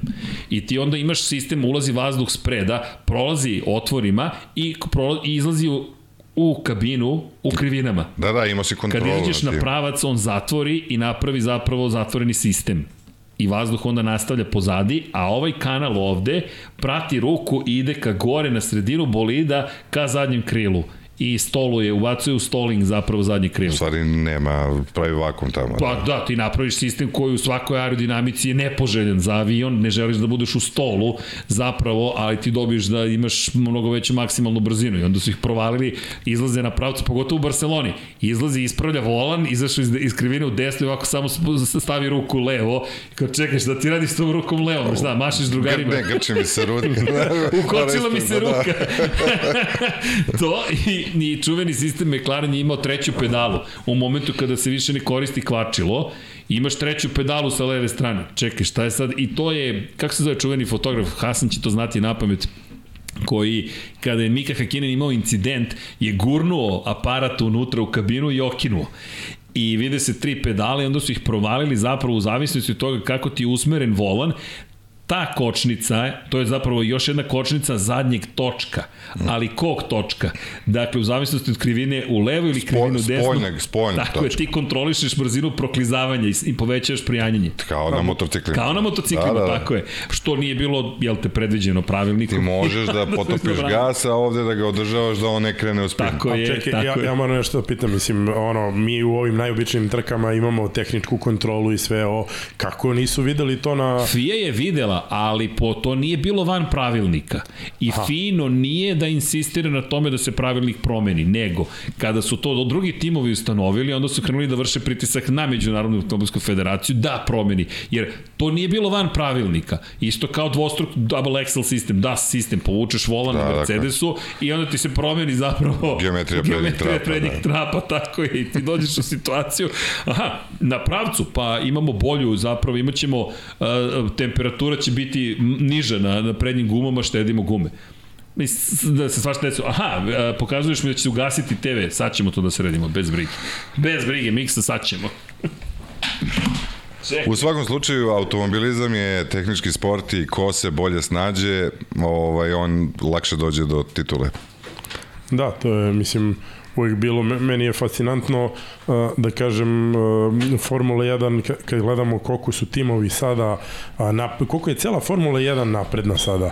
Znači kad poredimo taj period 70 80 i sad koliko tu zavisi od mnogo mnogo ljudi i da o, mislim ovo što mi vozimo jel te što sve pada na nas a ovdje kompletne ekipe a, stotine hiljada kombinacija u simulatoru i ovo dokle je to došlo Ja mislim da je to i 70-ih ljudima palo, padalo na pamet, samo što sad imaju veće resurse i elektroniku koja to može da podrži i onda sve te neke ideje e, su ranije bile mehaničke, mehanika je e, glomazna ljudi, stvar. šest a sad točkova mogu, su imali. Tako je. Da. Čekaj, šest Ne, ne, ideje je točkova. bilo. Znači, Ideja je bilo tu šta. raznih, nego što sada ima mnogo više mogućnosti i mnogo je to postalo profesionalno da ljudi bukvalno... Ma ne, vidi, to je davno tako, ali... ali Ne, odavno je, ali mislim sve je više i više, sve je, o, profesionalnije, sve manje ima prostora za, za neku, ne znam ja, Ma novitet, rupu. ma čini ti se, znaš šta, to je sad samo, zamisli da ti je, da ti je posao, plaćen si da ceo dan razmišljaš o tome kako da razvučeš pravilnik Formule 1. Da, pa ima Veruj mi, sigurno Miksa, to. Ima, ima sigurno našao to. bi ko zna koju rupu u sistemu koni što su napravili rupu na bolidu. Tako je. Znaš, naći ćeš je. E, a, Pazi, ko, izvini, kome padne na pamet da si, volan možeš da povučeš i da menjaš geometriju? Pa nekome ko je razmišljao... Ko je razmišljao u tom pravcu. Ali znaš što je meni fascinantno? Kada vozači saznaju za to? Ne možeš ti da kažeš, e sad kad si ušao u bolid, sad da ti kažem, sad ćeš volan da povlačiš napred-nazad. Ne. Verovatno ne mnogo pre prvog testa. Ma nije, stok, ja sam siguran da mora se sedne i kaže, ok, momci, jel vi možete da vozite i da povučete volan? Da, da vam vola nije stabilan onako, nego da... Moraš da ga... Vazi, ja sam siguran da sede na nekom sastanku i ne, ne moraju da im kažu čemu to služi, ali da ih pita, jel ti smeta volan da malo A svakome smeta, znači to je ne, neverovatno kako je loše. Ali- A ko zna koji je to pritisak bio? Ali čekaj, ajde kao vozače vas pitam. Neko ti dođe i kaže, znaš šta, možda dobijemo 30 tinke ako ćeš da povlačiš volan napred-nazad. O, Znaš Dobro, kao, prilagodit ću se, zna. Perspektiva se pod, instant promeri, kažem, stvarno, čekaj. Kad ti kaže da, da dobijaš, na primjer, toliko vremena, sigurno bi hteo, ali generalno kad ti kao vozaču kaže da imaš a, još jedan, još jednu promenlju u, u celoj vožnji koju trebaš da pratiš, a, ti bi rekao neka hvala, ali ako kaže 30 inke i pola sekunde, Da ti neko daj. kaže da, ne, ne, e, e, daću ti brzinu na pravcu. To je, mislim, poenta bila pomeranja volana, da se poveća brzina na pravcu. I da ti neko kaže da ću ti ono da kad si u firungu možeš da obiđeš nekog bez problema. E, čekaj samo, malo, povlačim ja to bez problema, na, navići ću se, znaš. Ne, naravno, ti će se navikneš, ali to je još jedna promenljiva o kojoj trebaš da misliš. Pa, da, ali evo, to ti je bilo pitanje, ne, juče smo baš pričali o tome, ka, neka teorija da je vozačima danas lakše nego što je bilo. Nije. Nije ni Kognitivni, kognitivne opterećenja su ogromna. Ti imaš uh, obavezu da između krivina menjaš podešavanje ravnoteže. To, to, je, to je postojilo i 80-ih, ali sa polugom. Ti si imao polugu, gurneš napred, gurneš je pozadi. Ti sada moraš tačno da znaš u kojoj krivini podešavaš odnos, balans, ravnotežu, to je odnos između prednjih i zadnjih kočnica. Zatim, koja će smeša u kom trenutku da se koristi. Da li si podesio oslobađanje električnog sistema kako je treba da se podesi konkretno za taj period trke. Da li si, ne znam, zagrejao kočnicu i kako je trebalo u pripremnom krugu. Da li si tačku guma, hvatanja da. klačila podesio kako je trebalo. Koja je temperatura u gumama? Da li sada trošiš gume ili ih ne trošiš? Je. Koji tempo moraš da održavaš u datim okolnostima? Pri čemu, ono što se zaboravlja, jer mi to ne osjećamo, uticaj vetra. Evo sad baš pričaju o vetru, unakrsni vetar imaju u šestoj i sedmoj krivini. Ti to ne znaš, ne vidiš ti vetar, nije ti nacrtan vetar. Tako je, možda ga osjetiš samo, da. Tako je, ti dođeš i kao, aha, imam, imam vetar od jednom bočna. A i sve to radiš pri mnogo većim gesilama i pri mnogo većim ubrzanjima. I brzinama. I ubrzanjima i Da. Tako da oni su, vozači stari, vozači Formule 1 su možda bili već šmekire, su bili stari i tako dalje, ali ovi su, generalno evolucija se desila i vozači danas su značajno bolji. I ne znam s kim sam skoro pričao, šta bi se desilo kad bi se neki od vozača vratio u to vreme. Mm, bolje, mislim da bi to bila ogromna razlika u korist novih vozača. Pa samo psihofizička Pa priprema da. koliko se promenilo. E, cela fora je ranije to bilo, e, mnogo veće su razlike bile, vozilo se na talenat. Niko nije davo e, možda svojih 100%, e, odnosno možda jedan čovjek davo ili dva u celom gridu. Sada su svi u 2-3%. To je razlika. Ne, ne, priprema je potpuno. Pri, znači svi su... Pa Schumacher je promenio Formulu 1 u velikoj meri iz te perspektive Michael Schumacher. Ayrton Senna je među prvima počeo sa ozbiljnim fizičkim vežbama. Tako je. On je među prvima i on je, što Deki često govori, preteča zapravo te Schumacherove ere. On je taj koji je počeo da niže titule, da, bio je tu Alan Prost, ali Prost je imao drugačiji pristup, on je išao na strategiju, išao je On na, je, on je profesor. više stara škola bio, yes. začetnik nove škole je Ayrton Senna bio i naravno yes. sa izuzetnim talentom i harizmom koji je imao. Ali hoću da kažem da je sad lestvica dignuta i to nekoliko polja gore. I sad u principu svaki vozač Formule 1 u adekvatnim uslovima može da bude pobednik. To nije bilo tako ranije. I, ima još jedna tu bitna stvar. Gde mislim da je velika razlika odnosno na prethodnu generaciju, gde mislim da ne bi uspeli ovi vozači u starim bolidima, to je pitanje straha. Jer ti sediš u limenoj kutiji, bukvalno, i znaš da život može da se završi mnogo brže nego bilo kada drugačije. Jer ti kada pogledaš da, da. do polovine, pogotovo 80-ih, pre razvoja ugljeničnih vlakana... Ma da, bilo je dosta nebezbednije. I, A... i ramena ti, izvini, e, MP44 čuveni, kada je Lewis Hamilton seo taj McLaren, njemu ramena vise, vire ovoliko, A... vire ramena. Znaš, ti ne da nije bezbedno, ne, nego... Ali mislim da danas isto vozači ne bi imali toliko straha, jer svaki vozač kad sedne, e, generalno posle prvog prvog metra strah prestaje. Da, to, to je čuveno, ono, čekamo semafor da se ugasi, kad se semafor ugasi, sve što je kuljalo u tebi, brige, ovo, ono, Krenš. nestaje da, ne, i kad ne, se završi ne, trka, onda se sve postaje. Ne verujem da bi sad prilazio krivini, izvini mi. Da, da, uđu. Ovaj, I sad razmišljao, čekaj sad, e, ja virim, ramena mi ne, vire ne, ne, naravno, i to sve, naš, ne. ne, ne, ali samo to mi je jedino što, što mi deluje kao, kao ograničavajući faktor. Ali što ti kažeš, to su trkači. Generalno, čitav svet se razvio, svi, svi sportovi su se razvili, čak i futbal i e, košarka, isto tako, sve se igra brže, tako i automobilizam. Svako, i ne treba porediti generalno te ljude. Ne, to su različite ere. Različite su ere i svako je u svojoj eri bio dominantan, ali generalno danas su vozači na mnogo većem limitu, odnosno traži se od vozača mnogo više nego što se tražilo nekad. Mislim da u svim sportovima što si rekao je to došlo do nekog, ne, neću kažem maksimum, ali sve se, sve se postalo potpuno profesionalno i, i uh, izjednačili su se ljudi i mno, mnogo ima da kažem, mislim ono, svi vežbaju, svi treniraju, svi rade na sebi, zavisnost od sporta kog je, ali znači sve je postalo mnogo, mnogo blizu i, i mnogo mora se raditi. Po meni je to previše, po meni se premalo oslanja na talenat, i nema tu više onih nekih romantičnih priča, e, sada je sve robotizovano po meni. Samo jedna bitna stvar, Fernando Alonso upravo vozio 29.000 tinki sporije od Maxa Verstappena. Opa. I komentar naših kolega sa ITV Pro je da li je najzad pogodio pravo ekipu u pravo vreme. Toliko ih je menjao, moralo je kata da se desi zaključak njihov. Ok, rano je. Evo Leclerc vozi najbolje lično vreme. 1.33.267, ali je 4 desetinki sporiji od Fernanda Alonso u Aston Martin. Ja bih volao da Alonso da je pogodio ekipu. Zamisli, ako je Alonso konkurentan sa, sa Aston Martinom, Da vam nešto kažem, prognoza moja za sledeću nedelju. Lance Stroll vozi trku.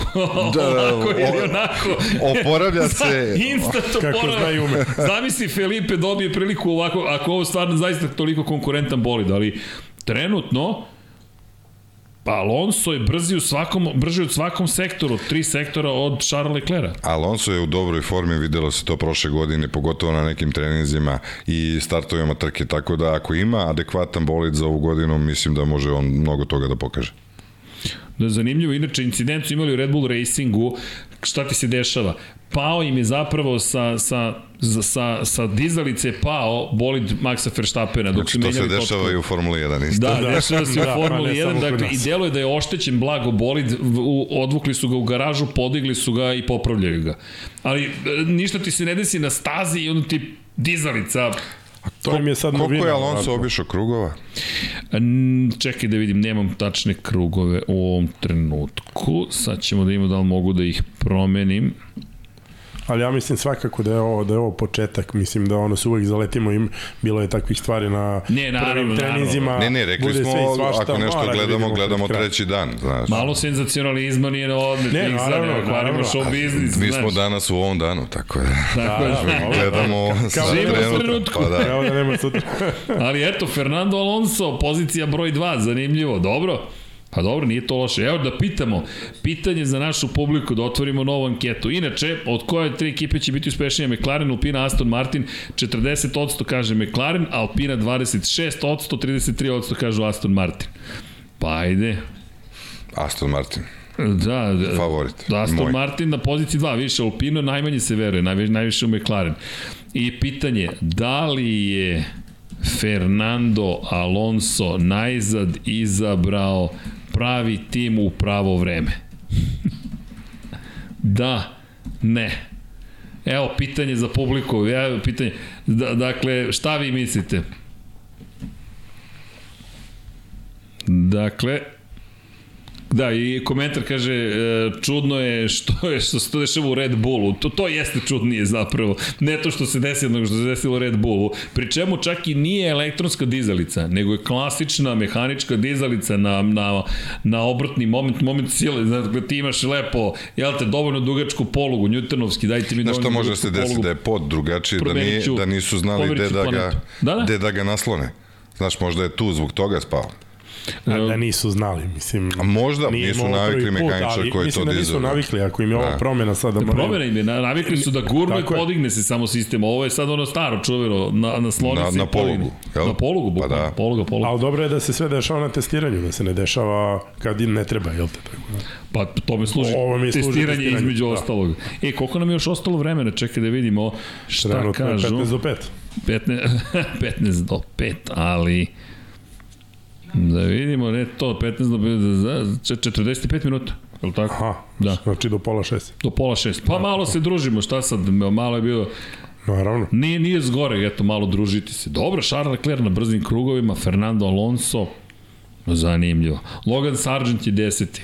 Već to mi govori da nismo ni blizu vremena koje ćemo imati, ali Da, da, okej, da, okay, da. simpatično je ipak ova Pa to priča. čim, on, čim neko ono što A kaže iznenadi... koliko ide on kao deseti? Koje mu je vreme? Uh, vreme mu je 1,4 sekunde spore od Verstappena. Uf, znači da nismo ni blizu Nismo ni vremena. blizu. Da, da, da. Verstappen u Red Bullu i Logan Sargent u Williamsu. Ali okej, Pa ovo je kao simpatično. FP1, mislim, ono, znači, počinjemo tek, svako traži svoje, ovaj, tek će se videti tamo. Da, da, kraj. da, da, da. Treći dan će se vidjeti, možda neko izađe sa nekim brzim krugom, ali ne verujem ni tada zato što će dostave, što bi pokazivao da si brz? Da, da, ne, ne, neće skroz, ali možda će probati nešto, Ako možda će možeš probati kontrolisano da to uradiš, zašto da ne? Pa što bi A- drugima otkrivao, znaš? Pa, pa nemaš razloga, Nemaš ali da razloga. kažem, ali, a vidi, to samo pod uslovom da si 100% siguran u ono što znaš, što ono što si stekao kao informaciju, Pa da. pokupio kao Tako informaciju. već proverio. Tako je. Inače, skrećem i pažnju na bolid koji nismo prikazali, hvala vam. Steak, Alfa Romeo, što kaže Hasan da ne, ga ne zameniš sa, sa Mercedesom, vjerojatno sa strane, crvena, crveno-crna kombinacija, lepo izgleda, makar meni izgledao lepo u prezentaciji. Evo ga na stazi. Inače, jutro smo imali priliku Gvanju Joe da vidimo za upravljačem bolida, Valtteri Bottas Gvanju Joe, nepromenjena ekipa od prošle godine i tim koji verujem da može da bude veoma uspešan. Zašto? Andres Zajdel je stigao kao izvršni direktor sada Zaubera, to jest Alfa Romeo, to jest Audija. Imaju novog šefa ekipe, međutim, delo je da su radili ozbiljan posao, sponzora su našli, dakle, stvari postaju zbiljnije. Poruka Zajdla i generalno Audija je da je cilj da ova ekipa postane poželjna. Dakle, da kada si vozač želiš da voziš za Alfa Romeo. Ovo je lep pogled, dakle, brate pažnju, oni su dosta zatvoreni, ne vidim baš ovde previše... Previše otvora. Da. Pri čemu ugljeni, ugljenična vlakna se i tekako vide, baš su uštedili na, na težini lepo. Ali sviđa mi se dizajn, lepo. Lepo, lepo, lepo su to Ova izgledali. Ga oko, crveno-crna što ima se kaže. kontrast, što kaže i ka, karbon se vidi. Za razliku od prošle godine, ovo je odlično. Da, ovo, ovo odlično izgleda. A pazi sad ovo, izgubili su Orlen, međutim, i njihovo odeljenje za prodaju je dosta vredno bilo. Stake je tu, Mascot, Workwear, Seagate, Live Cloud, Acceleron, Web, Iver, Kamozi, Rebellion, Dakle, ima, eno je Singa pivo je tu, Sense Time, pretpostavljam da je kineski sponsor u, pisa, u, pisanju, u pitanju, prostite, Highland je tu, pa Whisper na kacigi vozača i tako dalje i tako dalje. Ima tu, eno dole Ima, ima pomica, sponzora. ima svega. E sad ja ne znam koliko je recimo to Edelweiss. red veličina. Da, v- to je sad pitanje, ali vidim, ako ništa drugo, možda je druga filozofija. Više manjih sponzora, ali su, deluje da su dosta toga prodali. Prodali su oni fino, samo ne znamo da li je to, e, da li postoji univerzalna cena e, e, reklamnog prostora na, na, na bolidu Formule 1 ili neka makar Ja okvirna? koliko znam, ne. Ti sam definišeš koliko smatraš da vredi tvoj prostor na tvom bolidu. Kao u novinama, tri stupca visine 15 cm, u jednim novinama X, u drugim novinama Y. Da. Pa sad ti, ti proceni koliko to Ali vredi. e, znaš, mene interesuje o kom X-u ili Y-om od, od do pričamo. Da li E, možda da imaš saznam to? za nove. E, Imao sam nekada podatke, ali ajde da pokušam da saznam za 2023. D, zašto? Pa Formula 1 je sada mnogo vrednija nego što je bila. Čak je, Autosport je pisao o tome prošle godine, su timovi postali zapravo, zapravo profitni čak centri za neke kompanije, a sami za sebe kada su postali su profitabilni. To jest postoji mogućnost da čak i zaradiš u Formuli 1. Zašto? Znači nije da je ona filozofija Bila. da od milijardera pravi milionera. Bila nekada, međutim šta se dešava i to je generalno američki princip, dakle da postane održiv biznis. Uh -huh. Ograničenje budžeta u tome pomaže. Jer ti sada imaš ograničenje budžeta za neke stvari, ali taj, to ograničenje budžeta te kako utiče. A možeš, zahvaljujući porastu popularnosti Formula 1, svoj reklamni prostor da prodaješ za veću količinu novca. Pogotovo otvaranje prema američkim sponzorima, jer red veličina za sponzorstvo u Americi u odnosu na Evropu je drugačiji. Jeste. Najbogatija liga na svetu, koliko znam ja, i dalje je NFL, a plate nisu najveće na svetu futbaleri evropski dobijaju veće plate, ok, ima ih više, kako god, ili to jest ima više liga popularnih kroz planetu Zemlju, jedna je najpopularnija američkog futbola, to je NFL, međutim količina novca koja se okreće je enormna, enormna U NFL-u. u NFL-u.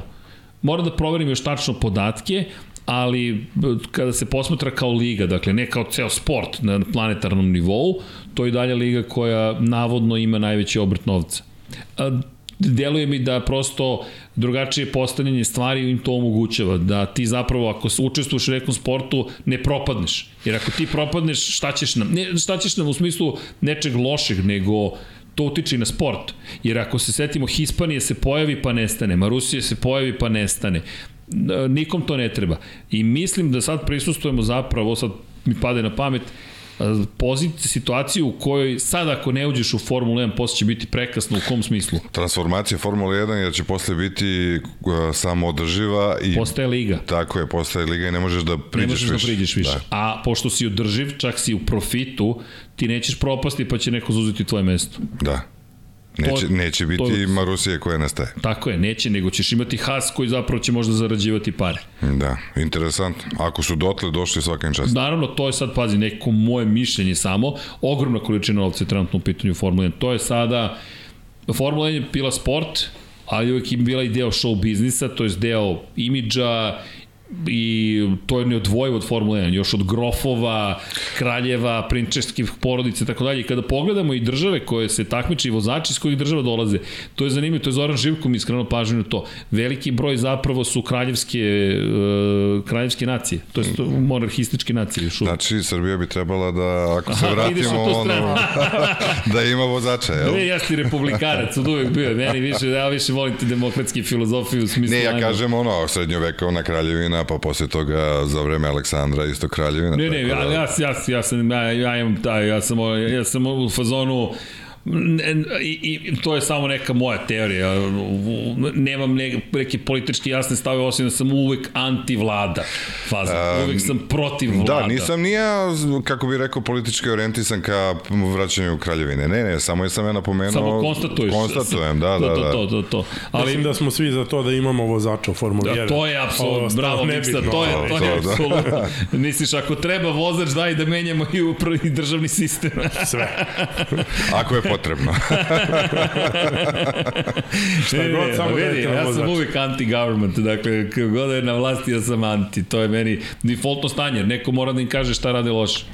A uvek nešto radiš loše, ali to nije, nisam protiv tebe, nego hoću da budeš bolji zato što mi treba da bude bolje nešto urađeno.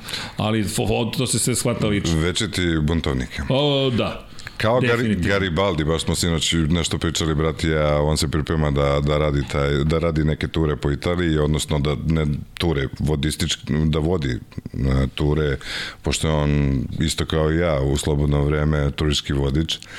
I ovaj baš je čitao oko Garibaldija i Garibaldi je čovek koji je preteča svih revolucionara. Znači, uh, posle njega su i Che Guevara i razni. Ma, vidi, podržaj, šta je, šta je Paja tu juče rekao.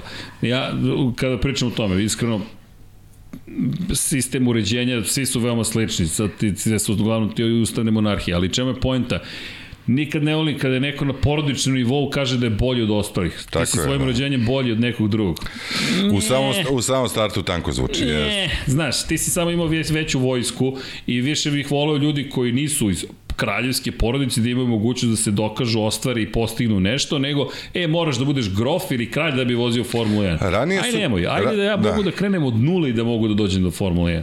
Ranije je to tako bilo. Mislim, generalno automobilizam nije ni zamišljen kao sport uh, siromašnih, kao Nije. zamišljen je kao spo, ari, sport Aristokratije, aristokratije. I on na, na tim uh, postulatima i počivao. Znači, tako se i razvijao. Uh, po meni danas lakše možeš da budeš uh, u, iz normalnog naroda, iz, što kažu bosanci raje, da dođeš u Formulu 1 nego recimo pre 70 godina. Tad, nis, tad nisi mogao. Da, zato ja više volim tu filozofiju, da ti kao čovek koji se školovao, bio ti muško, žensko, šta god da si, školovao si se, radio si, bio si vredan i svojim rezultatima si zaslužio priliku negde. To je moja filozofija. Jeste, mada ni danas nije tako. Danas Nije imaš tako. projekte, E, vozače, pa, vozače projekte. Kako nemaš projekte, pa, tako su, da- pa vidi, i Max je projekat, i Luis je projekat, pa, Luis je sa 10 godina ga upoznao Ron Dennis, bukvalno je čovek odgajao budućeg šampiona, kada je video koliko klinac talentovan, je rekao, o, o, o, pratimo ga, i kada se ispostavilo da je zaista toliko talentovan, to se samo otvorilo.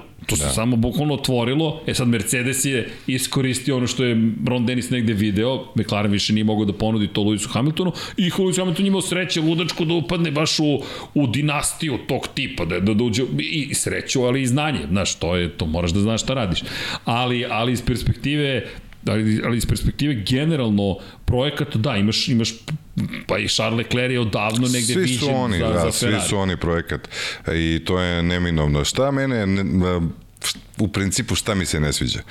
E, što vozač postaje sve manje i manje bitan. Ima i Hamiltona i Leclera, samo se drugačije zovu, bez problema. Ali pazi. Možeš da ih nađeš. Šta je, sve se nekako se, i to je, nekako se sve svodi na, na, na, na fabrike, na še, šefove timova i onog momenta kad su počeli da se snimaju Toto Wolf i e, njegov pandam u Ferrariju, kako se zvao? Pa, Što- sad ih ima više, sad je Va- Vaser, ali Da, da, da, da, bio kako- Matija Binotto, Binotto. pre Binotto I kad su oni bi- po- Matijačija, pa si Kad imao... su oni počeli da budu u kadru i tako dalje, nekako mi je to... Ali čekaj, Opalo. a ja mislim da Nije je to ukus generacijski. Čekaj, a Ron Dennis, a, a, A nisu Luka oni u toku, a nisu oni u toku prenosa bili. Pa Flavio, nisu? Flavio, Seti se Flavio se- Briatore, Seti dobro. se Flavija, Flavio koji ovako visi tamo doći ili kanta benzina spremna. I- A nije čekao kameru i kao sad, čekaj, čekaj, ovo je kamera, e sad ću da glumim. Flavio ne, ne, Briatore, glumio, ne, on je hteo da Flavio. Briatore ne. bio kakvi. On je hteo da osvoji titulu, ali, ali znaš, to su, to je Frank Williams, seti se, pa, pa, pa evo, koleginica iz prodaje donela je knjigu, e, kad je donela ta knjiga, ne, ne, to nije kolegica iz prodaje, to je Dom Pablo doneo. To je Dom Pablo doneo... Evo, klub Pirana, aha, evo je ovo s ove strane. Klub Pirana, ljudi, klub Pirana, e, bukvalno Pirane, kad su se skupile sa Schumacherovim ugovorom, kad su ga oteli Da. iz Jordana, kad je krenulo ludilo. Ma svi su oni bili pirani, Ma, ali nisu se. teli da uzmu pažnju su- Ja medijsku mislim da motorki vozača. samo mi u godinama, ali to ti je Moguće old da si school. u pravu, Eddie ajde, Jordan, uzimam kao Ron digresiju, Dennis da. i taj ekip. Zamisli oni kad se skupe da pregovaraju sa Bernim Ecclestonom. Pa ne zamisliš kako to izgleda? Pa mislim da su bili tvrđi nego ovi danas, Tvrđi garantujem. 100%, da. ali ti- ja mislim da su oni, da bi ti oni da oljuštili bi sve i svakoga danas. Da. Pazi, to je surovo bilo. Frank Williams, ta čuvena priča sa Hondom, gde je navodno su Japanci nisu hteli da, da rade sa čovekom koji je invalid.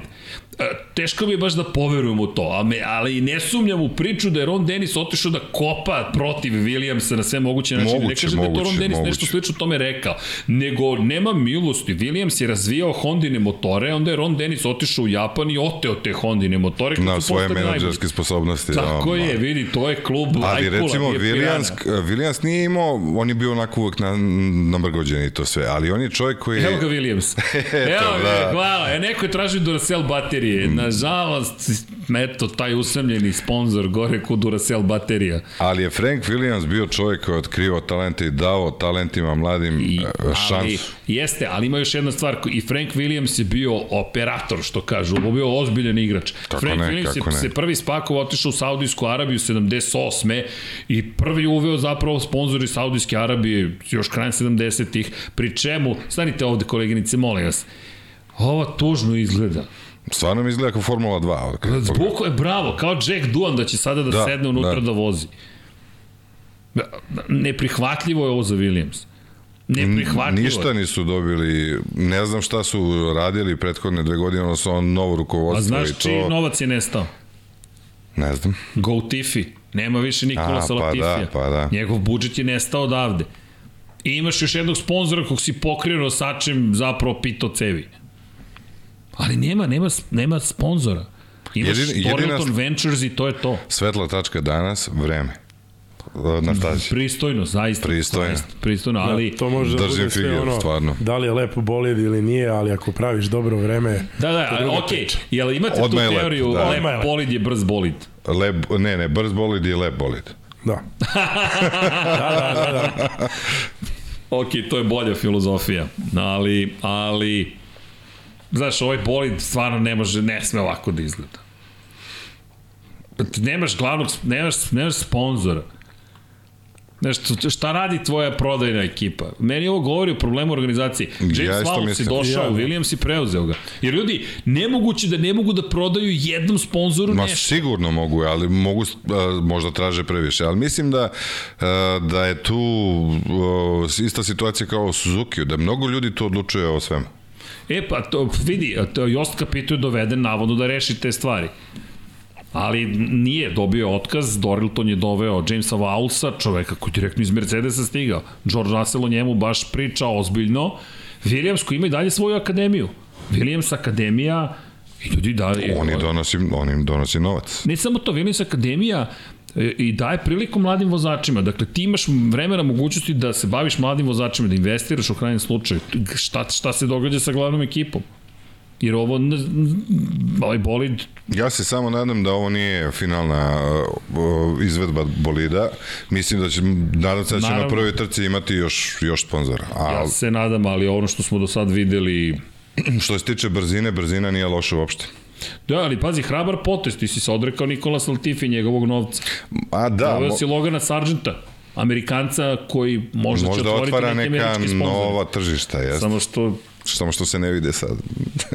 ja, mak, ja makar ne vidim, ne znam. Pet trka u, na američkom kontinentu, tako da ko zna šta se otvori. Ko zna, zaista ko Sve zna. to može da se promeni sa nekim uspehom i vremenima i da, da dolete sponzori Kako ne? i tako dalje. E, Znači, imamo još dve donacije. E, Johnu je, je donirao 500 dinara i Josip Buljovčić je hvala Josip je hvali Johnu, Johnu ili kako već se izgovara u padežu 200 kruna švedskih je donirao čovjek hvala zaista zaista hvala dakle kada govorimo o, o, o o pomoći, treba nam pomoć. Hvala vam na tome i uradit ćemo sve što možemo da pomognemo Šonetu i Maji, tako da ne, nemam šta drugo da kažem, ponavljat ću hvala još 500 miliona puta, prosto ne znam šta drugo da kažem. I zaista je nevjerojatno i podršku koju nam pružate i hvala vam na tome.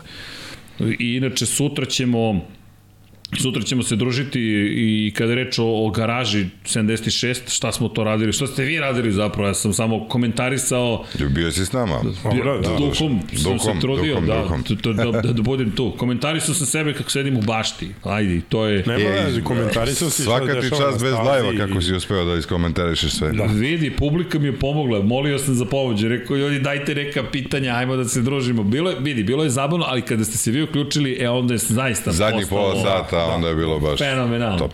Baš Bilo bi lepše da smo imali više vremena za to, ali bilo je svega. Ljudi, ono, i... čekajte, videli smo se, mi smo se upoznali pre dva i po meseca i rekli, tako, da, hoćete, tako, da, da, da, da. vozite trku. Šta pričaju ovi ljudi, da hoćemo da vozimo trku, kao bi Miksa došao i rekao, hoćeš igraš krilnog hvatača, da ne kažem wide receivera. Bih ja kume, ali ne ide nešto, ne ide ovaj stomak, ovaj pojas za spasavanje mi malo sprečava za, sa odrazom. Nekad sam dosta skakao, ali srećom, Srećom nije to toliko bilo bitno. Vi, čekaj, vi niste skidali boju da smanjite kilažu. Pa imali smo neke pokušaje skidača boja, ovaj, ali rešili smo Ja to. sam vadio para za gašenje požara. Hvala. ne, ne, to bi bilo Ne, uteha. pričat ćemo to sve sutra, ide- svašta je bilo, da. Ali gabaritima smo slični. Tako je. I tu je brzina, ne sekiraj se. Ne sekiraj se. To je U okej. rukama i nogama, To, da, to, da. tu je brzina. Pa je da je tako, onda bi džokeji bili najbrži, a nije to baš. Da, pa, pa kažem, evo, komentar apropo Joke danas je bio zapravo da, da. Da. i Alfa Tauri tim srećan što ima dva vozača koji su niske telesne mase i to pomaže. Jeste da to ne utiče kada govorimo o samim bolidima u kontekstu toga, to se Niko Hulkenberg dugo bunio. Dajte ljudi, prestanite da, da nas merite bez vozača. Tako je, da, tako je, tako je. Dajte, ljudi, Bolid pa- sa vozačem i to je to. Šta Nije u je? redu, ali, ali tebi opet i dalje znači kada imaš manje vozače u kom kontekstu. Bez obzira što i kada kumulativno pogledaš sa vozačem koja je težina, koja je minimalna, kada Možeš da je rasporediš. Vozača, tako je. Da, da. Ali Dane Pedrosa, Uf, dobro, Dani je imao problem. Dani je imao problem.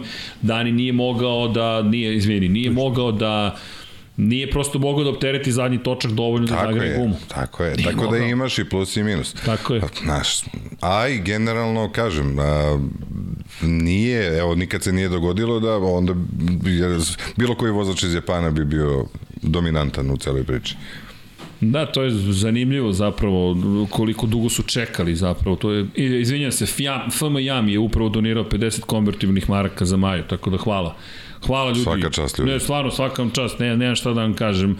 I ovaj, kažem, ne, ne planiramo da, da pričamo uopšte nekim stvarima. Tu trku, tu bitku, tu, to je plan da se dobije i, i da... Da, ta bitka ne sme se Tako je, tako je. To su, to su jedine bitne stvari. Sve ostalo, lagano, ljudi. I kod tih bitki je, uh, vreme je mnogo bitno, Jeste. tako da svaka čast ljudima što su odreagovali na, brz, na, za ovako malo, Jeste. za, ovako, za kratko vreme. Za koliko ćemo da prodajemo, da li ćemo da prodajemo, d, dakle, izduvnu granu Dekijevu? Može, može. Je, sam je za- lepo skinuo. Um, I savio je, ko, ono, lepo Jeste, kao, vidi se, kao vidi se. violinski ključ. Može i da je ovaj, potpiše ovaj, Da, da. da, može, naravno, i sa potpisom da. nekim i... Sa posvetom. Da, inače Nikola Ivanović posta, podsjeća Galf je isto sponsor, jeste, jeste, jeste, Galf je isto sponsor, Williamsa nije da nije, nego samo se hoću da konstatujem da je malo sponzora, zapravo, zaista je malo sponzora.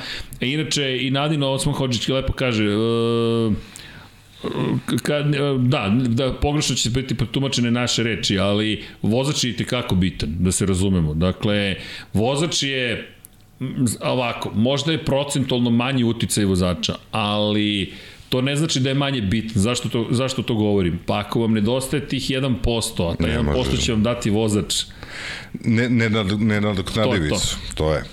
To, to, to. Tak, tako da, jednostavno, kada pričamo vozače, pogotovo, verujem vas dvojica, nećete nikad umanjiti značaj vozača. Ne, vozač je i tekako, i tekako bitan. Tako da se tu apsolutno slažemo s vama. Možda nesrećno formulisano, kako smo rekli, ali ne, ne, ne.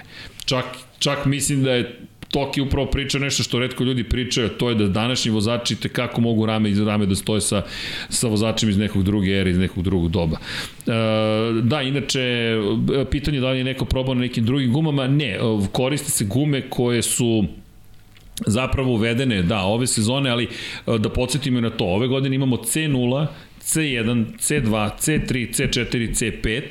C5, 4, 3 i 2 su ostali nepromenjeni po pitanju hemijske smeše, ali ne konstrukcijski, svi, sve su gume konstrukcijski promenjene. C0 je nekadašnja C1 guma, a C1 je tvrdoće između prošlogodišnje C1 i C2. Nadam se da sam uspeo lepo da objasnim. Tako da imate novu gumu i svaki put kada budete videli C1, to je guma koja je uvedena od ove godine zapravo i smeša, dakle, i tu ko- koja je sad smeša te tvrdoće ne znamo, ali konstrukcijski svi će imati isti način konstrukcije koji je drugačiji odnosno na prethodne sezone. A u čemu je drugačije, ili imaš podatak? Nemamo baš informaciju kompletnu, ali evo, pretpostavka, vas dvojice ste pričali o tome, smanjilo je pod upravljanje. Smanjilo je pod upravljanje. Da, Tvrđi, tvrdi, tvrđi bočejevic. Tvrđi bok. Tvrđi bok, pretpostavka. da. Dakle, to, to deluje da je Tvrđi tako. bok, nema šta. Eto. I to je ono što su radili ove godine. Prošle godine su dosta vozači bunili. Pogotovo se, uh, su se bunili, uh, Max Verstappen pogotovo je rekao da je nezadovoljan, a imao je 15 pobjeda prošle godine, tako da plašim se zaista i dalje šta će se desiti. I još jedna bitna napomena koju juče nije gledao podcast, Pirelli, to je komisija Formula 1 se sastala, uvodi nove gume za kišu, koje su takve da neće biti potrebe za grejačima, Dakle, trebalo bi da budu mnogo funkcionalnije i u kišnim uslovima optimalnija njihova upotreba i imaćemo testiranja ove godine, ne znamo kada će biti uvedeni aerodinamički dodaci, elementi koji treba da smanje količinu vode koja se izbacuje iza bolida. Da li će to biti neka vrsta blatobrana ili nešto slično, zavisica, ne znam, ali činjenica je da su se već ponudili ponudili e, timovi da pomognu u tome. Da nađu rešenje. Tako je, da nađu rešenje. I E, sad, ali, da. ne možeš da shvatiš koliko je to nezgodno. Pa to, Taj pa, sprej. Pa ne vidiš ništa. To je, znači, bukvalno kao na slepo da voziš. I, I to je ono što je bio problem vozačima, zapravo, da, da ne mogu da vide gde idu, a I onda ne mogu ni da priđu baš blizu, pa je. traže neke druge A putanje. prede gume nisu imale dobro prijanjanje. Pirelli je rekao da su radili na prijanjanju tih guma za kišu, pa će to da podigne nivo cele priče, nadamo se kada bude padala kiša. Jer to nam treba. Nemamo više kišne trke. Mi sad provedemo prošle godine u Monaku. Mi čekamo da se staza prosuši da bismo Da, krenuli. ono je, ono je postalo smešno, po meni. Buk, pa, tu smo na tom Trke se nivou. voze i po kiši, mislim. I e, tako da kada govorimo o o razvoju kišnih guma, ja, ja zaista držim palčeve, inače te gume neće biti spremne pre Imole, dakle pre Imole, a ta nova aerodinamika ne znam kada će biti spremna. Ono što je zanimljivo, ta ti aerodinamički dodaci izlaze van okvira ograničenja za aerodinamička testiranja i Opa. iz ograničenja budžeta. Da, opa. Da, da, da. Zašto me neće začuditi ako neki deo, eto, slučajno je primenjiv i negde drugde. Sigurno. Vidi, to dao si nam rupu, bukvalno ovako Tako otvorio je, si. otvoreni nije to rupa, Ovo, to su otvorena to testiramo vrata. za kišu, Otvorena je, vrata, to, tako Samo je. za kišu i samo ih podsjetio na jedan element, a to je iz Moto Grand Prix-a, čuvena kašika koja je spuštena ispod oplate na motociklima koju je Ducati uveo, je uvedena zato što je bilo potrebno da vodu koja se podigne sa prednje gume E, i generalno zavesica, a? preusmeri van zadnjeg točka da ne bi previše hladili zadnju gumu. Ali volšebno je postao aerodinamički element koji je Ducati primenio. Čisto to, eto. Biće igranke oko toga, stvarno. Jeste. U svakom slučaju, e, Dušan kaže, divni ste momci, velika strast prema FM, svaka čast. Hvala, pozdrav za deki i pa nadam se da će i nas Ferrarijeve navijače pogledati sreće ove sezone dugi period bez titule. Fakat, dug, dugi period za vas, ali... Vreme, držim. vreme, vreme je za Ferrari. To, to, to, to, to, to, to, to. Vreme, stvarno. Inače, uh, ja se nadam da ćete se boriti kogod da navija za Ferrari. Ja samo želim bitku do poslednje trke. U Abu Dhabi da pada odluka.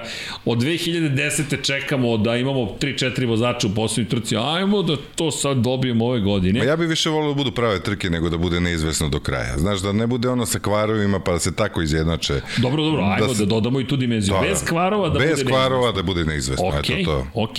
Inače, e, kada pričamo o tome, 2012. poslednji put jedan Ferrari vozač imao šansu da na poslednjoj trci sezone postane šampion, Fernando Alonso. Da, da. To se desilo i dve godine pre toga, 2010. njegova prva sezona u Ferrariju. Pobedio u prvoj trci u Ferrariju. To je zanimljivo. Nigel Mansell je pobedio u svojoj prvoj trci u Ferrariju. I to je to. Kimi Rej... Ne, nije. Kimi Raikkonen je pobedio Ne, ne, što se tiče Nigel Mansella, da. A dobro, taj bolic je kvario, ba, taj da. bolic je baš kvario. Ovo je bio Nije što sam navijač bio sam. ali... A El Leone, voleli su ga, ali Kako El ne? Leone uzme onaj volan Savijega, otprilike. Preskače ogradu ja- tamo kad ga neko isproziva. i- bilo je svega. Sa, sa brkom je bilo svega, ali osvojio titulu 1972. E, gde nam je? Um, da, eno ga. Eno ga, eno, vidi se. Autobiografija Nigel Mansell. Gledam sve vreme. Da, ne, le, legendarni Nigel Mansell. 31 pobjeda u ono vreme. Da. u ono vreme. Brka. Ti voziš protiv Sene, protiv Pikea, protiv Prosta, Imao je oz- Laude. odličnu generaciju vozača. 31 pobjeda jeste, Odličnu na, generaciju. nasložilo se tih pobjedi 92. ali bez obzira, ozbiljan vozač. I svi su kao talentovani, a njega najmanje onako u, ubacuju u talenata, a generalno on nije Da, mogao da, njemu su vozi. osporavali talent Osporavali su mu i u mnogo, Lotusu, tako i u Ferrariju, i u Williamsu, svugde su A ga čovjek osporavali. imao brzinu, a pre svega imao ozbiljnu harizmu. Da, da, bio je, bio, bio je rekao svoju priču. Da. To je bila pobuna kada Williams i on nisu mogli da produže ugovor. U Britaniji mediji, Da. vile samo što nisu povodili otprilike na Williams. Bukvalno, veruj mi, 93. je bila pakao dovedenja Alan Prostor. Su svi boli kako ste pustili Kako ste pustili Nigela Mansella, Mansella. da. Kada je Hill odlazio, niko živi se nije oglasio. Da, Hill je takav i nekako nije Jeste. upečatljiv, Ali- ovo je... Da, Mansell je ostavljao trag svuda, mislim, kogod je s, s ljudima s kojima sam ja pričao, koga je vidio uživo, stvarno je ta njegova harizma pravila razliku. harizma na kvadrat, ja bih rekao. Da, I on je čuveni kadar njegov kada pokupi senu u Britaniji. da. To, to je, sedi da te provozamo malo. A i to isto Ali da. govori mnogo, mnogo Kako reči. ne, govori o njihovom odnosu, Pa govori da. o svemu šta su ti ljudi radili. Inače, Davor Radosavljević kaže, došli su do zaključka da su tvrde gume previše zaostale u smislu gepa, pa su našli neki intermediate gume da smanje razliku, kaže ovi sa Sky Sporta. Da, da, da, to je, C1 i C2 su imali preveliku razliku, pa su onda uveli još jednu, kom, jedno jedinjenje između. Nešto Jednu Neš- nijansu između da Tako je, da tako je, tako je, tako. Pa okej, razvijaju. Muhamed Hajdari kaže 2022. i 2009.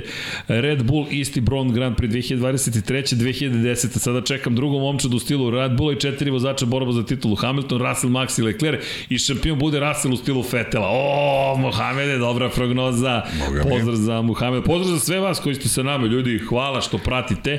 Mi se trudimo da vam prenesemo informacije, što više možemo, malo se ispričamo i tako, da pre svega se bavimo, što bi se reklo, Formulom 1, ali da vidimo mi gde smo na stazi samoj. Šta se Nema, ona vremena su ostala. vremenima? E, Norris je iskočio ispred Hamiltona, peta pozicija za Landa Norrisa u McLarenu. Zanimljivo je, po noći se trenutno vozi inače u Bahreinu. E, Charles Leclerc upravo izlazi informacija, 16 puta nije završio trku u karijeri. Poražavajući podatak. Inače čovek pol pozicija, toliko pol pozicija, a tako malo pobjeda i to je baš velik problem. Pa to je problem i Ferrari. Pa jeste. Nije ba, samo Ali njima. zanimljivo, oni su sa, sa Alonsom imali probleme u kvalifikacijama, imali su tempo u trci. A ovde obrnuto. Ovde obrnuto. Da. Kako god, žute zastave u sektoru 2, eto. Kad to nisam izgovorio, čekajte ljudi, žute zastave u sektoru 2, sledeće nedelje Počinje krećemo. sezona. Da, da, da, da, da, da. Počinje ludnica. Da, nisam komentarisao još od playoff utakmice NFL-a ništa nisam komentarisao, osim 4 časa grobnika. Ali sad ti ovo vežba. Da li se ispada iz forme kao sportski komentator ili ne? Da li uvek znaš ono o čemu pričaš i kako to ide sve? E, možeš da ispadneš iz forme ako poceniš e, to čime se baviš. Ne propratiš sve što se dešava i jednostavno... Jedne zime sam imao o, situaciju da nek, sticam nekih okolnosti i privatno i poslovno nisu baš stvari bile kako sam želeo, ajde da se tako izrazim, i nisam uspevao da pratim onako kako inače pratim ni Moto Grand Prix ni Formulu 1. I, i bilo mi je drugačije. Prva trka mi je bila drugačija, sve okej, okay, ali znaš kad nemaš u malom mozgu sve ono što treba da imaš u malom mozgu. Mora da razmišljaš dva Ne možeš da zavatiš sve informacije to... u momentu ono da brzo budu i to je... To ne može tako. Da, da. To ne može tako. To znaš, to je to je to je stvar koja koja, ne, ne znam, slično mi sa NFL-om, evo, Miksa je tu, ako ne pratiš, svi što, zaista, Miksa je stvarno zaljubljenih, zaljubljenih. Ja znam, dok sam imao vremena, pa Football Life kada se pogleda, ti gledaš dokumentarac o čoveku koji više ne igra, ti učiš kroz to, kroz sve učiš i to je ono što, što zašto volim toliko ka, i, i Miksu i Jimmy i Vanju i, i celu tu ekipu koja radi neverovatno, zato što to nije, nije nam to posao, znaš, nije, ovo je nama poziv, nisam, nismo mi seli sad da pričamo o Formuli 1 zato što pa ajmo malo nešto danas da radimo, zaradit ćemo dnevnicu, ne znam, honorar će biti plaćen. Da. Ne, ovo je ljubav, jednostavno voliš ovo da radiš, a kad nešto voliš, onda to ti je svakodnevnica. Šta ću da uradim ujutro? Pa neću čitam političarima ništa, nemaju šta pametno da kažu, ali zato hoću da čujem šta ima Krak da kaže, šta ima Alonso da kaže, da se čujem sa Hasanom, ne znam, da ogovaramo, e, šta misliš o ovome, šta se desilo ovde, kako je ovo, A kako ove ono. informacije koje je dao Hasan, to je ekskluziva stvarno, mislim, generalno malo ljudi je, ima priliku da vidi te slike i, utiske sa, Jeste. sa staze, tako da... E, kažem, voleo bih da Hasan može sada da nam prosledi, evo trenutno je ofarban u Flow Wiz boju. Prvi put u životu vidim bolid koji je ofarban trenutno kod Aston Martina toliko količinom boje da je od prednjeg do zadnjeg krila sa desne strane sve u Flow Wiz boji. Za one koji eventualno ne znaju Flow Wiz boja, Flow Visualization, pa spojeno u Flow. Ne. Vizualizacija protoka gasova. To je bukvalno i Možda se po, sve, po mraku, po svetlu nekom određenom vidi bolje. A, ne znam, ali su ga ofarbali celog. Dakle, mislim da su i kacigu zakačili Lonsovu farbom, pošto nije izlazi iz bolida i trenutno testira. Ja mislim da je Hasan sad trenutno na, na zadatku negde. Hasan je na zadatku, evo ja gledam. Krupan da- kadar neki hvata. Nema odlaska u medija centar. Evo, gledam Da. šta ima na, na, na, na sistemu, dalje podigao nešto novo. Ne, ne, ne, ma kakav, Hasan je u svom elementu. Čekaj da vidim na drugom mestu da li ima nekih novih fotografija. Ma, Hasan je čudo. Pazi, kad je on uspeo i nove fotografije da podigne neki. Ma da, čovjek legenda, bukvalno. Nemamo ove noćne, ali veze. To će biti, bit će spremno za sutra. Pratite Hasanov Instagram. Aha, pogled, hvala, pozicije, evo. Dakle, Odličan Alonso. da. Da, da. Evo, Albon je bio na mekoj gumi. Eto. Verstappena se ne zna. 154 kruga max. Dobra, do, dobar se, dobra Vidi, sesija, što se kaže. smem ni da pomislim koja je fizička pripremljenost ovih ljudi. Ja, ja, ja nemam komentar. Nešto deluje kao ma niti ništa. 154 kruga, on će da ode, da intervju i ode da pajki i ujutro nastavi. Da. Meni je fascinantno ovde da treći, četvrti fale 4.10. Ali opet, Dobro, pitanje je šta oni, zna šta? Ne, pitanje je šta, šta oni probaju. to, da. ali obično u prvih, ono, ne znam, pa 5-6 vozača i to ne bi trebalo budu toliko velike vidi ti koliko su se oni naradili. 72 kruga Sainz, Ti pričaš ovaj, o fizičkoj pripremljenosti, evo sad, pa to je, 76 pet, to je 500 Hamilton. km u Formuli 1. Da, i Kilometar ovo. Da. Ovo, ovo je 750 km za Maxa. Da. 750, ovo Evo, 5 sad zamišljajte kako se, to je otprilike Be Beograd Solon, i ljudi izađu iz kola i onako, nije im baš najbolje. A ovo je Beograd Solon preko 300 km na sat na, u, sed, u sedištu koje nema grama sunđera na sebi. U položaju gde ležiš i da si zaglavljen u... Sa u G silama bolidu. strašno. Sa tako. G silama, da. Tako da o toj pripremljenosti pričam. Znaš, kad meni kažu imaš taj sedalni životni stil, ma ne to, nego ne vežbam posle sedenja. Ovi ljudi isto sede satima, pa im nije, ni, ništa im ne fali u životu, naprotiv. Ne, ali evo, g- p- 5412 metara je dugačka staza u ovom u ovoj konfiguraciji. Endurance staza ovde je dugačka se- 6299 metara, ali ne koriste nju, koriste konfiguraciju Grand Prix konfiguraciju. Da, upravo si ti bio 750 km. 150 km, da. pa čak i više, da što je to ludilo. Ti, ti, ti, ti si odvezao, ne, nema, fenomenalno. Otišao si da ne znam, uskoro će stigne do Firence. Tako, i o tome pričamo o pripremi. I o vozačima nekad i sad. To je Ozbiljan je posao. ozbiljan je posao. Ne, vidi, Hamilton sa svojih 38 godina, laganih 76 krugova, bravo Hamiltone, 76 krugova, podrška, Lab 76, a, zna čovjek šta valja. Ni sutra može to koji... kako, kako, kako? Da se nadamo da će pobedi u prvoj trci. O, ovde se menjaju navijačke pozicije. Priče, titul. A, A to je zbog toga, a? A, stari Ferrari navijač dobacuje. Kaže da, da, da se nadamo da pobedi Lewis Hamilton, to kaže koleginici iz prodaje, samo da se razumemo, nemam navijačkih a, afiniteta, ni prema kome. Kaže da pobedi, ja razmišljam, aha, prešli smo u tabor a, Lewisa Hamiltona. Kaže ne, nego da se setimo da pobednik prve trke sezone nikada nije, to jest ne, od 2017. nije završio na bilo kojoj poziciji, osim poziciji broj 2 u šampionatu. Okej. Okay. Nije loše za njega da bude drugi na kraju godine. A, ko, a, a ko da bude šampion? A, ko da bude šampion? Sainz? Sainz, Leclerc, Max, neko, ko- evo, Muhamed je rekao, Russell. Nažalost, Max. Imam ovde nenavijača Maksovog. Nije, pa ja sam, učini mi se da sam čuo to. da, da, da. Max do pobjede u Bahreinu viče Stefan Ličina. Pozdrav za goste, nadam se da ćemo ih često gledati. Hvala, pa ja hvala. mislim da ćete ih gledati. Pratite, imaju oni I nešto hoćete, svoje što da. spremaju. Nemojte ništa da brinete. Ne, mi smo se negde spojili, što kažu ljudi po energiji. Ne, neki, upoznaš nekog, razmišljaš, are these guys for real? Ili stvarno govori ili samo govori šta hoćemo da Da, čujemo? da, da. da. A, onda A to su- smo mi mislili o vama isto, da Pa znaš. to, to, to. Da li je ovo moguće? Hvala, ali zaista, i onda jedna lepa priča, lepa saradnja, čući ti njihovu priču, oni imaju svoju priču koju ćemo mi, ja se nadam na adekvatan način da podržimo, ali zaista radi, radit će nešto što hajde, dopunjuje sve stvari koje se dešavaju. Ako smijem tako da se izvinim da ne otkrijem previše. Pa, Ali svaka čast. To je u principu to. To je to, da, da, da, da. Neko, lepa priča.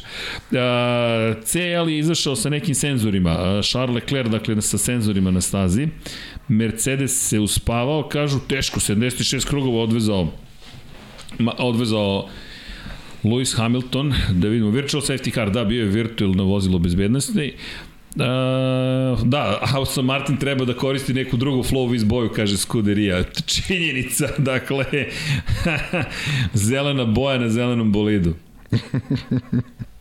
Nije ta nijansa. Ok, dakle ovako, što se tiče Alonsa, 54% veruje da je izabrao pravu ekipu, 46 kaže ne. Ok, e sad Opa, znači, pitanje ko će... tesno. Tesno, tesno. Tesno, da, da. Pitanje je, evo, dobar predlog. Ajde da pitamo ko će da pobedi u prvoj trci sezone. Ajde. Ko će da pobedi na VN Bahreina 2023. Imamo četiri opcije. Koga ubacujem na te četiri opcije? Šampiona svakako. Mora Max. Mora, mora. Leclerc, Dobro. Charles Leclerc kao drugoplasiran iz prošlogodišnjeg šampionata. Jel tako? Lewis Hamilton kao je najuspešniji svih vremena. tako je Alonso. Tako. I četvrti, neko četvrti. Ja bi nekog Pa- ne očekivao. Neko, oh, ne imam četiri opcije. Pa znam. Neko- Neko da četvrti. četvrti. None of the Četvrti. above. Neko četvrti, evo, stavio sam. Evo, pitamo vas. Ne mogu da stavim više ljudi, stavio bih ja svih 20 vozača pa da vidimo zaista šta se tu događa. Ali eto, pa ćemo da vidimo. A, za koga navijaju gosti u Moto Grand Prix-u? ND Auto Detailing pita. Uh -huh. Evo, ja ću da otkrijem, baš sam da rekao. otkriješ vreme, otkriću, a? Otkriću, da. Rekao sam neću na početku, čisto da Čekaj, kažem. ja kažem pred tebe, izvini, da ne ispadne... Ja, pošto znam ja za koga ti navijaš, Pa, ako ti budeš rekao prvi, ja drugi, ćeš ti ispaće da mnogo, mnogo slovo, glupo, dobro, da. ajde. Ja navijam za Maverick Vinales, ali nema veze sa Aprilijom, nego meni Vinales. Samo ti pitam, jel zna Dejan za ovo? Zna, zna, zna, zna, što? Evo, zato što Maverika u jednom trutku je hteo da, da prestane da spominje.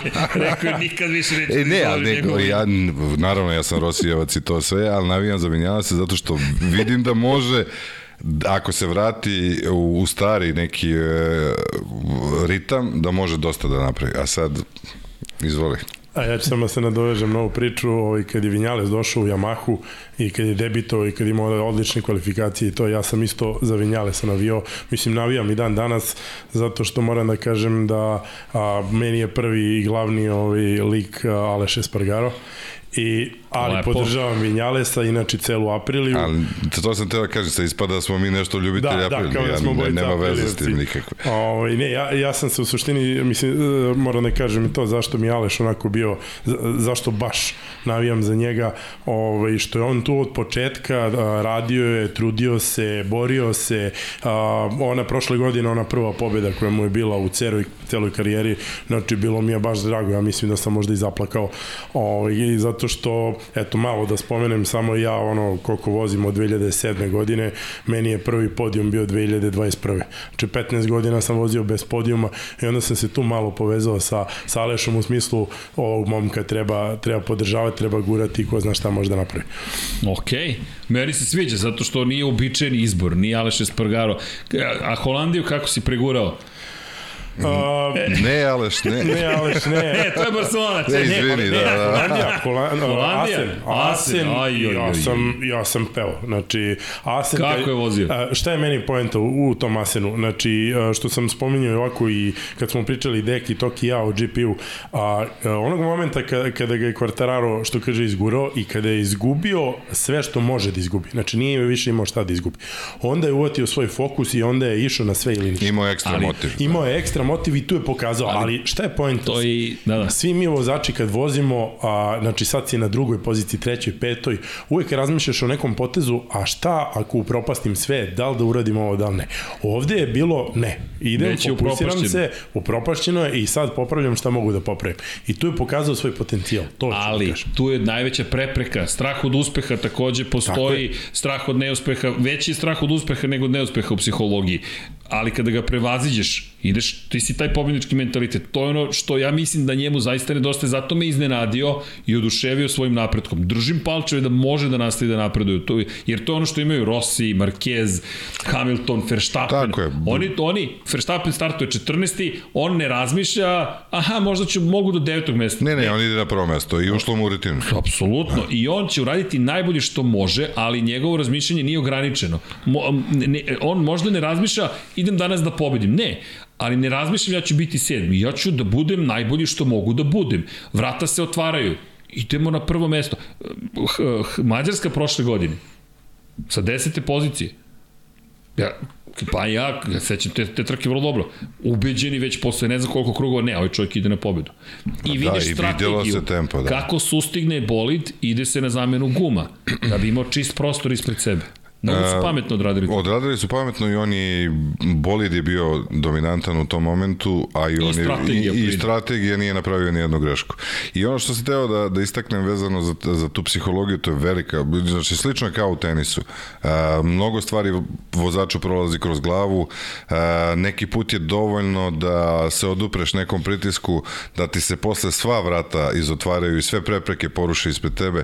Mislim da što je meni Maverick mi danas, e, ako pričamo o MotoGP-u, E, interesantno je, mislim, donio brzinu, kad je došao te godine bio ubedljivo najbrži od svih i onda ga je Rossi mu je zalupio vrata pred nosem, koja on do dan danas nije otvorio. Tako je, tako je. Ja to stalno ponavljam. Dve stvari. Prvo, u Americi Rossi kako je zatvarao linije, da. Maverick se nije oporavio Nije od se toga. oporavio nije se toga, oporavio da. od toga, ali dve stvari su se desile. Prvo, to u trci jasno mu je stavio do znanja i još moraš da učiš. Da. Mnogo. I ovo nije dečije igralište, ovde zaista plivaju ajkule. Ti si ušao bukvalno u bazen, ali, ne, ali sa nasmejanim ali ajkulama. Znaš, tebi se svi smeha, hej, čao, Maverick, čak, čak, čestitam, da, super, da, da, kao što- super si ti, ali samo da vidiš ko je tu. Nego čekaj, Glavni. na stazi, to što si ti zamislio, neće moći. A, ali ja imam dve pobede. Super, sad ćeš vidiš kako izgleda poraz. Ne, nego, ne dam ti da porasteš, ne dam ti treću pobedu. Bukvalno Morate sa dao. sečem sada da ne bi previše porastao. Šta je Ra Rossi radio te godine? Pitaju ga sa kojom picom bi uporedio svoje rivale. Diavola je Mark Marquez, ne znam ko je bio, koga je spomenuo drugog, dolazi do Mavericka Vinjalesa, Maverick je pizza s pečurkama, fungi. Maverick Vinjales ispale mu oči na konferenciji, kako ja sam pečurka. Ali, čim, čim je on odreagovao to, znači gotovo ušao mu je u glavu. Ušao mu je u glavu. Ušao mu je u glavu. Ušao mu je u glavu. I onda drugi kadar koji mi je ostao u sećanju Maverick Vinales koji sedi na, de, na briefingu sa novinarima Valentina Rosija, on sedi u publici. Zato što je on fanboy. On obožava Rosija. Ne, on je njegov stavio se- obožavalac. stavio se u On je dete, plan. on je došao, on, on uživa, on gleda svog idola i sad čeka njegov idol da dođe da mu kaže, e, čekaj, ti pokažem kako ovo funkcioniše, jer smo mi klubski kolegi. A u stvari, u realnosti je bio brži od Rosija tada. Bio je, ali ne ovde. Da, da, Ne bio je na stazi, na predsezonskim testiranjima, na prvoj trci, na drugoj, bio je brži. I sad, čovjeka su svi otpisali i ono što se desilo u Yamahi i tako da je. Ovo je po meni Vinjales povratak Ajde, otpisan. ajde, ajde. Povratak vidi, otpisanih, ajde, zato navijam za njega. Ajde, a u Formuli 1? U Formuli 1 za Da. Alonso. Dobro, old school. Da. Miksa. A, pa mene ćete morati da vidite da, na, za koga ću da navijam, pošto nisam pratio, tako da... Ti, ti da razbiješ emocije. Ne, da, sad ćemo da vidimo kako, na, na šta ćete da me navedete. Čekaj, za koga imamo da dvojicu Miksa ovde. A, ajde da vas pitam na bum. Miksa, imaš ti nekog za koga najviše u formuli? Ne protiv Formula 1. Dobro, znači moramo da ga zarazimo ili makar da, da izvučemo neki pik čisto reda radi. Ja samo mogu kažem da neću navijati za trenutno dominantnog, znači uvek ću da dam šansu nekome ko, ko će da se bori. Tako, je, da, underdogovi, to je filozofija. da. E, to je to, to je miksina isto. Miksa i miksa, to je to. Miksa se miksa. Inače, još popravljaju bolid Maxa Verstappena, cenim, cenim da su završili. Završen inače, prvi dan je završen. Lepo smo se mi ispričali. Završi, mm. Završiš ljudi sa treninzima. pola šest. Pa evo, Adrian Newey inače u garaži trenutno Red Bulla, Red Bull Racinga, sve, ima sve više sedih, baš čudno, ali Adrian Newey, čovek koji je bukvalno fizički pored bolida. Nema, on, to su njegove ljubavi. Dakle, još jedan bolid, potencijalno šampionski. Ajde, vidjet ćemo šta su pripremili, ali deluje da su više nego spremni. Fernando Alonso, pozicija 2, Lepo, zanimljivo, dobro zvuči. Kažem ja, kažem ja. Da.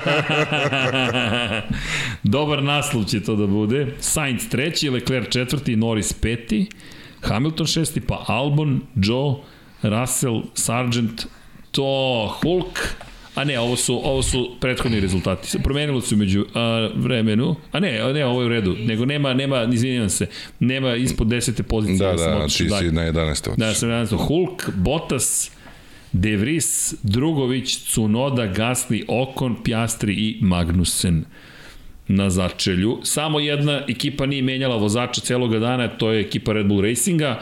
Tako da, ako se pitate otkud kod Maxa toliko krugova, Max je jedini vozio i prepodne i popodne. Sve ostali su se zamenili. I inače, samo da vidimo za sutra, za sutra, Evo, 850 km su odvezli.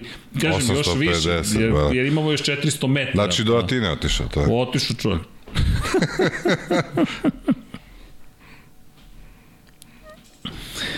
čekaj, čekaj, čekaj, sad ćemo da vidimo. Gde nam je, gde nam Hasan poslao, samo da nađem, evo ovako, Šta nas sutra čeka? Verstappen prepodne, popodne Perez za Red Bull. Sainz, Leclerc kao i danas ujutro popodne. Hamilton, Russell menjaju pozicije ujutro je Hamilton, popodne Russell. Okon, Gasly menjaju pozicije ujutro Okon pa Gasly. Norris, Piastri isto menjaju pozicije, prepodne Norris, popodne Piastri. Joe ceo dan sutra vozi, Bottas će voziti ceo dan u subotu.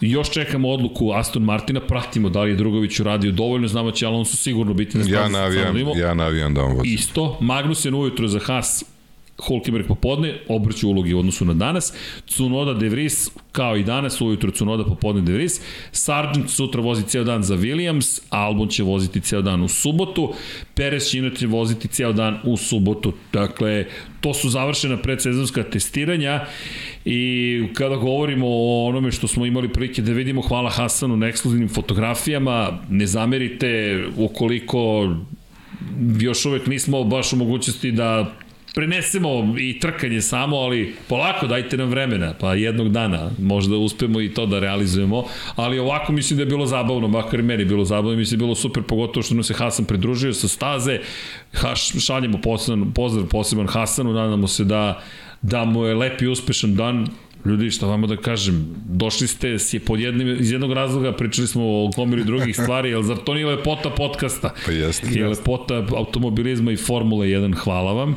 A potrudit ćemo se, mi inače specijal ćemo imati garaža 4 časa dro, grobnika, garaža 76 najverovatnije sutra. MotoGP se pitaju kada ćemo mi, ove nedelje ćemo vratno malo pauzirati zato što smo imali prezentaciju Honda, ali to čuvamo za sledeću nedelju, pošto se nije mnogo toga događalo u Moto Grand Prix, a morali smo da nadoknadimo Formulu 1, da odradimo testiranja, da i sad da uradimo kada je reč o garaži mnogo toga. Inače, hvala svima koji su donirali za Maju i Hvala za podršku. 1445 na 3030 kog može da pošalje SMS poruku. 200 dinara košta poruka bez PDV-a, ne naplaćuje se PDV. Budi Human je fondacija koja vodi računa o tome. To je lepša polovina našeg dragog kolegi i prijatelja Nenada Milunovića i imamo bitku za majin život. Naravno, ove bitke do, moramo da dobijemo, ovu trku dakle, da izvezemo do kraja, kako treba pobednički, pa eto, kogod je u mogućnosti, hvala vam i eto, kažem, sve donacije koje ste danas dali kroz YouTube će ići za Maju i potrudit ćemo se eto da iz perspektive o, ajde da kažemo onoga što je najvažnije, da to je bol ljudskog života, da, da uradimo najviše što možemo. Tako da hvala. Hvala svima koji ste sa nama. Čekaj da ima anketa kako napreduje. Gde smo sa anketom? Max Verstappen 38%, Charles Leclerc 27%, Lewis Hamilton 17, 19% neko četvrti. Dobro. Znači, većina za već dominantnog. Da. Dobro, pa vidi, pa i ultra popularnog. Dobro, Jeste, je- i mislim da nisu ni pogrešili preterano, ali vidjet ćemo. Dobro, vidi, po, po, sezona počinje, sezona je počela, a mi smo, moram priznati da mi mnogo lep način na koji smo ispratili. Ko hoće, možeš uvek da glasa pre nego što pre nego što zatvorimo anketu, pa i polako sigurno se oprostimo. Ovo je vrlo zanimljivo, dakle, dosta krugova na sve strane. E, kaže, kadetar, momci, moram se da ostanem duže na poslu danas, da završim nešto, ostao sam još pola sata duže, jer sam s vama više koncentrovan nego na poslu. e, vreme je da se ide kući, hvala. Vreme je, vreme Dobro, malo smo pomogli, eto, pro, uticali smo pozitivno na produktivnost.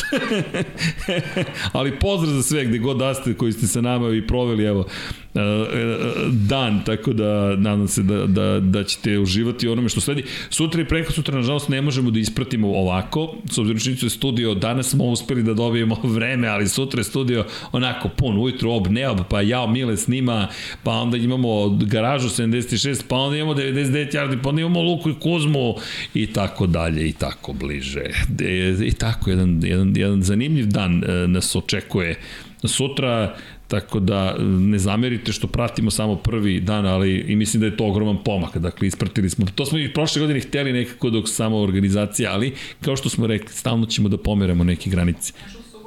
Može, u može u subotu dobacuju ovde neki. Ajde da vidimo da li će se otvoriti ta subota.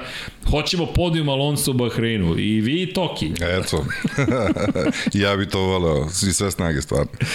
Da, Pazi, ukoliko se desi da bude na pobjedičkom postolju Aston Martinu, ja mislim da će to biti zaista najveće iznenađenje u njegovoj karijeri. A to znači da neće pobediti, onda da, da uzme titulu, jel? Ne, ne, ne, ako pobedi ne uzima titulu, ako bude A, treći... a, podijum, dobro, dobro. Ja sam mislio pobeda. Ja, Ti na pobedu. Odmah idemo na pobedu. To. dobro, Skromno. e, drugari, udrite like ko već nije. Hvala vam za kompletnu podršku. Pozdrav, posebno pozdrav našim Patreonima i YouTube, YouTube članovima. Tako nas podržavate i finansijski hvala. Dakle, patreon.com kroz Infinity Lighthouse i YouTube kliknete na join i onda ste naši članovi. A, Između ostalog, jedna od stvari koju dobijate i vraćamo naravno razgovore ove, ovog meseca, ćemo se najzad družiti na Zoomu sa svima vama. Nismo sve uspeli da izvedemo, ali zato svi koji ste naši sponzori de facto ste bili na automobilu garaže 76 i nadam se da ste zadovoljni. Peter je ovo izdizajnirao. Dakle, ubacili smo vas baš u logotip i malo vatre smo dodali efekat vatre. Vatreni naši sponzori. Bili ste sa leve strane je bilo polovina, pošto zaista ima mnogo što je prelepo i hvala vam na tome. Sa druge strane, je bila druga polovina, tako da, eto, da, da, da znate da smo podelili automobil i, i meni divan osjećaj, e, pričat ću vam sutra i koliko je bilo frke oko toga da se nalepnice obezbede, pošto je trebalo da budu završeni u Beogradu, pa neradni dani, pa nije gotovo, pa onda Juri, pa ekipa iz Rijeke. Kao što smo rekli, pomogla. trka, trka s preponama. Znači, ne možeš da veruješ koja je to bila Kao, frka. sprema automobil, čekaj Hamiltona i prvo polepi ove nalepnice, ali Ej, pre toga ih Znaš ko odštampa je, znaš ko je lepio nalepnice? Ko? Mua. A, i- Da vidiš kako su Zato su zalepljene. tako, to Pa ti to- kažem. E, to nije lako. Te lako. To ko ne zna kako se lepe nalepnice, pa ti ostanu balončići, ja, Znači, agonija. agonija, ali u svakom slučaju Još ovo dva metra skoro. stiglo na vreme, zalepljeno kako treba. I sečeno kako treba. Pa, to smo tek posle provalili da treba, možemo da isečemo.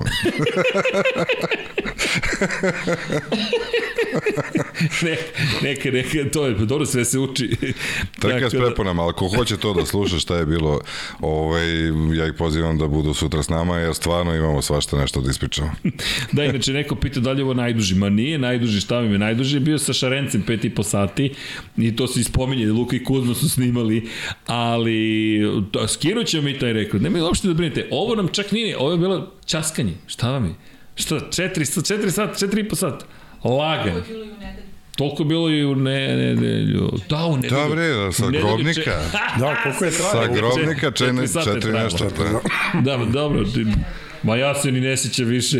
Mačak i ja, ali ne, najbolji moj brat koji kaže, kad ti počinje podcast? Rekao, u, pola, u 15 do 5 po lokalnom vremenu, čilenskom. Kaže, srećom imam tolerantne komšije, pošto ja sedim u bašti i pričam. I ko, sam gledam ludaka nekog sa slušalicama, sedi za Ja sam video početak, znači mrak napolju, čovjek priča, ono, Ćao da, da, svima. za njih nepoznatom da. to da, da, da. ali kao, ej, čao svima, Da. kome, čao svima. Ali moram da kažem, pokvario sam žurku, pošto Tatan, to je Sebastian, momak koji, koji je deo porodice praktično, to je, to je sin od Ivanovih i Paulinih prijatelja i klinac je imao rođendan subotu na nedelju i ja se, i došli mu drugari i prazna kuća, bazen, ludilo, on čuva, čuva kuću, a slavi rođendan i ja se pojavljam kao šta radiš, pa kao treba snimam podcast u bašti. Ja. Pa o, sad si našao da snimaš podcast za moj 19. rođendan, nesi mogu snimaš neki drugi dan. E, izvinjavamo se, dečko, evo. Ali izvinjavamo ne, se ovim putem. Završili su žurku pre 4.30. Bile su spuštene roletne pakao. Inače, mi, ja, pošto se vratio odmah na more, završili i negde oko 10 ujutro sam krenuo, ma roletni se nisu ni pomerili, oni su unutra bili, oh, oh, oh čao, sve, Bila dobra čao, je čao svima, da, bukvalno. Dakle, da, eto, jednu žurku zamenila drugu i tako dalje. Inače, dogovorim kako da gledate testiranja. Pa legalno da ste pretplaćeni na F1 TV Pro, to je negde oko 55 eura godišnje ukoliko se prvi put prijavljujete, 60 i nešto ukoliko obnavljate pretplatu, a ukoliko nemate te mogućnosti, e, zvanično ne smijem da vam pomognem, ali imate u četu dosta odgovora na tu temu, pa eto, neko vam je pomogao, ali ako možete Sky Sport nekako da gledate, takođe možete da pratite i tako. Tako da Tomo, to je najbliže, najviše što možemo da vam pomognemo u ovom trenutku. Drugari, što vam kažem, hvala, zadovoljstvo. Čuli ste, hvala. Zadovoljstvo bilo nama. Nadam se da ćemo imati još ovakvih stvari, ko zna šta ćemo tek da spremimo. Pa ja se nadam dosta toga. Vidi, ideje kuljaju, samo, samo se pojavljuju nove i nove i nove. Ima i neka pitanja na koje ne mislim da vam javno da vam postavim, pitaju me sve i svašta neke prijatelji, pa ću posle da vas pitam, ima veze sa, sa vašim kolegama, nekim ne, ne na konto gabarita i težine, ali mm. to ćemo kasnije. To ćemo van iza kulisa. To nije za ispred kulisa. I naravno ostaje nam šta? Da se zahvalimo još jednom svima za, za, za podršku i evo kaže, ajmo svi Lajkić za maštovitu još jednom ekipu. Hvala, udrite Lajkić, a mi ćemo se truditi još više da približimo Formulu 1. Pratite profil Hasana Bratića, stavljat ćemo i mi neke fotografije, ali pre svega bitno Hasana da podržimo svi zajedno, da, da, i da ga verifikujemo tamo u Instagramu, dobije plave u etiketu plang, da se zna da je to zaista jedan jedini Hasan Bratić, public figure, i da, da ga podržimo. To nam je, to nam je važno.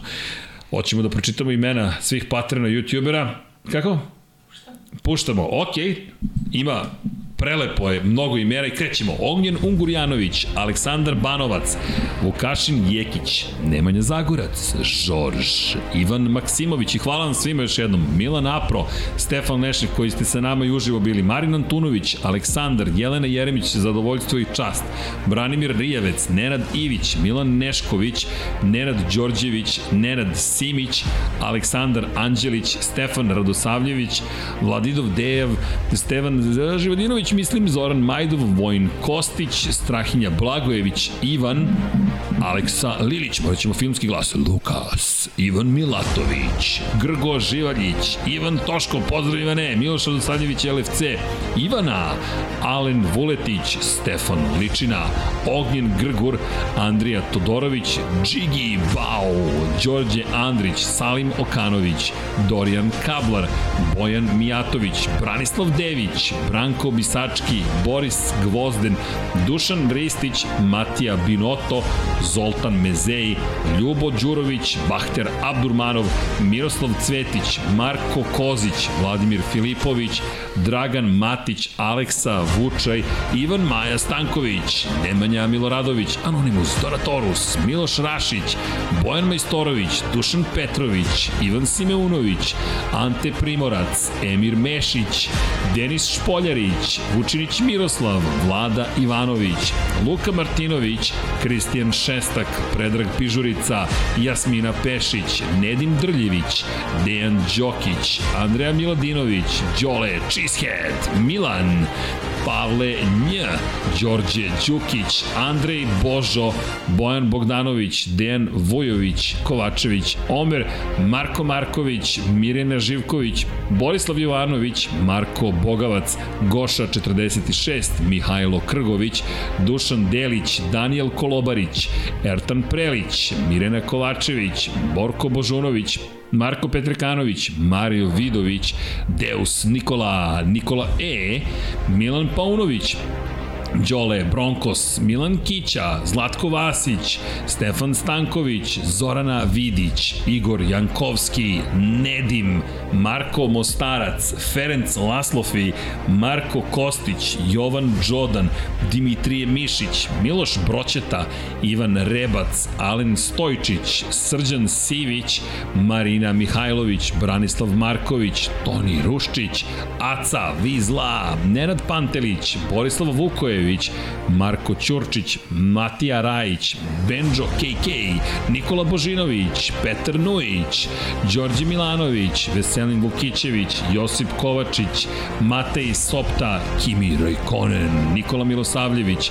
Nebojša Živanović, Vuk Korać, Ružica Stefanović, Bojan Markov, Igor Vučković, Novak Tomić, Aleksandar Radivojša, Stefan Prijović, Stefan Vidić, Andreja Branković, Branislav Kovačević, Da žena ne sazna, Lazar Hristov, Stefan Milošević, Dejan Avić, Vukašin Vučenović, Monika Erceg, Predrag Simić, Đole, QB4, Armin, Miloš Vuletić, Ognjen Marinković, Luka Klaso, Ivica, Bata Brada, Nikola Stojanović, Stefan Nedeljković, Ivan Rečević, klub štovatelja Ramona Njunjeza, mislim, Bogdan Uzelac, Damjan Veljanoski, Safet Isljami, Nedo Lepanović, Antonio Novak, Nikola Grujičić, Nemanja Jeremić, Blufonac, Zoran Cimeša, Daniela Ilić, Aleksandar Jurić, Boris Kojundžić, Lj. Đurović, Jugoslav Ilić, Jelena Veljković, Zoran Šalamun, Sava Dugi, Petar Relić, Vladan Miladinović, Saša Ranisavljević, Crnogorski džedaj, Šmele, Danka, Vladimir Petković, Stefan Vuletić, Dragan Nikolovski, Đurđica Martinović, Luka Manitašević, Mladen Krstić, Filip. Darko Trajković, Miloš Banduka, Lazar Pejović, Katarina, Miloš Todorov, Mladen Tešić, Stefan Dulić, Žarko Milić, Mladen Mladenović, Jelena Mak, Živojin Petković, Laslo Boroš, Milan Ristić, Boris Erceg, Jasenko Samarđić, Sead Šantić, Đorđe Radojević, Igor Gašparević, Mihovil Stamičar, Aleksandar Antonović, Luka, Gloria Edson, Anonimus Donatorus, Aleksa Walter, Anonimus Donatorus, Ivan Ciger, Andrej Bicok, Luka Savović, Tijena Vidanović, Marko Blagojević, Branimir Kovačev, Vanja Radulović, Aleksa Jelić, Ivan Panajotović, Mlađan Antić, Neđo Mališić, Stefan Janković, Andrea, Renata Neš, Optimistic Josh Allen Fan, Milan Milašević, Nemanja, Nemanja Labović, Jugoslav Krasnić, Aleksandar Milosavljević, Marko Horg, Životić Jovan, Škundra, Marko Bogavac, DG Regi, Aleksandar Nikolić, Nemanja, Josip Puljevčić, Vlada Ivanović, Toleador, Kosta Berić, Almir Vuk, Petar Bijelić, Resničanin, Almedin Ahmetović, Bojan Gitarić, Đorđe Janjić, Aleks Volović, Vuk još jednom, Marina, Bakadu, Igor Ilić, MS-13, Ivan Hornjak, Miloš Stanimirović, Vladan Đurić, Anonimus Donatorus, Bojan Markov, Ivan Vujasinović, Ivan Magdelinić, Mensur Kurtagić, Ivana Vesković, Milan Knežević, Milorad Reljić, Bojan Pejković, Nemanja Cimbaljević, Jelena Jeremić, Aleksandar Kockar, Nikola Božović, Nemanja Miloradović, korespondent, korespondent, Pavle Lukić, Maksi, Nikola Vulović, Marakos, Ivan Božanić, Miloš Zed, LFC, Krorobi 00, Milanka Marunić, Din Stero, Alen Jesenović, Aleksandar P, Nemanja Bračko, Saša Stevanović, Nikola Niksi, Vukašin Vučenović, Galeksić, Oliver Nikolić, Koja 7, Dejan Pla, Plackov Plackov, Uroš Ćosić, Drago Veković, Veselin Vukićević, Branislav Dević, Ivan Vincetić, Nikola Grđan, Tatjana Lemajić, Voča Pero, Dejan Janić, Igor Ninić, Zlatko Marić, Toni Soni 76, Nikola Kojić, Marko Stojilković i to bi bilo to. Odo smo u galaksiju, dakle, negde najviše znam po reakcijama ekipe iza kulisa, kada se spremi rukom miš da se promeni tranzicija, znam da smo pri kraju. to ti je čitanje signala, da, da znaš šta se događa okolo naokolo. Ljudi, pre nego što se odjavimo, još jednom poziv. Za Maju, 1445 na 3030, šta god da donirate, kliknete super chat, super sticker, super šta god, super like, kako god da se zove, novac ide za Maju, našeg dragog prijatelja Nenada Milunovića, lepše polovine, bitka za Majin život, dobijamo je, moramo trku takođe, tako da kogod šta god može, da budemo humani, kažem, lično je ovoga puta, baš nam znači, to je, to, to je naša porodica, dakle, poslovna i iz te perspektive ajmo zajedno da, da, da dobijemo ovu bitku i hvala vam na svemu. S druge strane, hvala što ste bili sa nama sve ove sate, nadam se da, nadam se da je vredelo da ste se zabavili, mi svakako jesmo, ali dobro, to je neki naš univerzum, nadamo se i vaš i udrite like, subscribe, share, posetite patreon.com kroz Infinity Lighthouse ili shop.infinitylighthouse.com M što ćete izgledati fenomenalno u odevnim predmetima Infinity Lighthouse-a, M ćete nas podržati, a imate i knjige naravno, imate i kape, bedževe, svašta nešto. I posteri su neki stegli, bit će toga još, imate i umetničke fotografije, ajmo da prodamo ovo da za Nurdor ode novac, tako da znate, možete da nas javite i e-mailom, ovo su zaista autentične umetničke fotografije, izlagane su na, na našim izložbama, autor je čovek koji kao što rekao Andrej Saković koji nam je otvorio mnoga vrata i hvala mu, to je ta ekipa, to je cela zajednica. I šta još da vam kažem, momci, hvala, Nema na čemu. veruj mi, tu. veruj mi ima, Hvala tebi se A tek treba pričamo s tobom o simulatorima, s tobom naravno o nekim tehničkim aspektima iz, iz grobnika, ne, neke čudne situacije sam čuo da su se dešavale, ali dobro, to je tema To za sutra. sutra to je pričamo, teaser da. za sutra. Osmeh neka vam otkriju da, se, da je svega bilo u svakom slučaju. Imali smo prepreke mm, gomilu, ali smo nekako ipak stigli Sve. Neke, preskočili. neke veće, neke manje, ali Da, u svakom da. slučaju... Čudne, bilo- čudne neke stvari su se dešavale, stvarno. E, nemamo četvrtu kameru, ona je isto bila na putu sa vama, pa nemamo total, ali nema veze. Hoćemo da se pozdravimo, ma, čućite se to ono što je najvažnije, ili može, kod da odredi 1, 2, 3, onda ćemo svi ovako da se vidimo, kada kažemo čao svima, šalim se da ljudi ne dobiju da, ne, dakle, udar u korteks prednji, ali hoćemo na, ne znam, 1, 2, 3, čao svima. Jel, 1, 2, 3, pa čao svima ili 1, 2, To je račuveno, Pa pa smo da, to nas naoružili pa tri. da, na 1, pa 2, da. 3 ili na 1, 2, 3 pa idemo. Pa to. Na 1, 2. ok, na 1, 2 i onda te, evo, čovjek, okay. Ok. čovjek mučio. Ka, do, ti si taj sad, ti si kvotrebe u kojoj situaciji, ti nam kažeš kad ka, ka ćemo da krenemo akciju. 1, 2 i vičemo čao svima, može? Ajde. 1, 2. Ćao svima!